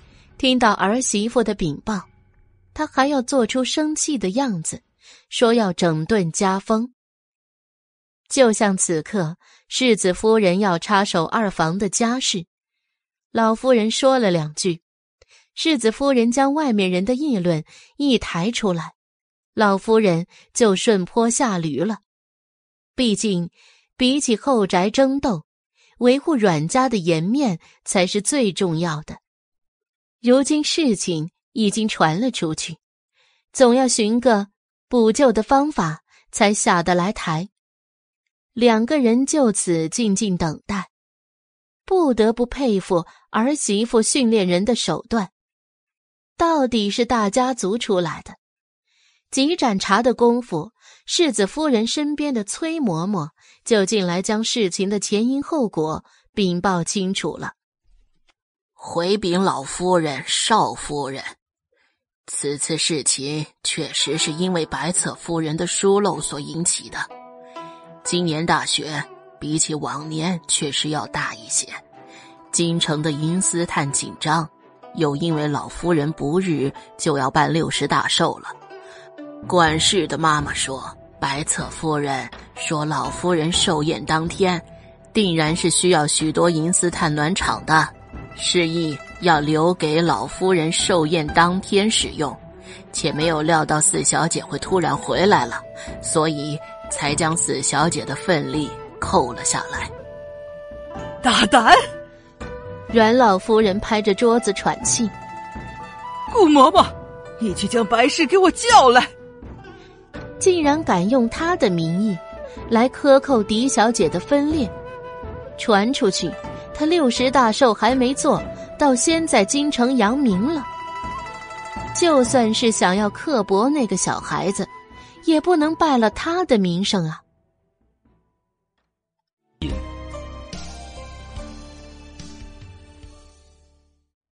第八十六章，罗世子夫人轻叩茶盖，抿了一口刚好能入口的清茶，放下茶盏，接着问道。那给四小姐送的午膳又是怎么回事？这件事说来是厨房的人不尽心。四小姐常年随夫人在别院休养，底下的人就伺候的不尽心了。世子夫人看着崔嬷嬷忽闪的眼神，蹙了蹙眉，说到底还是白侧夫人管教不严之故。跟着世子夫人一起过来的两位嬷嬷说道：“四小姐不仅是阮府的嫡小姐，更是凤家的嫡亲孙女，岂是容白姨娘一个妾室就能这样忽略的？”正是，祖母以为如何？世子夫人轻声问道，一举一动都是世家的风范。阮老夫人心气不顺，却又无可奈何。白氏管家不利，驳了他的管家之权。明心是我们阮家的嫡出小姐，一应伺候都应当是最好的。从今日起，按照嫡小姐的份例，恢复四小姐的一切供应。至于今天午膳怠慢四小姐的，将他们赶出府去，不再录用。祖母公正，只是白错夫人失误，确实不应该，再行管家之责。然怠慢狄小姐的罪责，却不能就此轻易忽略，不然。外面的百姓该当如何看待咱们簪缨世家呢？老夫人，您找妾身。白氏进来就笑着行礼道：“呀，世子夫人今日也在，妾身这厢有礼了。”罗氏笑着看着他：“ 白侧夫人请起，今日无事，恰好过来串串门看望一下祖母和新迎回来的六侄女。”虽然是笑着，但他在新迎回来的六侄女上重音加的格外重。白氏就知道，他今日之事败露了。罗氏是正经嫡女出生，是最重视大家族中那些嫡庶之别的。白氏看着老夫人叫道：“老夫人。”阮老夫人秦氏深吸了一口气，铁声的说道。来人，白氏不敬重四小姐，妄以我的名义苛待狄小姐，将她拖出去，重达二十大板，已经效尤。老夫人，白氏惊叫，她明明是顺着老夫人的心意行事，怎么会？老夫人饶命啊！外里白白的雪地里，冬雪已经停止。银杏树的枝干上被裹得白白一层。白氏的起初的尖叫声震得那新落的雪花扑簌簌的抖下，很快就渐渐变小，成了一声声哭泣的闷哼。可见这打的是没有放水的。罗氏放下茶盏，微笑的说道：“祖母，孙希已叨扰许久。”这就不打扰祖母休息了。阮老夫人秦氏没精神的挥挥手，让他去吧。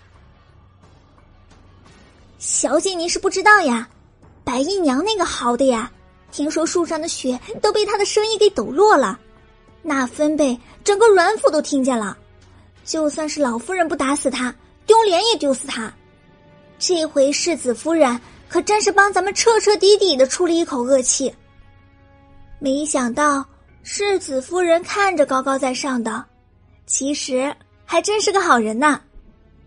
英子叽叽喳喳，手舞足蹈的比划着在外面听到的那些以讹传讹，真是世家大族教养出来的，又是从小被捧在手心里的掌上明珠，最看不惯自然是那些宠妾灭妻。庶出爬到顶出头顶上的做派，刚好阮兆林两样都犯了他的忌讳，大好的机会送到他面前，罗氏怎么会就此放过呢？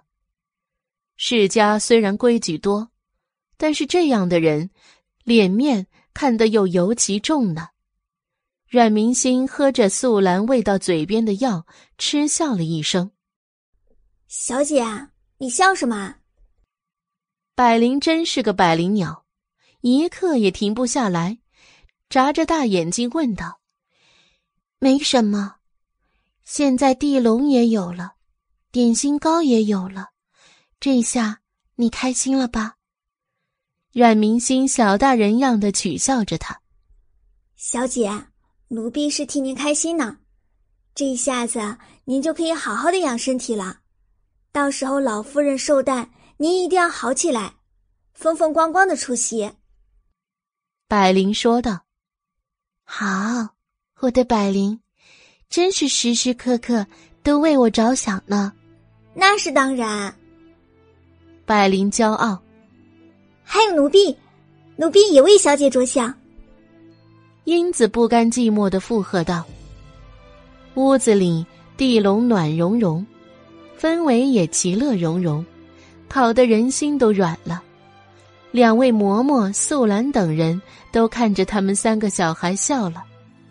楼下却是有人打上门来，耀武扬威。阮明心，你给我出来，出来！别以为你躲着当一个缩头乌龟，我就怕了你了。你敢欺负我娘，看我怎么收拾你！同志的男声从楼下传到楼上，伴随着他的不可一世。期间还小声的夹杂着一个弱弱的女孩的声音：“二弟，你小声点。要是你想想母亲，四妹毕竟身份比我们尊贵。尊贵什么尊贵？不就是一个没人要的野种，连父亲都不喜爱她。姐姐，你怕他干什么？”男孩毫不听劝阻，越说越荒唐。二弟。来者正是白侧夫人膝下的公子和小姐，气势嚣张，明显是魏母出头来了。素梅、素竹已经下去了，却是没能将那个小霸王弄出去。小姐她太过分了，我这就去找她理论去。百灵撸起袖子就要下去跟他干架。你去什么去？阮明心阻止他。与两位嬷嬷对视一眼，点点头，两位嬷嬷就下去了。阮明星这才对着百灵教育道：“对付这种人，你又打不得，骂不得，你做什么？看着两位嬷嬷解决就好。两位嬷嬷是外公的人，他们拿他没办法。”百灵笑了：“嘿，还是小姐厉害。”连几十名家丁护院都被两位嬷嬷吊着玩耍，阮云修、阮玲琅姐弟俩跟着两位嬷嬷干起来，那就是两位嬷嬷一个小手指头就能轻易解决的事情。百灵跟英子两人趴在窗户边上，看着下面阮云修、阮玲琅一起被摔出绣楼的大门，给阮明星现场解说。两位嬷嬷威武，看着他们狼狈，真是大快人心。百灵说道，英子也嗯嗯嗯的不停点头，学下面的情景学得绘声绘色的。阮明轩，你等着，今日你这样对我，父亲是不会放过你的。阮云修捂着被摔疼的屁股放狠话，那样子滑稽的可爱。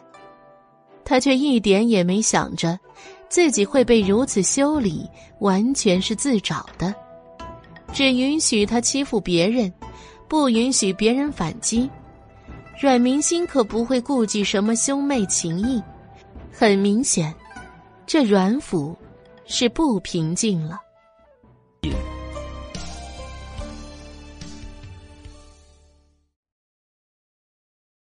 第八十七章。另一边，罗氏带着崔嬷嬷等人穿过月洞门，回到一墙之隔的淮阴侯府。到了自己的庭院之后，站住脚步，挥退其余下人，脸上一直挂着的笑容早已经消失不见。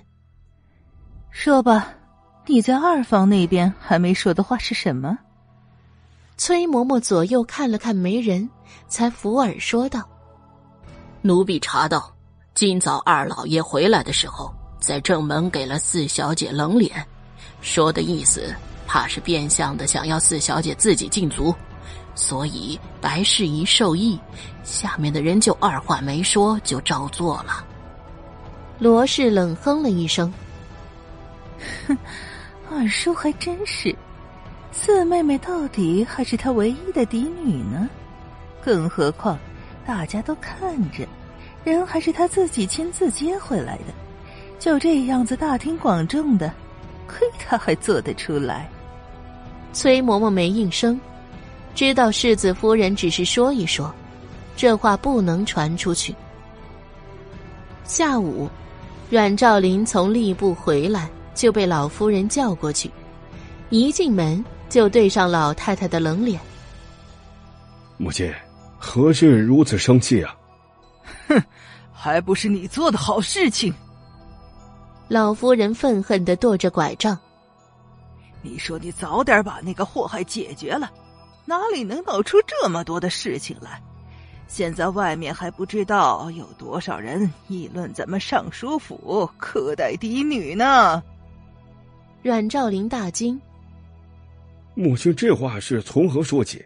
我昨日才亲自把人给接回来，难道还不够给他脸面？”阮兆林说着，自己也生起了气来。顾嬷嬷，你给他说。老夫人生气的将身子撇向了一边，不看他。顾嬷嬷将今天阮明星那边的嬷嬷如何闹的，引来了他那孙媳妇，逼得他不得不恢复阮明星的待遇，还处置了白侧夫人的事情，一一道来。要我说，你当初就应该给他一剂毒药，现在什么事情都没有了。你就怕这个怕那个的，现在好了，白氏那个贱人竟然胆敢借着我的名义苛待起嫡女来了，这要是传出去，要你我这老脸往哪里放啊？老夫人气愤的说道：“母亲消消气儿，是儿子考虑不周。之前内院之事都是白氏在管理，一直也没有出现什么问题。”没想到会变成现在这样，儿子会好好说到他的。哼，你知道就好。我看那个白氏也确实不适合管家。是，母亲说的是。老太太生气，阮兆林万事都顺着他说道。还有，那个祸害要尽早除了。我现在看着他就觉得心烦。是。儿子一定尽快将他解决了，不惹母亲烦心。屋子里安静，两母子一直洽谈到深夜。从老夫人的院子里出来，夜色已深。阮兆林想了想，穿过两府之隔的月洞门，径直走向白侧夫人的院子。明明已是子时，但院子里仍是烛火通明。还夹杂着隐隐的哭声。阮兆林的眸中划过复杂的神色，抬脚走了进去。父亲见到他进门，阮琳琅直接就扑进了他的怀里。琳琅，这是怎么了？阮兆林心里有怜惜划过，眼见自己最心疼的长女的眼睛，已经哭得像是桃子一样。娘亲今天被打昏了，哥哥也被打了，父亲为我们做主啊！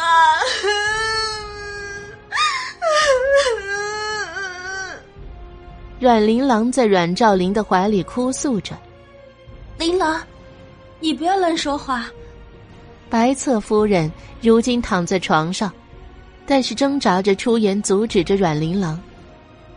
老爷，是妾身。没有主持好钟馗，结果惹四小姐不快，是应该被责罚的。他目光柔婉的看着阮兆林说道：“他们两个都知道这事情到底是怎么回事。虽然白侧夫人并不知道老夫人做了什么决定，但是阮兆林对这个嫡女并不看重，甚至想要让其自生自灭，这是他看出来的。”毕竟，这位狄小姐惹的麻烦，已经够让老爷头疼了。但是这种话是不能够拿到明面上说的，因此阮兆林也只是上前帮白侧夫人掖了掖被角。好生养着，父亲，难道我就被白打了吗？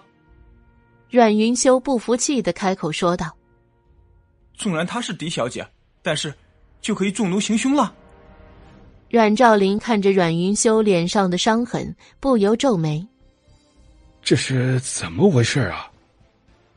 两位嬷嬷大闹之后，阮明星的绣楼从阮府最冰冷的院子，一下子变成了最温暖的院子。百灵与英子两个年龄还小，沉不住气，整天在绣楼里叽叽喳喳，快活的不得了。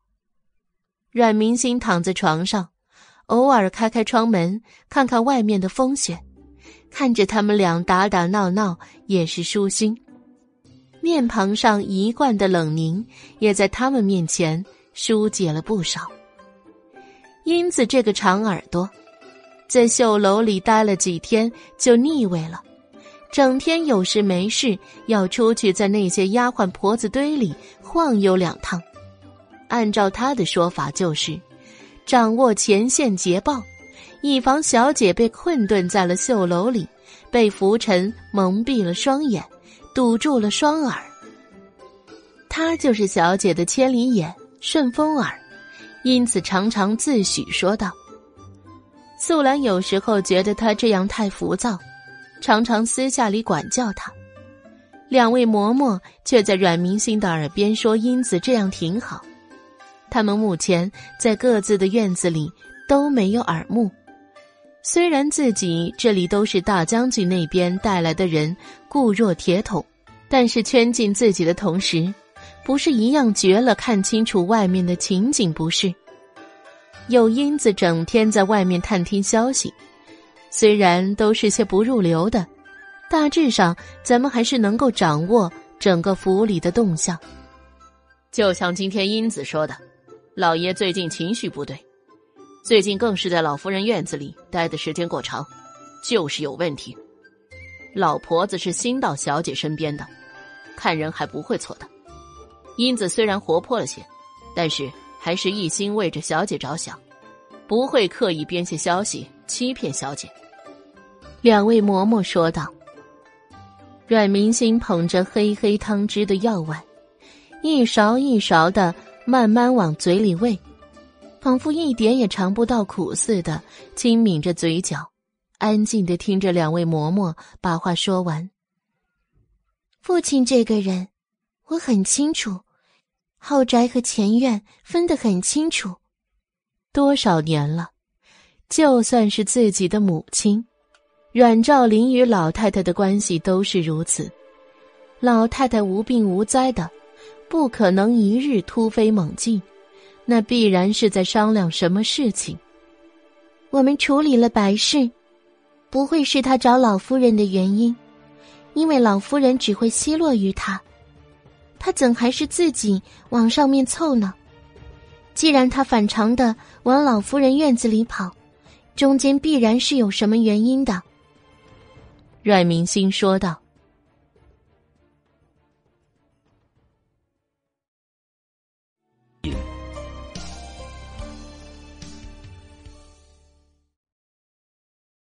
第八十八章，两位嬷嬷同意。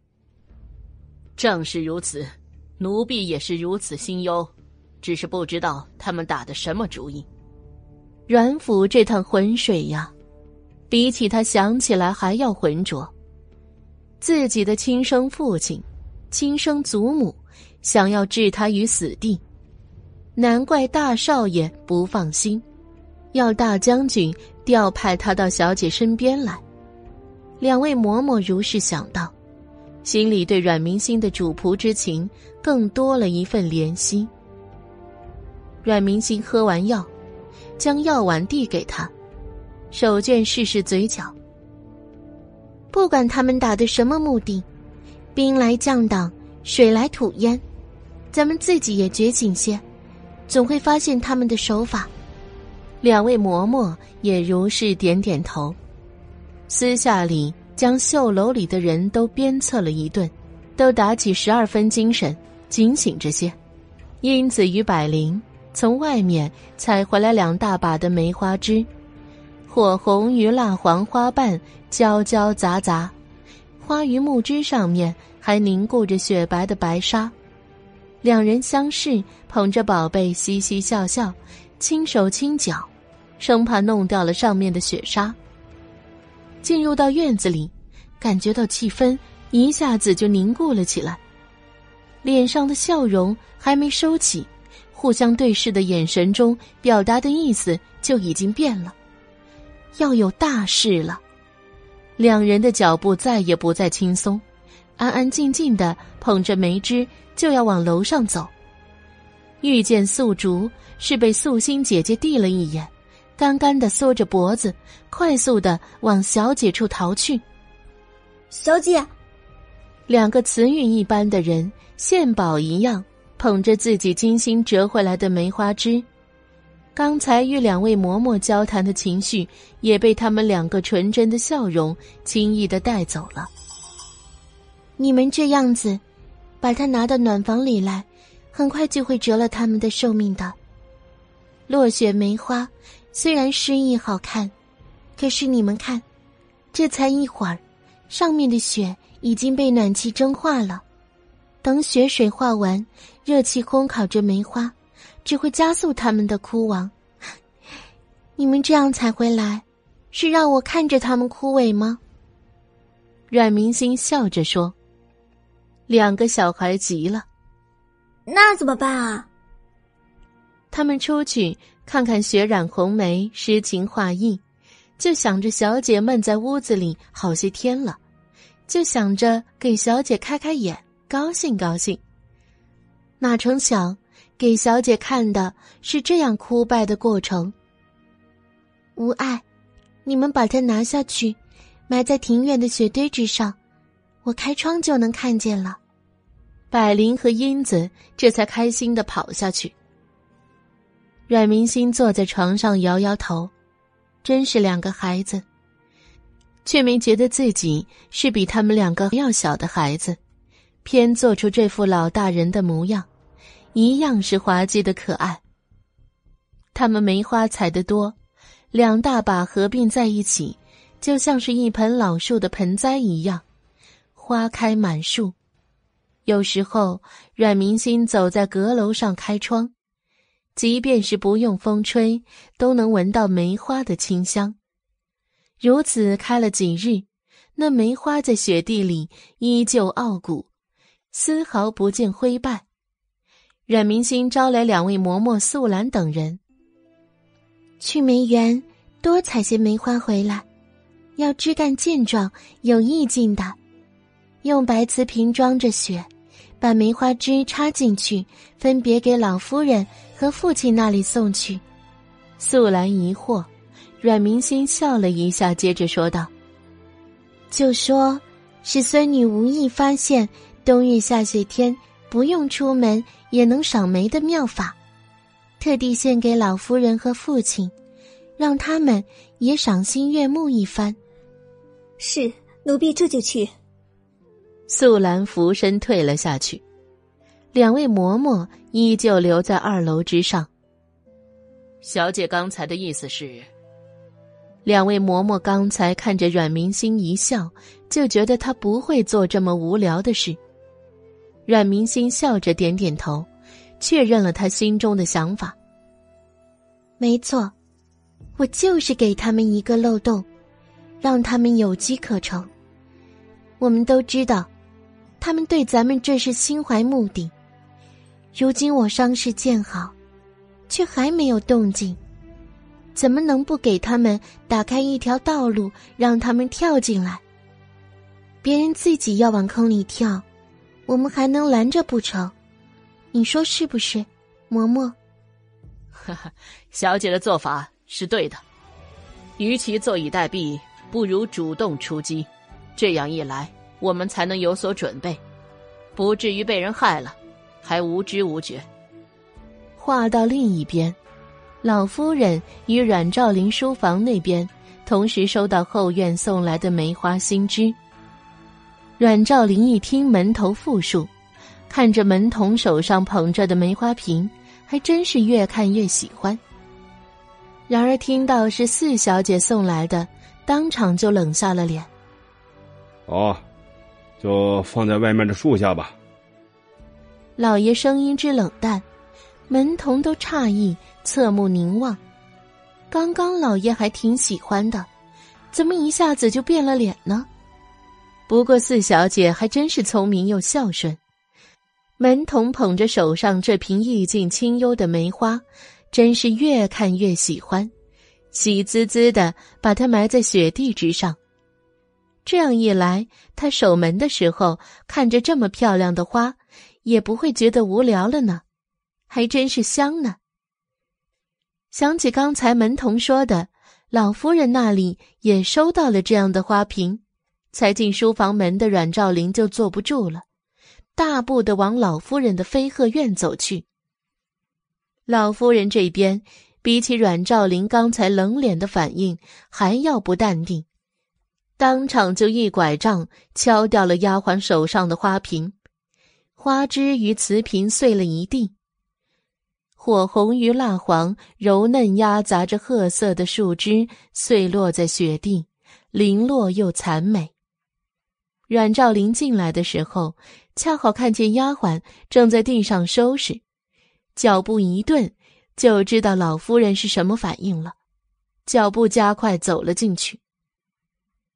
老夫人看着儿子进来，面目狰狞，狠狠的跺着拐杖。阮兆林赶紧安慰：“母亲消消气儿，莫要气坏了身子。”老夫人坐在红木大椅上，一边喘气，一边抚着胸口顺气。他这是挑衅呢，挑衅！什么雪地种梅，他就是讽刺我们，讽刺我们什么动作在他眼里都是想拿青天白日下的煤，什么都被他看得清清楚楚。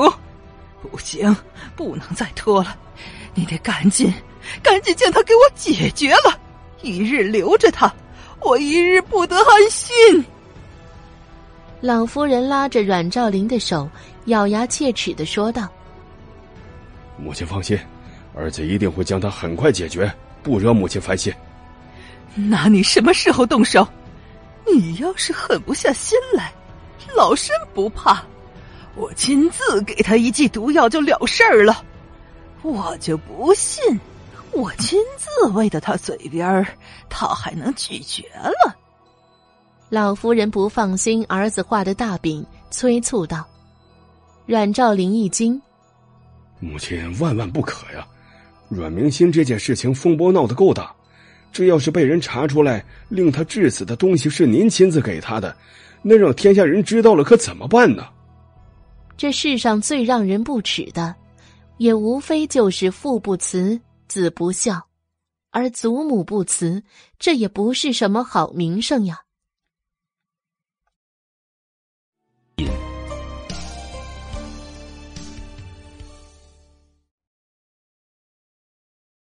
第八十九章，你就是这也顾那也顾，迟迟拖到现在，那丫头都能走路了，都还没下手，你那么怕做什么？我们找隐秘的毒药，寻常大夫查不出来的。你看凤凝香，年年看大夫也没有被人查出来。如今谢寒韵也不在京城。正好他身上有伤，我们依旧将那药下在他的药里，他天天喝，日日喝，我就不信毒不死他。老夫人狰狞着，到了最后一句，几乎是一个字一个字的顿出来。可是，他院子里放的滴水不漏，一切吃穿都是自己人经手。咱们如何下得了手啊？阮兆林低声：“小姐，老爷于宫里请来的沈太医来了。”素兰领着阮兆林和一个身穿深蓝飞鹤朝服的中年男子上楼来。阮明星正靠在窗边的贵妃榻上，看着下面的那雪包包上的梅花，白雪皱眉，寒冬而不枯败。真是可惜，他的祖母不知道赏析。阮明心勾了勾嘴唇，牵扯出一丝冷笑。该来的，总算是来了。父亲，沈太医，女儿身子不适，就不能行礼了。阮明心转回身子，打着招呼道：“阮兆林沉着眉点头。”倒是沈太医笑呵呵的，在凤府的时候，也是他来给阮明心看病的，所以甚是熟悉的回道：“阮四小姐最近身子可有不适啊？并无大碍，劳烦沈太医这么大些天气出诊了，怎么没大碍？素兰快步上前，给阮明心披上狐裘披风，白白的绒毛衬得阮明心瓷白的小脸浴血可爱，一边责备一旁站着的百灵：“这么冷的天气，怎么不知道给小姐加件衣裳？窗口的风这么大，万一冻着了怎么办？”阮明心压下他肩膀上的手：“是我自己不穿的，屋子里烧得这么热，刚才出汗了才取下的，莫要怪百灵。”百灵嘟嘴，委屈的去给沈太医端来一个凳子，放在阮明心贵妃榻的旁边。至于阮兆林的，百灵像是忘记了一样，压根没有看见。还是素兰连忙补救，从另一边给阮兆林端了一个来。沈太医，劳烦您了。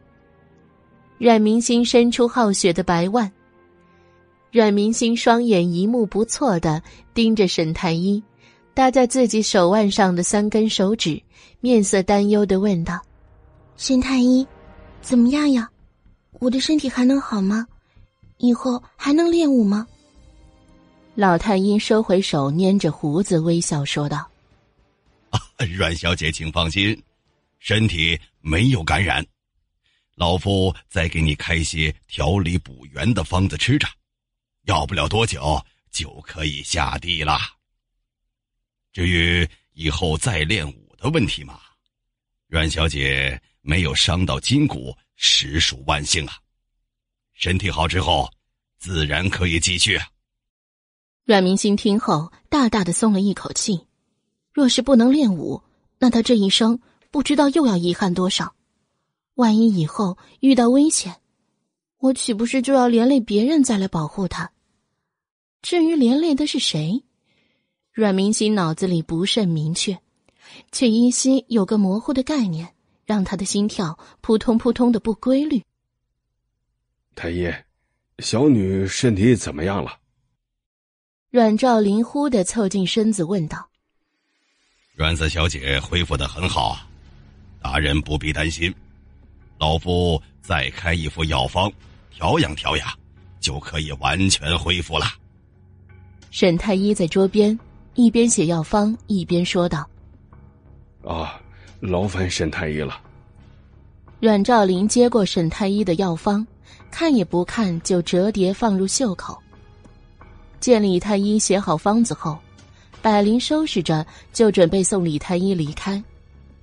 在伺候着阮明星躺回去的素兰回过神来，看着太医说道：“沈太医，请再等一等，奴婢还有点事情想要请教。”沈太医放下药箱问道：“请问，留下老夫，不知还有何事啊？”素兰。沈大夫可是太医呀，不是你一个丫头想留就可以。阮兆林有些不耐烦的说道。素兰却一脸的担心，正色说道：“正因为是太医，所以奴婢才想帮小姐问问。毕竟沈大夫可不是这么好请的。小姐年少，未及思虑其他，如今府内也没有主母为小姐分忧，所以奴婢。”这才斗胆恳请太医留步。他话语不疾不徐，不卑不亢，带着凤鸣香大丫头的傲气。之前他对老爷还抱有期待，觉得那是小姐的依靠。可是这几日下来，那些期待就淡了。哦，姑娘，请说。沈大夫看着素兰说道：“都说阮家薄待嫡女。”如今看来，可能还真是如此。阮明心其实也不知道素兰要问什么，也疑惑的看着他。素兰见到沈大夫相询，立刻咬牙还是问了出来：“沈太医，小姐这一身的伤会留疤吗？上次那位太医说可以开一个祛疤的药方，等可以沐浴之后。”视伤口情况，再泡上一段时间的药浴就好。哦，对对对，药方就在这里，是老夫忘了。沈太医立刻拿出药方递给素兰，还拿出一个小瓷瓶。用这个外敷也是好的，这可是梁太医专门让我带来的。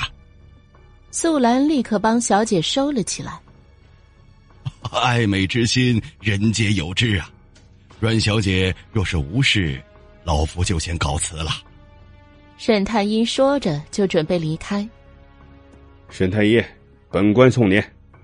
阮兆林像是一刻也不想多待，伸出右手指向楼梯口。大人先请。两人先后下楼，一直送到正门口。阮兆林拿出药方，交给贴身的随从。去给小姐抓药。他递出药方，一张薄薄的纸在两人手中交换。侍童接过一瞬间，阮兆林的手紧了一下，没有立即松开。老爷，请放心，小人一定完完整整的将药抓齐。侍童低垂着头，声音透着无尽的阴冷。阮兆林这才将手松开，一张药单又没入侍童黑衣的袖筒之内。小姐，喝药了。素兰领着一个面生的丫鬟，端着托盘上楼来，一边说着：“这是老爷特地命人煎好送来的。”阮明心嗤笑一声：“先放着吧，冷了，我自然会喝的。”送药的丫鬟有些着急：“四小姐，药冷了，药效就没这么好了，还是趁热喝最好。老爷吩咐了，要奴婢看着您喝，才算完成任务。老爷嘴上不说，还是关心四小姐的。”阮明心递了他一眼，看着他托盘上的药碗：“那等温了再喝吧。”“是，小姐。”小丫鬟喜笑颜开。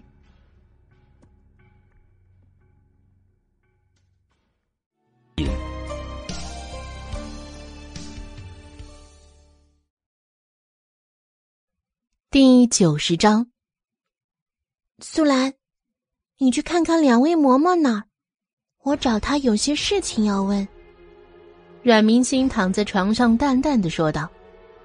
素兰看了一眼阮明心，又看看后面站着一直乖巧等着的小丫鬟，顿了顿，是小姐，就下去了。小姐，已经温了。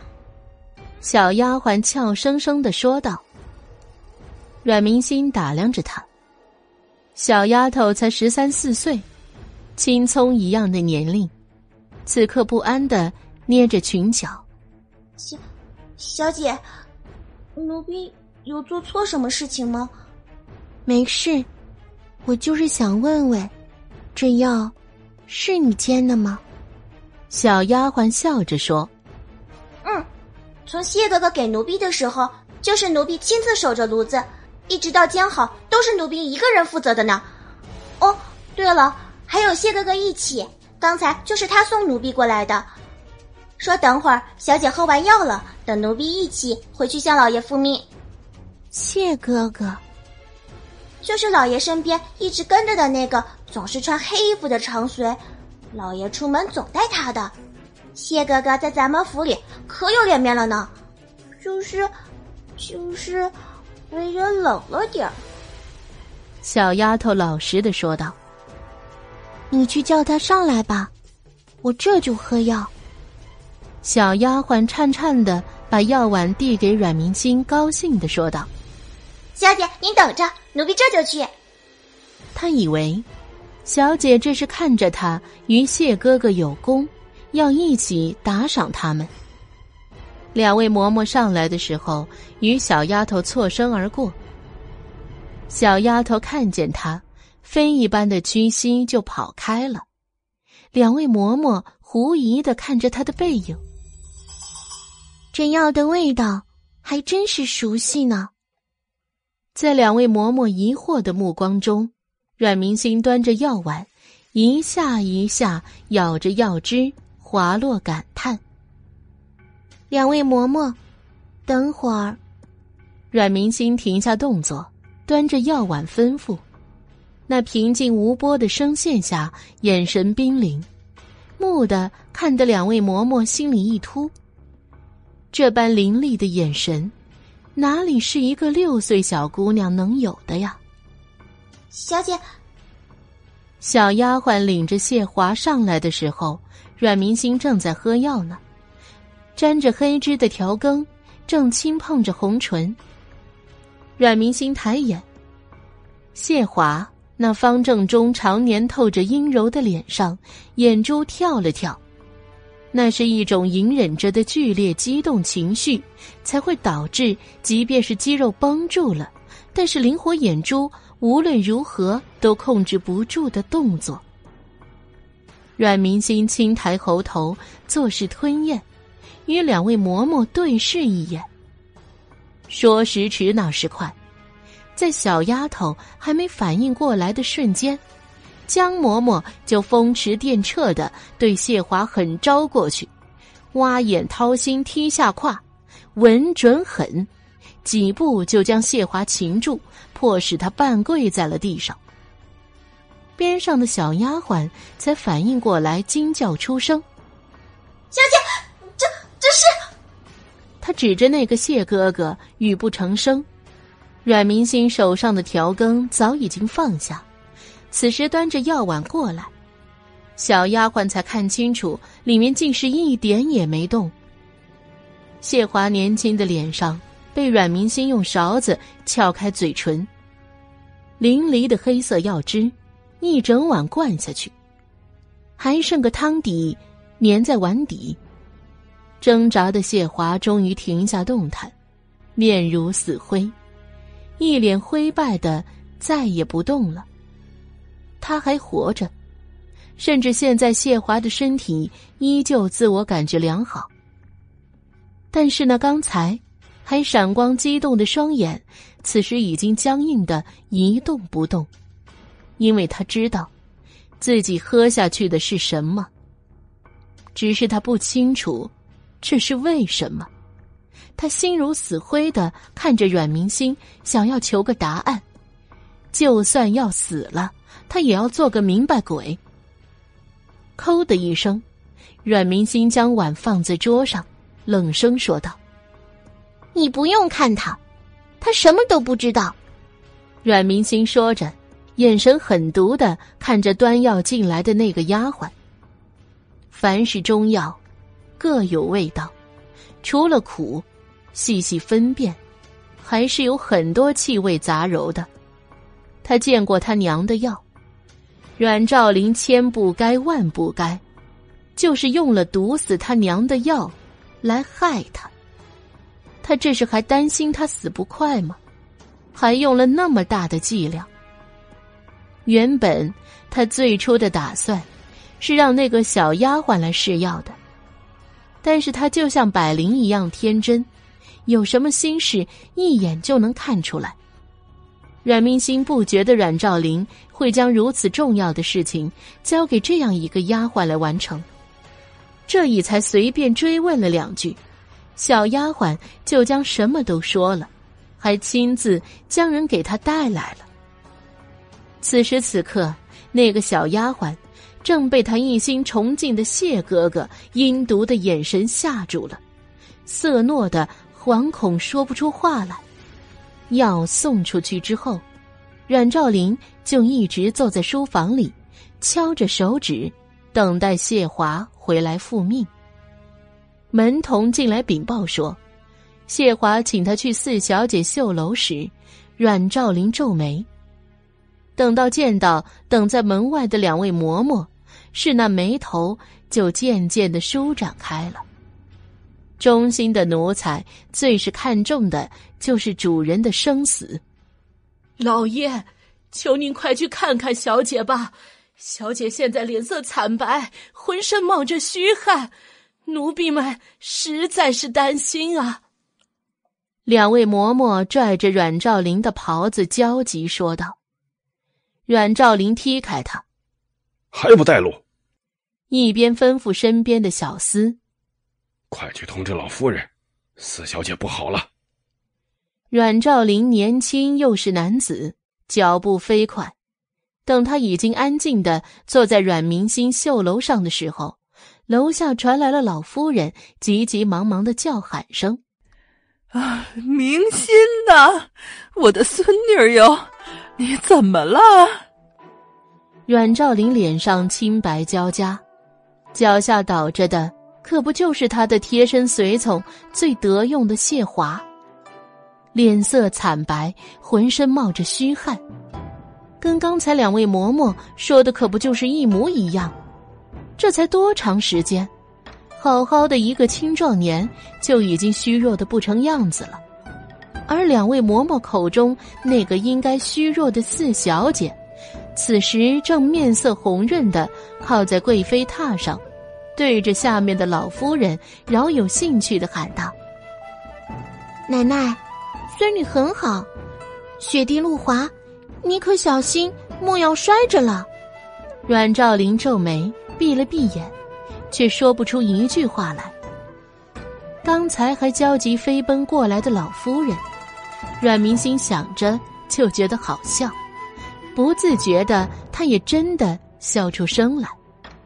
正对上冷凝着脸的阮兆林，阮明星顿了一下，说道：“明星真开心，原来。”父亲和奶奶都是这么的关心明星的身体，明星一定会早日好起来，不让父亲跟奶奶再为明星操心了。阮兆林看着他脸上轻俏的笑容，怎么看都觉得刺眼。父女两个不说话，就此久久凝视，无声的传递着眼神较量。终于，还是阮兆林先划开了眼球，点了下头。阮明心看着被顾嬷嬷扶着上来的老夫人，甜甜的叫了声“奶奶”。老夫人却是冷着脸看着地上的谢华，质声问道：“这是怎么回事儿？不是说身体不好的是你吗？”